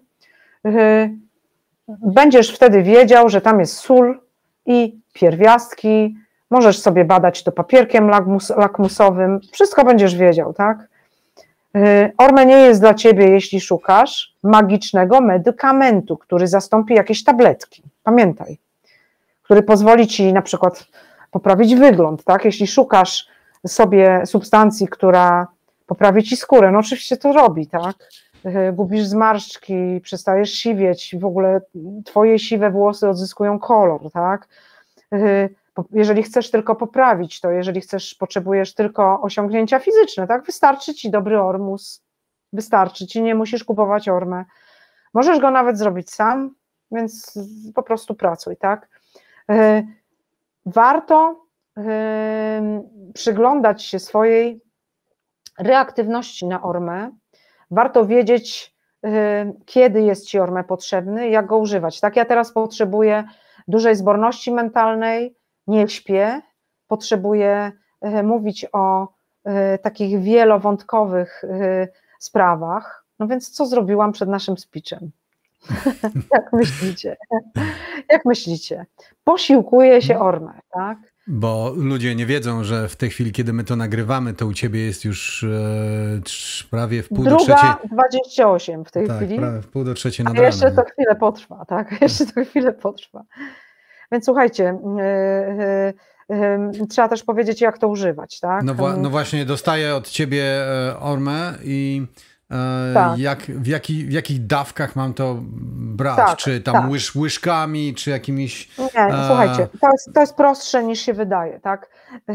Ormus, y, no trzeba uważać troszkę z dawkowaniem, dlatego że ormus czasem powoduje rozwolnienie, w ogóle jakieś dolegliwości gastryczne. No to y, musicie sobie sami to dawkować i proponuję eksperymentować, tak? bo każdy ma inne potrzeby i ormus czasem jednemu wystarczy w ilości jednej pipetki, inni biorą łyżkami. Ja się tutaj nie będę zajmować ormusami, bo o ormusach można przeczytać. Natomiast ormę, jak brać ormę, tak? E, no więc słuchajcie, w recepturze alchemicznej jest mowa o tym, że ormę odkłada się w organizmie długo, czyli nie będzie tak, że sobie kupisz yy, takie pierwsze pudełko, czy pierwszą paczkę ormę i od razu polecisz w kosmos, tak, i przekroczysz wymiary. No nie. Musisz je przyjmować w dawkach progresywnych. To jest właśnie to ormę, tak. Musisz je przyjmować w dawkach progresywnych, czyli musisz sobie naodkładać w organizmie tego tej substancji, tak? Ona musi się zgromadzić. E, nie możesz tego zrobić e, e, po prostu przyjmując za dużo tego, bo po prostu to wydalisz nadmiar, tak? Organizm nie będzie w stanie tego przechwycić, tak? Więc zaczynamy od 3 do 5 ml. To się świetnie wciąga do strzykawki. Zresztą no, ja mogę to pokazać, tak? A nie będę, nie będę przedłużać. To się świetnie pobiera strzykawką, bo to ma właśnie taką fakturę gęstej śliny, takiego żelu, takiej galaretki żelowatej. Zaczynamy od 3 do 5 ml dwa razy dziennie. Ci, którzy y, poczują, że troszkę im rozbija to cykl snu, niech nie biorą ormę wieczorem. Ja po ormę śpię świetnie yy, i śpię krótko, ale bardzo wydajnie. Ja jestem wypoczęta po 4-5 godzinach snu. Tak? Yy, podnosisz dawkę, do tego momentu, do którego czujesz, że to dla ciebie dobre, tak? No więc y, jak to czujesz, tak? Że łączysz wątki, że poprawia ci się pamięć. Ja na przykład, żeby napisać ten speech, ten konspekt, yy, miałam poczucie, że bardzo mi to łatwo idzie a to jest trudny konspekt, bo on łączy i fizykę, i historię, i y, y, wnioski wynikające z, z jakichś tam y, rodów, tak? I, Religijność. I, i, religi, i religie, i, i księgi święte, tak? To jest trudne pisanie, więc ja odczuwam tutaj taką fajną stymulację, tak? Jeśli ktoś, tak jak ja, szybko jeździ bardzo szybkimi samochodami, tak? To będzie czuł, że dokładnie będzie wiedział, kiedy hamować, kiedy ktoś coś zrobi, będziesz wiedział łatwo, bardzo łatwo, jaką podjąć decyzję, co jest dla ciebie dobre. Intuicja będzie na wysokim poziomie. Yy, będziesz wiedział, co odpowiedzieć, jak ktoś cię zapyta. Poczujesz pik pewności siebie, przestaniesz czuć lęki, tak? Wtedy możesz iść w górę. Tak jak chcesz. Poczujesz moment, którym ci wystarczy można być na bardzo wysokich dawkach i do stanu przekraczania wymiarów, no niestety trzeba e, prowadzić do wysokich dawek. Ja w tej chwili robię na sobie eksperyment, więc za chwilę będę wiedziała, do jakich dawek można sobie dojść, tak? E, dla wszystkich, którzy chcą e, z tym pracować, no to pamiętajcie, że to wymaga sprawnej szyszynki, tak? To wymaga, mhm. pierwszym krokiem jest szyszynka, dlatego najpierw zrobiliśmy speech o szyszynce. To jest pierwszy krok nie ma y, takiej kolejności, że y, nie zainwestowaliście w pracę z szyszynką i zaczynacie od ormę, żeby iść na skróty. To nie działa. to się nie dzieje, tak? Nie poczujesz wtedy tego, nie poczujesz. No poczujesz się lepiej, będziesz bardziej witalny, będziesz mniej spał, ale nic poza tym, tak? Nie osiągniesz y, tego stanu superświadomości, tak? A jeśli chcesz doświadczyć najgłębszych tych dobrodziejstw, tych prawdziwych właśnie dotyczących tego bardzo super wzniesienia, tych, tej królewskości, no to słuchaj, zrób sobie głodówkę. 9 dni. Jeśli możesz, pij tylko wodę, tak? Potem zacznij przyjmować ormę, pijąc wodę. Nie musisz jeść, nie jedz niczego. Nie jedz przez 30 dni. No, będziesz wiedział dlaczego. To jest właśnie ten rytuał przejścia egipskiej księgi umierania, tak? To jest właśnie ten rytuał. On na tym polega. I również Drunvalo Melchizedek troszkę o tym mhm. pisał, tak? Więc też od, odsyłam do tajemnicy kwiatu życia. Um, słuchaj, e, musimy zaznaczyć oczywiście, że to nie są żadne porady medyczne, dietetyczne, wszystko w ogóle, co... W ogóle, tak, tak, to, to, są moje doświadczenia, moje poglądy i wnioski wynikające z lat studiów nad zagadnieniem, tak? Nie Do... doradzam nikomu, że powinien stosować ormus albo ormę. To jest indywidualny wybór ducha, świadomości i podkreślam, nie tabletka. To, że zdrowiejesz, dzieje się jakby jako skutek uboczny. Podstawą jest to, że rośnie Twoje światło, że podnosisz świadomość, e, że aktywujesz swoje, swoją percepcję wysoką, tak? No są też inne oczywiście korzyści. Sobie no, tutaj no zrobiłam właśnie, list. No, no tak, właśnie, tak. właśnie. Mówi, omówmy korzyści, bo jak już zaczynamy brać ormę, I jak powiedzieliśmy, że, jak powiedzieliśmy, że to nie, jest, to nie są porady medyczne, to teraz możemy. tak, tak. Korzyści z e, brania, przyjmowania ormę. Tak. Wzrost poziomu energii witalnej i szybkość jej przemieszczania się, tak? Czyli e, macie poczucie takiego piku energetycznego intensyfikacja nadawania osobistego sygnału w przestrzeni kwantowej. O tym powiem, jak będę mówić o relacjach i o bratnich i bliźniaczych duszach, tak? Y, skąd wiem, że Andy jest moją bratnią duszą? Dlatego, że nasze sygnały bardzo się łatwo odnajdują, słyszymy się. Te sygnały to są wibracje i dźwięki produkowane przez nasze czakry, takie indywidualne sygnatury, akordy. My te sygnały słyszymy, tak? przestrzeni poza czasem i odległością, bo w przestrzeni kwantowej tego nie ma, tak? I to też zasila ormę. Pewnie dlatego Andy do mnie coraz częściej dzwoni i coraz mnie bardziej popędza, żebym przygotowywała następne speeches. No właśnie, właśnie to, e, do tego momentu przez e, jakieś kilka lat nie udało mi się to zrobić, a widzisz, no w tej chwili to zrobił się z tego wodospad. Wywarłeś ciśnienie.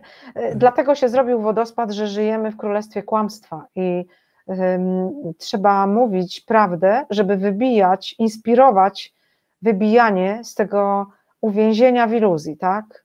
Nie to, co widać jest prawdą. To, co widać nie jest prawdą to, co jest tu, to, co czujesz, to, co wiesz, wyższa świadomość jest prawdą. Pamiętaj, to jest teraz ważne.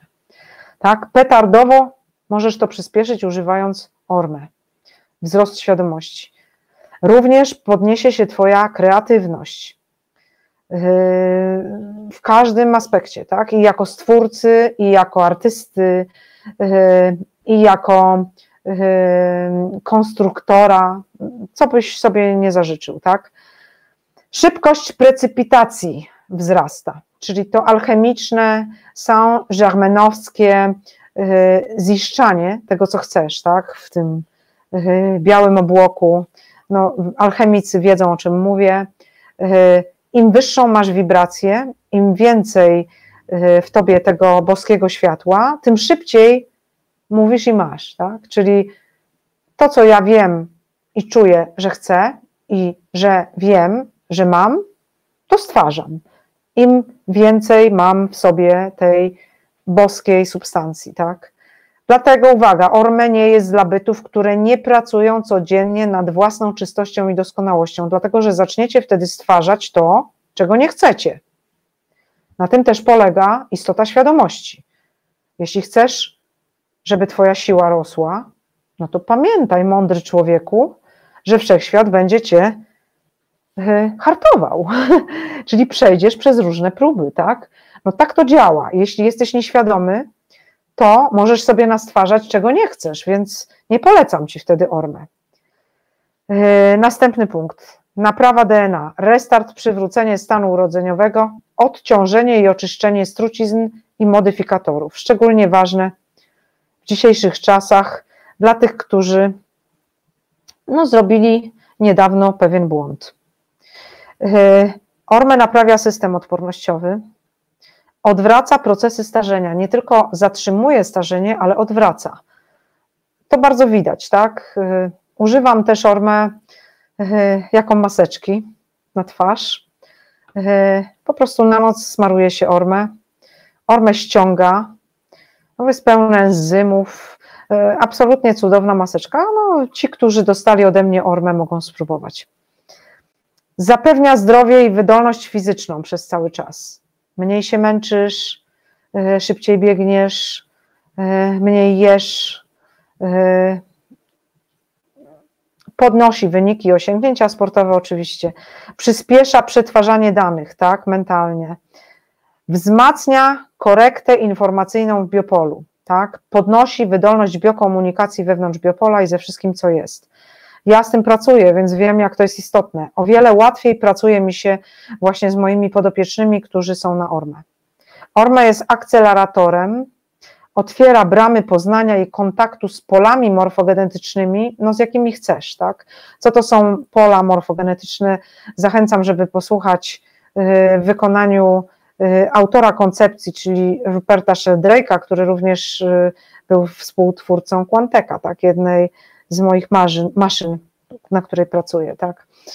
Y, możesz dzięki Orme czytać wakaszy sprawnie i bez przeszkód. Zawsze będziesz wiedział, co robić i co się stanie. To jest taka ciekawostka, że dokładnie wiesz, co się stanie. Nie wiem, jak to powiedzieć lepiej, jakimś takim bardziej ubranym w ładne słowa językiem. Po prostu będziesz wiedział. Y, Orme przyspiesza pracę z programami i blokadami emocjonalnymi, ze wzorcami rodowymi i karmicznymi, ale jeśli jesteś gotów, możesz stanąć w świetle nowej energii i po prostu wydać polecenie, żeby ich nie było. Bo to ty staniesz się z pomocą Orme najwyższym alchemikiem i ubierzesz nową energetyczną szatę taka ciekawostka jest, że w nowej energii możesz zostać najwyższym alchemikiem. Orma aktywuje ciało świetliste, doprowadza je do takiej postaci, że ono znacznie przekracza e, rozmiar Twojego ciała organicznego, bardzo znacznie, tak? 4-5 metrów to jest bardzo duże. Poprawia koncentrację, równoważy półkulę mózgu. No i teraz będzie bardziej prozaicznie, tak? Usuwa problemy skórne, przy łuszczycach bardzo pomaga, tak? Poprawia napięcie skóry i tkankę łączną, przywraca kolor włosów. No właśnie, właśnie to, to, to, dla mnie. Ale ty masz piękną siwiznę. Ja to zawsze mówię, że uwielbiam siwiznę i uwielbiam łysiny. Ja nie wiem, dlaczego jest takie ważne, żeby nie być siwym, przecież to jest super. No. Nie, ja, ja nie zwracam, nie wiem, ja nie, ja nie zwracam uwagi na to. Tak. Dobra, ale, ale to prawda jest, tak, że mm, na przykład w czasach, kiedy odstawiałam mormę na jakiś czas, to tam jakieś nitki widziałam, a potem one znikały zupełnie. To jest kwestia energii witalnej, tak. Y, poprawia i akceleruje pamięć, tak, pogłębia stany transowe, doświadczasz w pełni wejścia w aspekty wyżej wymiarowe. No i siła kreacji i tworzenia w sztuce i nauce. Myślę, że dzisiaj zamiast zarażać się kiłą, jak robili to dawni filozofowie, pewnie byliby na ormę, gdyby o tym wiedzieli, ale wtedy nie wiedzieli, więc zarażali się kiłą, bo pewien etap kiły podobno powoduje właśnie takie podniesienie percepcji. Wzrost jakości snu, zauważalny wzrost ogólnego poziomu energii i brak zmęczenia. Słuchajcie, też żywe sny, takie bardzo kolorowe, bardzo intrygujące. No, zwiększa się brzytwa umysłowa, tak zwana, czyli i koncentracja, i ostrość. Ok. E, potęguje się możliwość wewnętrznych wizualizacji. No bo jak wiadomo, możesz stworzyć tylko to, co sobie jesteś w stanie wyobrazić, tak? Czyli e, to widzenie wewnętrzne ma znaczenie. yy, spadek poziomu lęku i ogólnego stresu, wybijanie z długotrwałych stanów depresyjnych. Ważna bardzo sprawa. Tak? Jeżeli masz taką jednostkę chorobową, ja bardzo nie lubię jej używać, ale no, posłużę się nią tutaj wyjątkowo, która się określa, którą się określa depresją endogenną, to orme może Ci bardzo pomóc. No, wzrasta Twoja motywacja, chęć do aktywności, przestajesz być zombie na ormę, tak? Wzrost przejrzystości i łatwości wywoływania yy, zdalnego widzenia na przykład, tak? Czyli te wszystkie prekognicje, yy, przesyłanie danych na odległość, yy, remote viewing jest możliwe, tak, z ormę. No i mhm. teraz będzie bardziej prozaicznie. Poprawa wydolności mózgu i spadek zapaleń takich autoagresywnych związanych z przewlekłymi stanami zapalnymi, takimi jak na przykład zapalenie stawów czy autoagresję, czyli na przykład przy SM, przy Parkinsonach, tak? Bardzo, bardzo, bardzo tak. Bardzo tak. No to, słuchaj, słuchaj, Monika, to praktycznie. Super substancja, super substancja. Ale to... pamiętaj, drogą do tego jest Twoja chęć rozwoju duchowego. Nie możesz tego kupić w celu takim mm. przyziemnym, tak, merkantylnym. Nie możesz tak myśleć. Ten zamysł zostanie rozwalony przez Ormę. Słuchajcie, podobno jest też taki aspekt, o którym muszę to powiedzieć, bo on jest ważny dla wielu ludzi. Podobno Ormę fantastyczne efekty ma przy uszkodzeniach układu neurologicznego, dla dzieci autystycznych to jest mhm. milowy krok do przodu, tak? Orme. No, no i to... właśnie tak myślę, że dopuszczenie Orme na szeroki rynek wyeliminowałoby standardowe tabletki. No właśnie. Dlatego wy... wszystkie patenty, posłuchaj, patent Hudsona został wykupiony przez Big Pharma za 100 milionów dolarów.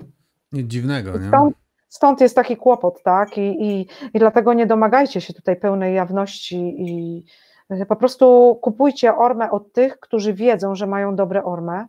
Znajdziecie takich, bo naprawdę wielu świadomych ludzi używa ormę i jest do tego dostęp. I ci, którzy mają ormę odnaleźć, odnajdą. Nie potrzebujecie do tego marketingu, y, zachęcania, reklam, ulotek. Nie potrzebujecie tego. Wasza świadomość was poprowadzi, tak?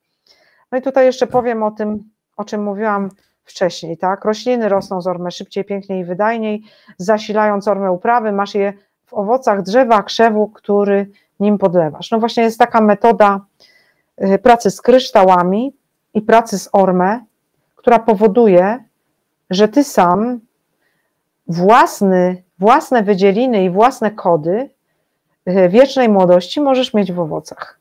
To nie jest coś, co chciałabym tutaj powiedzieć, dlatego że Zostawiam to dla naprawdę zaawansowanych bytów, ale to nieprawda, że na Ziemi nie istnieje metoda odzyskiwania młodości, sprawności e, i zachowania stanu swojego organizmu na długie lata e, w stanie czystym. To nieprawda, że nie istnieje. Nie dajcie się okłamać. Nie dajcie się okłamać, że śmierć to koniec, że śmierć istnieje i że musicie się zestarzeć. Nie musicie. Nie musicie. To jest bardzo ważne, tak? No i Orme tak więc... jest, jest takim e, no, podstawowym krokiem w tym kierunku. Znaczy to, może nie to... podstawowym, on jest dalszym krokiem, on jest rakietą dla tych, którzy już zaczęli lecieć, tak? Czyli jeśli już yy, wiesz, że jesteś Bogiem i wzbijasz się w stronę światła, to Orme ci pomoże. Ale nie kupuj go, nie szukaj go, bo to, oczywiście, że musisz go kupić. Tutaj napisała do mnie jedna pani, która y, jak się dowiedziała, że ja proszę, żeby pewną kwotę przeznaczyć na fundację, która jest równowartością y, Ormusu, zresztą na piękną fundację, powiedziała, że ona absolutnie się na to nie zgadza i że nie będzie niczego przeznaczać, tak? Orme jest bardzo kosztowne w pozyskaniu. Jest, robi się to bardzo długo.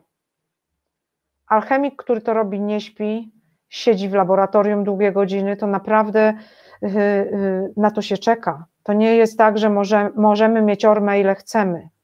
Po prostu jest ograniczona ilość, którą możesz y, wytrącić. Zresztą nie powinno się w ten sposób ormę produkować, bo ormę musi być produkowane z wysoką intencją, właśnie musi być ściśle limitowane, bo to nie jest substancja dla niekrólów, słuchajcie.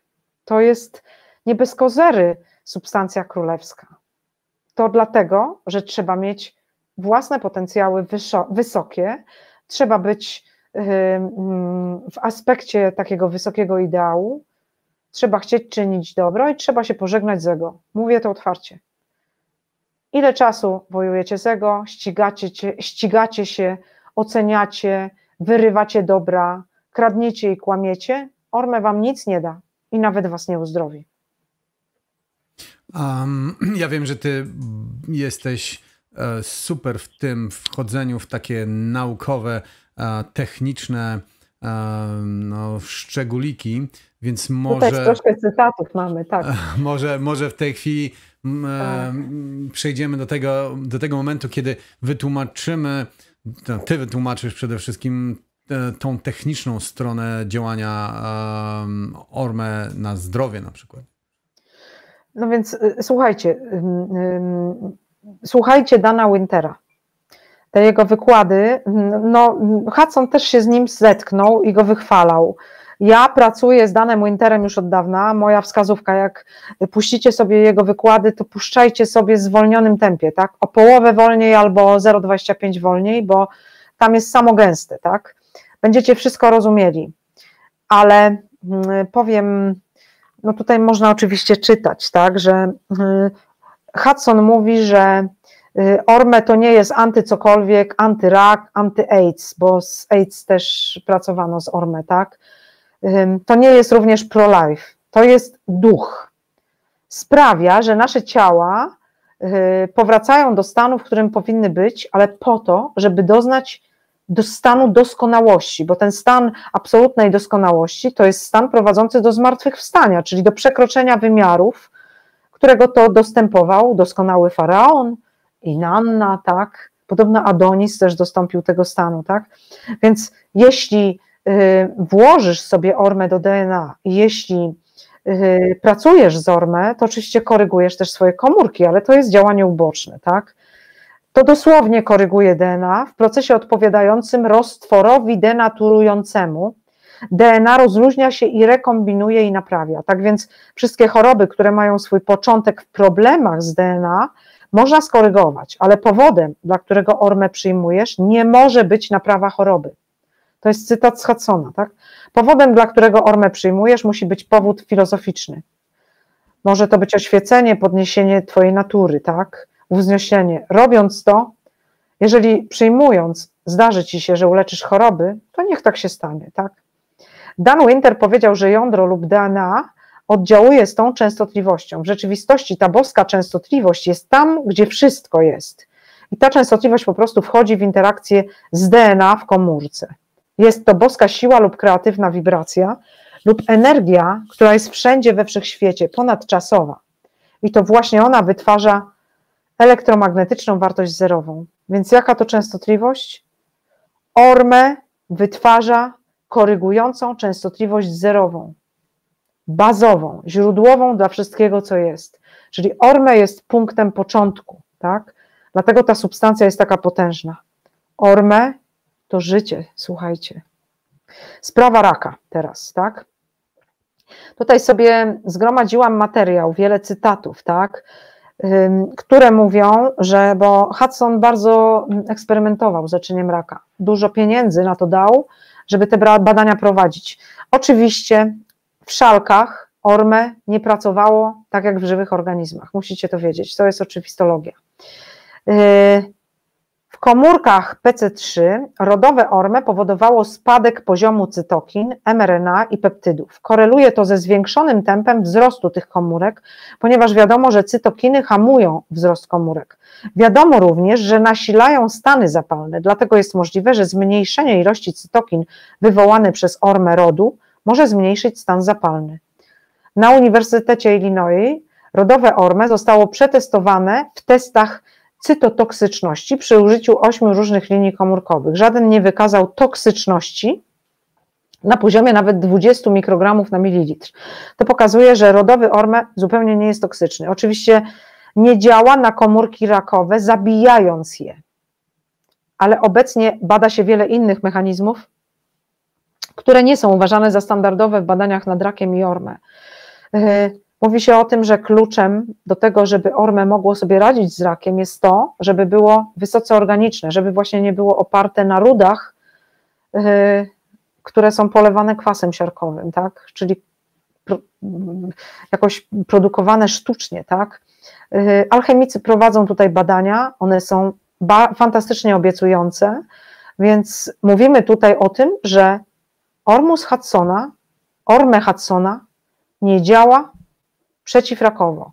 Niektóre badania pokazały również, że rak się lepiej czuje pod wpływem Orme Hudsona, czyli jego białego proszku, czyli rośnie, tak? Więc słuchajcie, z tym rakiem trzeba ostrożnie. Jeśli jesteś na chemii, jeśli jesteś y, w tej normalnej medycynie, no to nie wiem, czy to dla ciebie. Nie wiem, czy to dla ciebie. Ale oczywiście, słuchajcie, są dwa takie cytaty z tych badań tak, że wpływ na komórki ORME zależy od typu komórek. Słuchajcie, czytam dwie opinie.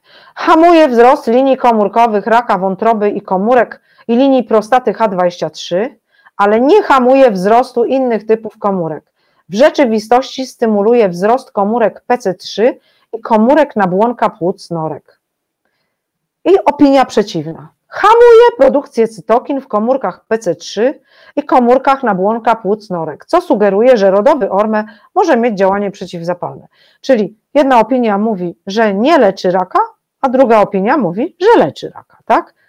Należy zbadać konsekwencje tej rozbieżności. Oczywiście, yy, yy, jeśli po ekspozycji na ormę komórki rakowe powracają do normalności, tak, do normalnego swojego, normalnej swojej architektury, no to nie robią tego na pewno na płytce Petriego, tak, musi inny czynnik, bo w szalce nie działa to, tak, musi inny czynnik działać, który sprzyja temu odwróceniu, który jest właśnie obecny w żywych systemach biologicznych. Nie ma ich, nie ma go w szalce Petriego, tak. Tutaj jest bardzo fajna taka rzecz do przeczytania. Ja ją przeczytam cytując, bo wydaje mi się, że to nie ma co opowiadać. Pewien gentleman, tutaj jest określony jako Gary, który określa siebie jako przebudzonego amerykańskiego inżyniera Kundalini, napisał e, takie wyjaśnienie swojej teorii o mechanizmie naprawy DNA przez ormę tak, w organizmie. Jeśli chodzi, to już jest cytat, o Hudson negatywne wyniki z kulturami raka in vitro, czyli w szkiełku, tak, hodowle komórkowe nie zachowują się tak samo jak ich odpowiedniki in vivo, czyli w organizmie, w procesach z udziałem kundalini. Hodowle komórkowe zawierają energię praniczną, ale brakuje im nadi i kundalini. Ponieważ kundalini generalnie nadzoruje i kieruje wykorzystaniem orme, oznacza to, że działania orme in vitro będą znacznie osłabione i znacznie mniej skuteczne niż in vivo. Słuchajcie, no chodzi o to, co jest naszą tą odruchową energią, tak, że, że oddychamy na przykład, tak? Szalka nie oddycha. My mamy takie mechanizmy w naszej organice, które y, możemy nazwać energią kundalini, tak? No to Niektóre... w, róż, w, różnych e, oczywiście systemach tak, tak, tak. nazwano to prana, mana, chi. Tak jest. I każdy z nas, posłuchajcie, to jest ważne, ma eteryczny sobowtór, takie odzwierciedlenie, tak? Stąd bóle fantomowe, stąd ja na przykład na moich urządzeniach, jak ktoś ma wycięty jakiś narząd, to ja natychmiast go widzę jako element do leczenia, tak? To tak działa, tak? Że y, w tym eterycznym sobowtórze, y, który jest najgrubszym z subtelnych odpowiedników naszego fizycznego ciała, no właśnie niektóre płaszczyzny są poziomem lub domem elementala związanym e, z wrodzoną świadomością ciała fizycznego, czyli z tym, co powiedziałeś, tak? Z maną, z praną. Jest to rodzaj odrębnej świadomości, tak? I niezależnie od fizycznych uszkodzeń, które komórkowe DNA może wytrzymać, na przykład przez promieniowanie jonizujące, mutacje wywołane przez fagi, e, subtelny szablon, ta nasza matryca jest zawsze obecna i chociaż może być pozbawiona witalności, nie jest podatna na tego rodzaju uszkodzenia struktura, strukturalne. To właśnie wokół tej proroczej formy organizacyjnej nasze ciała wyrosły w ekspresji genomu, czyli przybrały formę, tak? Przybrały formę, gdy faza indywidualizacji rozpoczęła się w późniejszym rozwoju płodu. Każda cząsteczka związana z organizacją i strukturą ma w sobie albo na sobie swój subtelny odpowiednik. To ta sama matryca, którą zaobserwowano w efekcie liścia fantomu, na przykład w fotografii Kirilianowskiej. Tak? Pamiętacie te wszystkie tak, tak, tak. żyłeczki, tak? No, tą poświatę, nie? Z tak, liść, tak. liścia. Nie?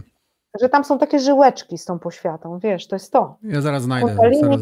Tak. Kundalini i Orme funkcjonują w dużej części na czterowymiarowych poziomach astralnych, czyli wyżej niż jesteśmy. Oryginalna, subtelna kopia zapasowa DNA jest dla nich łatwo dostępna, dokładnie w miejscu, w którym jest to potrzebne, w miejscu uszkodzenia DNA błędnej komórki. Subtelna część leży nałożona w czwartym wymiarze, dokładnie tam, gdzie jest część fizyczna i nie ma żadnego problemu, widząc, gdzie te dwie formy się nie zgadzają. Tak, w opisach moich urządzeń mam, zwłaszcza Time Wavera, tak, że on pracuje między czwartym a ósmym poziomem. Słuchajcie, to tam. To tam, tak? Y, ja sobie oczywiście wpisałam y, ten, to moje orme do Time Wavera, więc moi podopieczni też dostają tutaj wibracje tego orme, ale zjeść nie zaszkodzi.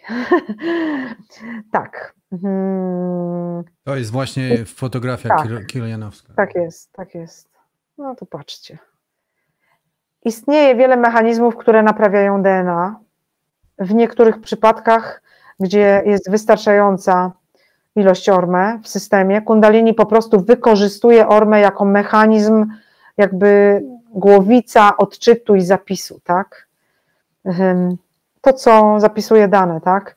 Do naprawy uszkodzeń to wykorzystuje. Orme są używane do przenoszenia rezonansu z subtelnego szablonu aby kierować DNazą, polimerazą, endonukleazą i innymi enzymami w usuwaniu i rekodowaniu uszkodzonych sekwencji zasad. Każda z zasad ma odrębną sygnaturę wibracyjną, bezproblemowo rozpoznawalną dla enzymów.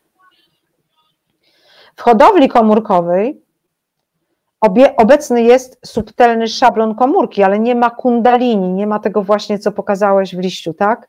Jako siły organizującej, ani nie ma ogólnego szablonu i praktycznie nie ma organizacji między komórkami, więc genotypowo elementy ekspresji w dużej mierze nie działają, w dużej mierze działają w otwartej pętli. Jaka jest, jakie jest prawdopodobieństwo, że ormy mogą spowodować wyleczenie w tych warunkach? No niezbyt, tak? Nie ma takiej pewności. Choć nadal się wydaje, że ma korzystny wpływ. Sugeruję żeby e, eksperymentować na żywych organizmach. Hmm. Tak. Gary w skrócie sugeruje, że istnieje niefizyczna matryca DNA i tam, gdzie ta niefizyczna matryca jest dostępna dla fizycznego DNA, elementy ORME mogą ułatwiać naprawę DNA na tej zdrowej matrycy. Układ odpornościowy jest również degradowany przez uszkodzenie DNA. Podejrzewamy, że jakakolwiek choroba związana z układem odpornościowym lub uszkodzonym DNA może skorzystać na spożyciu materiałów ORME. Niedawny artykuł Associated Press mówi o odkryciu starzejącego się genu o nazwie WRN, który wydaje się odgrywać istotną rolę w tym, jak DNA naprawia się i rozmnaża. Od dawna podejrzewano, że jest kluczem do starzenia się i wydaje się, że normalny WRN reguluje produkcję ważnych enzymów zwanych helikazami. Tak? I tutaj też mamy fajną współpracę ORME. DNA niesie plan genetyczny organizmu w postaci podwójnej helisy zwiniętej wewnątrz każdej komórki. Za każdym razem, gdy komórka się rozmnaża, nici DNA muszą najpierw się rozwinąć, aby można je było skopiować dokładnie dla nowej komórki. Podobnie, gdy organizm potrzebuje naprawy komórki i defektu, DNA musi się rozwinąć, aby enzymy naprawcze mogły odciąć wadliwy fragment helikazy powodują rozkwit DNA. Jeśli WRN jest zmutowany, prawdopodobnie helikazy nie rozwijają prawidłowo DNA, więc komórki nie, roz, nie rozmnażają się w celu zastąpienia umierających lub uszkodzenia DNA nie są po prostu naprawiane. Także ORME stymuluje ten proces, tak? E, dobrze, jeszcze przeczytam taki cytat e, z Davida Pattersona z 1995 roku. Naukowcy zbadali właściwości elektryczne krótkich odcinków DNA o podwójnej helisie, w których na każdym końcu jednej nici znajdował się atom rutenu, czyli nadprzewodnik, tak? Pamiętajcie.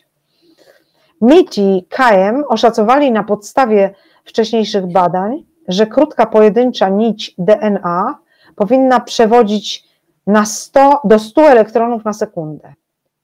Wyobraź sobie ich zdziwienie, gdy zmierzyli prędkość przepływu wzdłuż podwójnej helisy domieszkowanej rutenem. Prąd wzrósł ponad 10 tysięcy razy, ponad milion elektronów na sekundę. Wyglądało to tak, jakby podwójna helisa zachowywała się jak kawałek drutu molekularnego. Rozumiecie, co robi Orme? Rozumiecie, co no, robi. No tak jak, tak robi? jak mówiłem, to porównanie do tak. internetu. Do, tak ta, jest, tak z, z, małej drogi robi się autostrada. Nie? Tak. Eksperymenty nad sztucznym Orme Hudsona no, nie wykazały wielkiego sukcesu w leczeniu raka jego sztucznym monoatomowym proszkiem, wytrąconym laboratoryjnie spreparowanej opryskiem chemicznym gleby. Nie udało się udowodnić, że jego substancja leczy raka, chociaż prowadzono liczne próby, które Dawid opłacał i pilotował. Dlatego współcześni alchemicy szukają nadal, jest cała grupa takich alchemików, raczej stąpając drogą wyszukiwania preparatu jak najbliższego ludzkiemu ciału. Szukają takich substancji bazowych. Tak, to jest taka mała informacja na ten temat, dlaczego uważam, że używam najlepszego orme na świecie. Dlaczego ja tak uważam? Tak? Um. Korzystają z materiałów wyjściowych o ścisłych, koniecznych parametrach i sprowadzają go z bardzo daleka i z głęboka i pracują z nim metodami dawnych metalurgów. A nie możesz, ja... nie możesz zdradzić e, skąd pochodzi e, twój... Nie, twój nie, mam zakaz. Okay. Nie, nie mogę, nie mogę, nie mogę. Mogę go udostępnić i mam obietnicę, że będę mogła pewną ograniczoną partię udostępnić, Dlatego się też zastanowię, czy dlatego przestrzegam, że to nie jest dla każdego, tak? bo to jest, to jest ograniczone. To się bardzo mhm. długo robi i to jest trudna praca, tak? dlatego to musi być drogie. Nikt nie dostanie ormę za darmo, tak? bo ktoś y, poświęcił na to swój czas, ktoś stał przy piecu, ktoś musi zapłacić rachunki, żeby ten piec obsłużyć. Tak? W elektrowni nie dają możliwości y, handlu wymiennego, tak? Nie dają prądu za jajka, tak? Więc to jest takie, taki wskaźnik. Nie oburzajcie się, że trzeba za to zapłacić i że nie mało, bo to jest trudna technologia.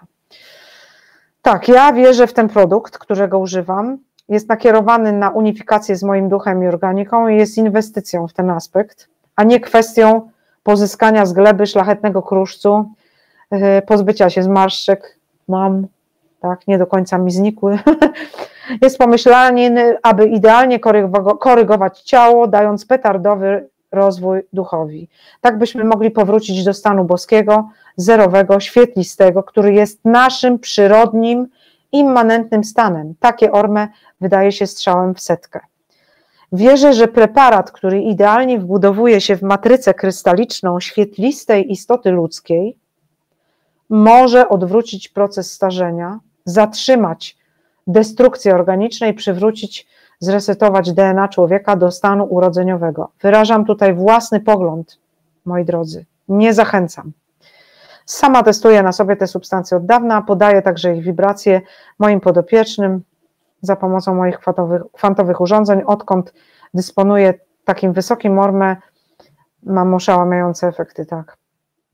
Dobry orme to taki, który jest bolidem Formuły 1 dla doskonałego kierowcy, tak jak powiedziałam. Tak? Mhm. Jeśli jest świadomym przewodnikiem totalnej transformacji, i to wtedy też powoduje uzdrowienie, ale to jest efekt uboczny.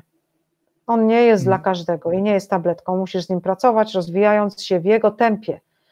Wtedy masz szansę, jak Hermes Trismegistos, dostąpić tak. stanu doskonałości i wejść między wymiary. Wszystko zależy wyłącznie od ciebie. No, no, właśnie, to tak zawsze jest, że tak naprawdę życie jest w naszych rękach i my jesteśmy kowalami naszego losu, więc e, to samo dotyczy i Ormusu. Tak, tak, tak jest. E, poza tym pamiętaj człowieku, każda substancja, każda, którą sobie podajesz, staje się tobą. Nie ma takiej substancji, która nie wbudowuje się w twoje biopole. nie ma takiej emocji, nie ma energii innej osoby, która nie wbudowuje się w Twoje biopole, tak? Jeśli przebywasz z kimś, kto Cię zatruwa, to nie będziesz miał czystego biopola. Jeśli wprowadzasz do organizmu coś, co nie jest dla Ciebie dobre, to nie będziesz miał dobrego biopola. Jeśli wprowadzasz coś, co Cię przerasta, również nie będziesz miał z tego żadnych dobrych doświadczeń. Uważaj, co robisz, tak? Uważaj, co robisz. Pamiętajcie, że fizyczne przejawy materii to właśnie przejawienie tego pola informacyjnego. Więc pole informacyjne, o które dbasz, to jest pierwszy krok. Zanim, zanim sięgniesz po ormę, pomyśl o tym, że y, jesteś równocześnie w 13 wariantach, tak? Tak mówił, mówili fizycy kwantowi, tak? Tak mówił y, Haim, y, który właśnie pracował z równoległymi wymiarami, tak? Także słuchajcie, czas i przestrzeń i materia rozwijają się właśnie z tej niefizycznej przestrzeni, z przestrzeni kwantowej i, i, i, są w jakimś ukrytym porządku. Wy musicie ten porządek w sobie mieć, żeby sięgnąć po ormę. Musicie mieć przynajmniej do niego dążenie, musicie chcieć, tak? Yy, musicie wiedzieć, że yy, ten super implikowany porządek, tak go określił, tak, David Bohm, to jest yy, coś, co dyskretnie was organizuje, jest podobny do cząstek, jest również falami, jest konstruktem waszej rzeczywistości, tak? Bez tego porządku to pole by się rozproszyło. Nie byłoby tej interferencji korpuskularno-falowej, no nie byłoby tego, tak? Pamiętajcie, że fizycy kwantowi mówią, że komunikacja między sferami niefizycznymi i fizycznymi Y, zwana koherencją kwantową, istnieje, tak? Y, w pewnych y, takich specjalnych sytuacjach, takich jak światło spójne, laserowe czy nadprzewodnictwo, agregacje wielu cząstek są spójne i zachowują się tak, jakby były pojedynczymi cząstkami. Te spójne układy cząstek wykazują właściwości kwantowe, właśnie tak jak nielokalność, z którą ja pracuję, której siła przyłożona do jednej cząstki może zostać natychmiast odbita w odpowiedzi w innej cząstce, cząstce sprzężonej kwantowo, oddalonej o lata świetlne. Już teraz Polacy odkryli, że to nie pary cząstek w ten sposób e, się zachowują, tylko grupy cząstek. Tak? Ta sprzężona odpowiedź jest dowodem na komunikację między cząstkami, która jest niezależna od czasu i przestrzeni. Do niedawna uważano, że praktyczne de demonstracje tej koherencji kwantowej wymagają specjalnych warunków technicznych, takich jak właśnie y, super zimno, tak? jak y, jeśli, jeśli mówimy o nadprzewodnikach, albo takie specjalne lustra, y, jeśli mówimy o laserach. No właśnie, takie ciekawostki. Będę miała zwierciadło Kozyriewa niedługo. No, to taka ciekawostka. Ale o zwierciadłach Kozyriewa chyba też zrobimy program, wiesz? Mm, no to mieliśmy to robić już kilka lat temu, ten program. Tak, no, tak, tak, a teraz zrobimy. Wszystko, teraz zrobimy. wszystko dojrzewa powoli. Tak.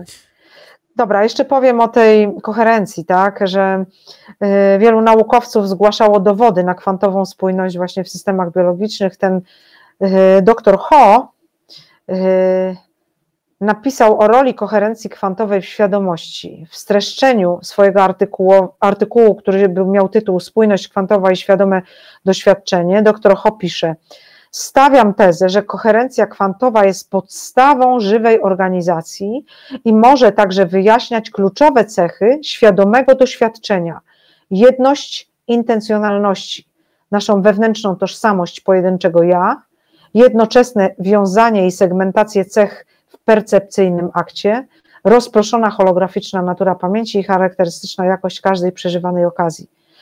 Istnieją dowody na to, że spójność kwantowa jest zaangażowana w szerszą sieć komunikacyjną poza ciałem. Ehm, no właśnie, to jest podstawa wzajemnej komunikacji między gatunkami na Ziemi i orme w tym pośredniczy. Słuchajcie, nadprzewodnik w tym pośredniczy. E, I tutaj cytat, tak. z tegoż samego naukowca. Wydaje się więc, że istotą stanu żywego jest budowanie i poszerzanie spójnej przestrzeni. Taka czasowa platforma komunikacji, zaczynająca się od energii słońca, początkowo pochłanianej przez rośliny zielone. Żywe systemy nie są zatem ani samymi podmiotami, ani przedmiotami wyizolowanymi, ale zarówno podmiotami, jak i przedmiotami we wzajemnie komunikującym się wszechświecie znaczeń. W przeciwieństwie do neodarwinistycznego punktu widzenia, ich zdolność do ewolucji nie zależy od, reali- od rywalizacji czy siły w walce o byt. Raczej zależy od ich zdolności komunikacyjnej. W pewnym sensie to nie jednostki jako takie rozwijają się, ale żywe systemy połączone w spójną całość. Tak jak komórki organizmu podejmują różne zadania dla całości, tak różne populacje zawierają informacje nie tylko dla siebie, ale dla wszystkich innych organizmów, poszerzając świadomość całości, a jednocześnie stając się coraz bardziej świadomymi tej zbiorowej świadomości. Świadomość ludzka może odegrać swoją najwyższą rolę w rozwoju i twórczym wyrażaniu zbiorowej świadomości przyrody. Kochani, każdy z nas jest ważny. My wszyscy, podnosząc naszą świadomość, tworzymy tą właśnie wielką tkankę komunikacyjną, która jest Bogiem, która jest świadomością, która jest absolutem. Orme może nam w tym pomóc. I takim to. I tutaj napisałam sobie koniec, wszyscy do, do, śpią, do, nikt nas nie ogląda. Tak, tak? dotarliśmy do celu, więc e, no nie wiem, nie wiem, czy wszyscy śpią. Słuchajcie, chwili, ja jeszcze powiem jedną rzecz drobną, skorzystam tutaj, tak, skorzystam tak. tutaj z ważnej okazji, tak? Słuchajcie, dla tych wszystkich, którzy mnie proszą o pomoc w zdobyciu mm, tego orme, E, ja uważam, że to jest wielkie dobro, będę się starała to robić, tak, ale nie jestem w stanie tego zrobić sama, bo ja naprawdę zajmuję się inną pracą niż pakowaniem przesyłek i noszeniem na pocztę. E, zauważyłam też, że w wielu oczekiwaniach jest obsługa jak w sklepie internetowym.